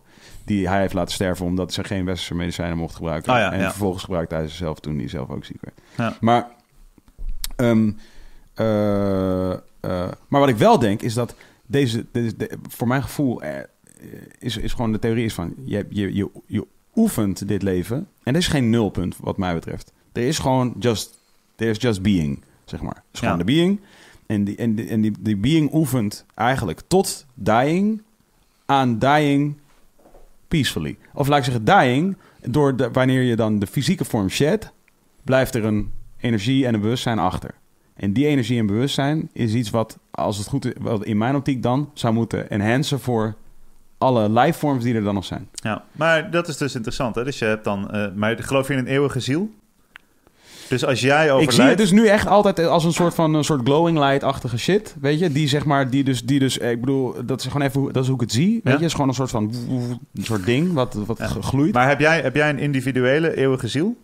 Dus de persoon, dus eh, de ziel die nu in jouw lichaam Ja, zit, als, dat als het lichaam Dus- weggaat, Ja, want wie ben ik? die ziel over? Wie ben ik? Nou, maar dat vind ik gewoon... Ik neem nu van jou en jij van mij, toch? En, en Kees van mij en ik van Kees en Ja. Kees van jou. En, eh, toch, wij Dus nemen nu van elkaar. In, mijn, in mijn We zijn nu gedeeld. Al. Ja, in mijn opvatting is er geen individuele Nee, eeuwige ziel. nee, dat geloof ik ook maar wel een gedeelde. Ja. Dus dat betekent dat... dat Dus, dus ik heb de verantwoordelijkheid to be peaceful when I shed the physical form. Want dan heb ik geen Ja. sturing, kan ik geen sturing meer geven aan mijn deel in het geheel. Dat is wat ik waarom ik toen straks... of je hebt de verantwoordelijkheid om een zo rijk en groots leven te leiden als je kan. Want kijk, hier is mits dus de het, mits van- het jou vredig laat sterven. Ja, dat zou kunnen. Ja, maar dat is wat ik bedoel, erover Ja, dat, dat, ik snap dat je het punt is. Maar ik bedoel, de, de vragen die ik op dit moment aan het stellen ben, die ik interessant vind, is... Ik heb geen, eh, mijn opvatting is, ik heb geen eeuwige individuele ziel. Dat Ja. betekent dat, dat ik deze vorm leef als mens. ja, ja. En dat ik daarna mijn... Ja, gaat op in, eh, ziel aan gaat alles. op in het ja, ben ik het dat is mee mijn eens. opvatting. Ben ik het mee eens. Wat is dan de functie van deze menselijke vleeselijke rol? Vraag ik me af. En ik denk dat de functie is, dus wij zijn een, een fysieke uiting, een uitstulpsel van dat, nou, eh, moderne spirituele mensen noemen dat Ja, het universum of het Ja. bewustzijn. Sommige mensen noemen dat God. Voor mij zijn dat verschillende woorden Kees voor andere het de dingen. Allspark. De Allspark, de Transformer, de Big Piemel Ja. en eh, Lul. Ja. En, Hey! en de Eckhart dus- Tolle. de Eckhart Tolle. Ja. De, de, de Deep Throat Chakra. Ja. En eh, die, Ah, eh, you've been here before. Tupac Chopra, ja. Ja, ja, ja, Er is, ja. eh, voor alle gurus heb je een, een Ja, belangrijke ja, ja. eh, piemelgrap Ja, nodig. Maar dat betekent voor mij, wat ik heb geleerd zeer recent door een aantal hele interessante ervaringen, is dat, eh, dat voor mij voelt dat zo, dat ehm, deze menselijke vorm, de evolutie, het ontstaan van levensvormen, Mm. eh, en in mijn opvatting zijn dat eh, pogingen van dat bewustzijn Ja. om zich te ontwikkelen in Ja. verschillende vormen en zichzelf te begrijpen. ja. Wat dus betekent dat elke ervaring die jij nu hebt, die wij hier hebben, die wij hier delen, als wij in dit gesprek allemaal ons bewustzijn door van elkaar een soort van te downloaden naar een hoger niveau brengen, dan zijn wij niet als individu geupgrade, dan voeren wij terug naar de bron. Ja, Dus dat betekent dat hoe langer ik een interessant en vol, eh, vol, eh, voldaan en gelukkig leven kan leiden, Ja. ongeacht van hoe ik sterf, ja. hoe langer en hoe meer, maar ook niet, niet hoe langer, maar ook hoe beter ik kan Ja. leven, hoe meer goede informatie ik terugvoer. Maar daar ben ik het helemaal... Maar daar ben ik het he- Wij zijn het daarover En daarom eens. ben ik meer in- geïnteresseerd in, in eh, kwaliteit van leven en Ja. interessante nieuwe ervaringen. daar, daar ben ik het dan helemaal in mee eens. Maar als jij op een gegeven moment, zeg maar... Ik, kijk, eh, en we hebben het de vorige week ook al even over gehad... maar als, als ik op een gegeven moment het gevoel krijg van... ja, wacht even, nu ben je gewoon, zeg maar... nu ben je gewoon je voorhoofd aan het botoxen... omdat je gewoon het moeilijk vindt om in de spiegel te kijken... en een rimpel te zien. Ja. Weet je, en zeg maar... En, terwijl er, en dan zit er dus ergens onvrede in jou... Ja. dat niet accepteert... weet je, dat ouder, dat ouder worden... want dat is het stop je niet met botox... Ja. Eh, eh, dat dat een, een, een, een, een given maar, is in maar life. ik denk dan, mijn opvatting, dat is wat ik net ook zei, en het Mm. andere punt is dat ik face your demons, dus Mm. own al je negatieve kanten en own ook al je positieve kanten. Ja. Dus ik mag, eh, ik heb wel, ik weet nog toen ik basketbalde, als, dus, toen ik een jaar of twaalf was, toen vlak voordat ik daar uit- uitknalde met blessures en, en ging blowen en allemaal dat soort dingen, eh, basketbalde ik op heel hoog niveau. En toen ik begon, was ik het dikke jochie van de klas en ik kon niet meekomen. Wat er dus gebeurde is dat ik moest 20 uur per week kaart oefenen om die gasten die gewoon drie keer per week naar training gingen- te kunnen bijhouden. Gewoon Ja. fitte gasten, weet je wel. En dat deed ik heel lang en ik moest altijd door het stof. Ik werd altijd ingemaakt, ik moest Ja. meer trainen, ik kon het niet. Op een gegeven moment, omdat ik meer trainde, begon ik gasten in te maken. Ja. En in de tijd dat ik soort van onder het nulpunt zat en ik was niet zo goed als de rest, moest Ja. ik door het stof gaan en zeggen van, oh, ik kan het niet. En- Maar toen ik helemaal iedereen aan het inmaken was en ik stond op het vel van, bring it on. Ik maak Ja. iedereen Ja, helemaal ja. kapot, kom maar. Ja, weet ja. je, ik ben hier om mensen in te maken. Zo Ja. van, oh, nou even dimmen, weet je. Ja. En je mag dus die positieve kant niet ownen. En voor mij, en dat is in het leven wat ik nu leid, van ja, er zijn. Ik, ik heb unieke kansen en mogelijkheden, maar ik heb ook die negatieve kant volledig geoond. Ik heb heel veel intern werk gedaan. Dat doe ik nog steeds, steeds meer eigenlijk, Ja. om, die, om, Mm. om mijn donkere, moeilijkere kanten te ervaren, zodat ik ook meer in mijn kracht kan gaan staan aan de andere kant.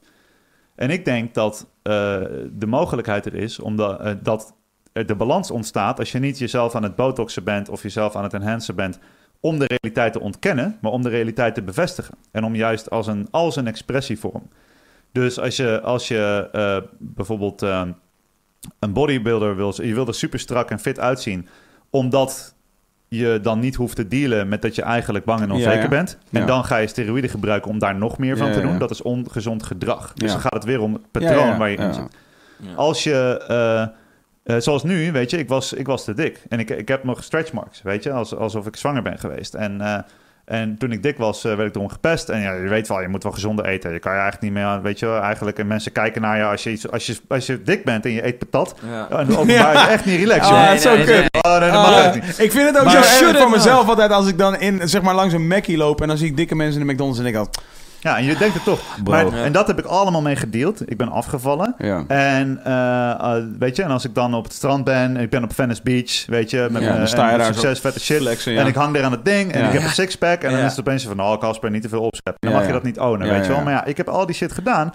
En, en nu voor mij, dus bijvoorbeeld op mijn handen staan, wat er stoer uitziet op Instagram. Mm. Dat is voor mij een expressievorm van een waarde die ik belangrijk Ja, ja, vind. ja. En die is vrijheid. Ja. Omdat toen ik ongezond was, Ja. kon ik mijn arm niet hoog Ja. Ik kon mijn arm niet eens optillen. Ja, Ik sliep zo slecht dat ik tijdens het Hoeveel woog slapen... je toen? Ik woog 115. Ah, ja. Maar ik had, ik had een schouderblessure. Niet eens omdat ik iets spannends had gedaan. Maar omdat ik zo slecht sliep. Dat ik zo vaak met een verlamde arm wakker werd. Omdat ik erop lag. Dat die spier gewoon stopte met functioneren. Dus ik heb mezelf geblesseerd met slapen. En daardoor kon ik mijn arm niet optillen. Wow. En nu kan ik gewoon een minuut op mijn handen staan. Ja. En dat ziet er cool uit. Ja. Weet je? Dus voor mij is het een expressievorm van Ja, een tuurlijk. waarde. En die is vrij. Dus ik denk hier ook weer van, wat vind je belangrijk? Want Ja. in het huidige tijdperk mag je dat zijn. Je mag ervoor kiezen om te zeggen, ik weet dat ik kanker heb. Ik ga Ja. alleen natuurlijke dingen doen, geen chemo. En als ik eerder dood ga, heb ik vrede mee. Er zijn ook mensen die zeggen, ik strijd tegen kanker. En dat is iets wat niet bij mij past. Want ik denk van, ja, maar eh, ja, alleen maar vechten, is dat goed? Ja, Hmm. er zijn mensen die doen dat, die willen dat. Hmm. Er zijn ook mensen die zeggen: ik ga zo leven dat de kans om kanker te krijgen extreem klein wordt. En er zijn ook mensen die zeggen: ik doe nu een genetische test. Eh, die kan, kan je voor een paar duizend euro kan je een test doen. En weet je precies welke Ja, soorten ja, ja. kanker je het meeste kans op hebt. En dan ga je nu alvast jezelf zo aanpassen en upgraden, zelfs op genetisch niveau, dat je die kanker nooit krijgt.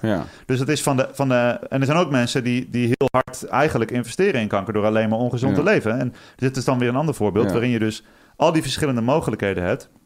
Je hebt nu de mogelijkheid om te zeggen van... oké, ik doe nu één test, één keer voor 5000 euro. Over 10 jaar kost die 20 euro. Dan weet je precies wat er aankomt. En dan kan je dus zeggen van... oké, dus als ik... eh, mijn genetische eh, eh, blauwdruk zegt eigenlijk dat ik vanaf mijn 50ste eh, spiermassa ga verliezen. Want daar heb ik Mm. een neiging voor. En dan gaan mijn schouders hangen. En dan, zie ik, en dan voel ik me minder blij en dan Mm. krijg ik minder energie. Dus als ik weet dat dat zo is, kan ik ook op mijn 49ste beginnen met testosteronsupplement, met andere eiwitten, met andere Ja. manier van trainen. En dan kan ik langer die staat van zijn waar ik zo gelukkig mee ben volhouden. Ja. Dus niet om te ontkennen dat je doodgaat, maar wel om in meer expressie van het leven. En nogmaals, al de, ik, ik geef alleen maar voorbeelden van Ja. mogelijke meningen. Ik Ja. ben zelf echt aan het exploreren van wat is het. Ik ben zelf geneigd. Ik vind het leuk om, om, eh, ja, om, om daarmee bezig te zijn. Dus ik wil heel graag een volledige uitgebreide genetische test eh, doen. En gewoon kijken van, hé, hey, wat is mijn kans op hart- en vaatziekten of op eh, kanker? Of... Dat heb je nog niet gedaan, eh, die test. Nee, dat is een van de dingen die, eh, Ja. die op mijn lijstje Oké, staan. oké, oké. Ook omdat eh, op dit moment zijn die niet 100% eh, betrouwbaar. Omdat eh, nu als het zo van, "Nou, we hebben het menselijk genoom. We weten alles over genetica. En Mhm. toen was het- kwam het veld van epigenetica. Dus degene die nog veranderen Ah, gedurende je leven. oh shit, we weten toch niks. Ah, ja, ja. Dus het is zo'n test van 5000 euro die misschien niet helemaal eh, betrouwbaar is. Maar het lijkt me super vet, toch? Om zo'n MRI-scan te doen. Kan je beter gewoon een Wie, gekke eh, wie, wie, kopen. krijgen, wie krijgen deze scans? wie, wie zijn de mensen die deze scans... eh dat vraag ik me af. eh, zijn het... Ja, zijn het eh, bedrijven die dit zeg maar voor hun, eh, zeg maar voor hun directeuren zeg maar laten doen om te Dat kijken hoe gebeurt, goed ze... Ja, oké. Dat gebeurt. En da- dan, dan komt weer de volgende vraag. Dan komt weer het privacy gebeuren. Mm. Komt weer van, wil je al die dingen wel weten? Mag, eh, wat gebeurt er met die data? En eh, eh, eh, gaan, het- gaan we dan in de toekomst alleen nog maar de rijke mensen die het kunnen betalen upgraden... en de arme mensen een beetje links laten liggen Tuurlijk. in, in, in homo En dan krijg je een soort alle, alle, alle Black Mirror scenario's eh, Ja. gaan natuurlijk Mijn favoriete, een van mijn favoriete boeken is Sapiens en Homo Deus. Ja, En eh, van Yuval Noah Harari. En daarin wordt dat heel mooi omschreven. Van wat, is dan, wat zijn dan de vragen die er zijn, zonder dat te veel in te vullen. En ik vind het gewoon een tof gesprek om te voeren. Ik heb gezien Ja. van, ja, ik vind het gewoon leuk om erover te lullen. Misschien Nee, komt er iets zo. zinnigs uit. we gaan eh, afscheid nemen. Echt? Ja, ik moet super nodig pissen. Die Daarom, hè? hè? Dit is ook een tijd. Ja, joh, je hebt zoveel sapjes. Joh, hey, shit. Het is niet natuurlijk hoor. You know what's up. Ja, I know what's up. I know what's up. Ehm, ja, Casper, hartstikke bedankt voor het komen. Vet. Ehm, eh, Wat is een soort van de, de route voor mensen om nu... eh, hoe kunnen mensen gewoon eh, die zeggen van... Hey, ja, shit man, ik moet even met Casper even mijn leven gaan veranderen. Maar eh, een boek lezen, dat is natuurlijk op het begin. ja, mindlift.com. Ja. Daar zijn allemaal dingen. Ik heb dan eh, het boek inderdaad.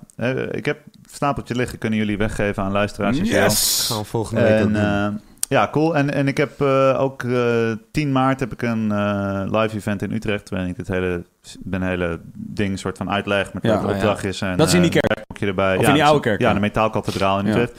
En eh, zullen we met die boeken meteen twee tickets weggeven gewoon daarvoor? Hey, Maar jullie fucking wel vet. leuk. Dus, eh, en jullie, zijn uiteraard welkom. Vet. Maar, eh, Wanneer is dit? Dit is 10 maart. En, dat ga ik opschrijven meteen. Ja, kijk maar. En Ja. eh, je vriendin die heeft geregeld dat ik hier zit, dus die mag sowieso eh, komen. En eh, ik vind Mm. het gewoon, weet je, ik vind het gewoon super tof om Ja. daar veel mensen te hebben. Ja, Dus, leuk. Ja, leuk. Dat zijn dingen. En het is ik denk dat het leukste is om mij te checken gewoon op Instagram. Het Caspers Focus. K-A-S-P-R-S-F-O-C-U-S. Oh, met een K. Met een K. En eh, dat is ook. Ik vind het ook super tof om, om eh, reacties te horen van mensen. Ik vind podcast echt super tof om te doen. Eh, zeker in deze Ben je niet aan het podcasten? Zelf niet, nee. Hm. Maar ik heb het afgelopen jaar 24, 25 podcasts gedaan. Ik vind het gewoon heel leuk om erop te zijn. You really love the shit. Ja, ja, en ik word gewoon heel veel uitgenodigd. Ja, ik zeg ja. gewoon altijd ja. Omdat Ja, Ja, je ik, kan ja, gewoon ongefilterd je mening geven. Dat is nou, ik was dus onlangs, ik was onlangs ook nog te gast bij een andere podcast. Mhm. Eh, eh, en, ehm, en het is wel heel grappig inderdaad om, om, eh, om, om er te zijn zo, bij andere podcasts. Ik heb nu, denk ik... Ik ben nog nooit te gast geweest bij een Jawel, Alles podcast. Kanker podcast. Oh ja, inderdaad. Kom op, dat is, dat is, dat is onze broer Ja, eigenlijk. klopt, ja. Alles kanker podcast. Ja, dat is onze, dat is onze Ja. broer die wel een beetje aan de crack is. Maar dat is wel onze broer.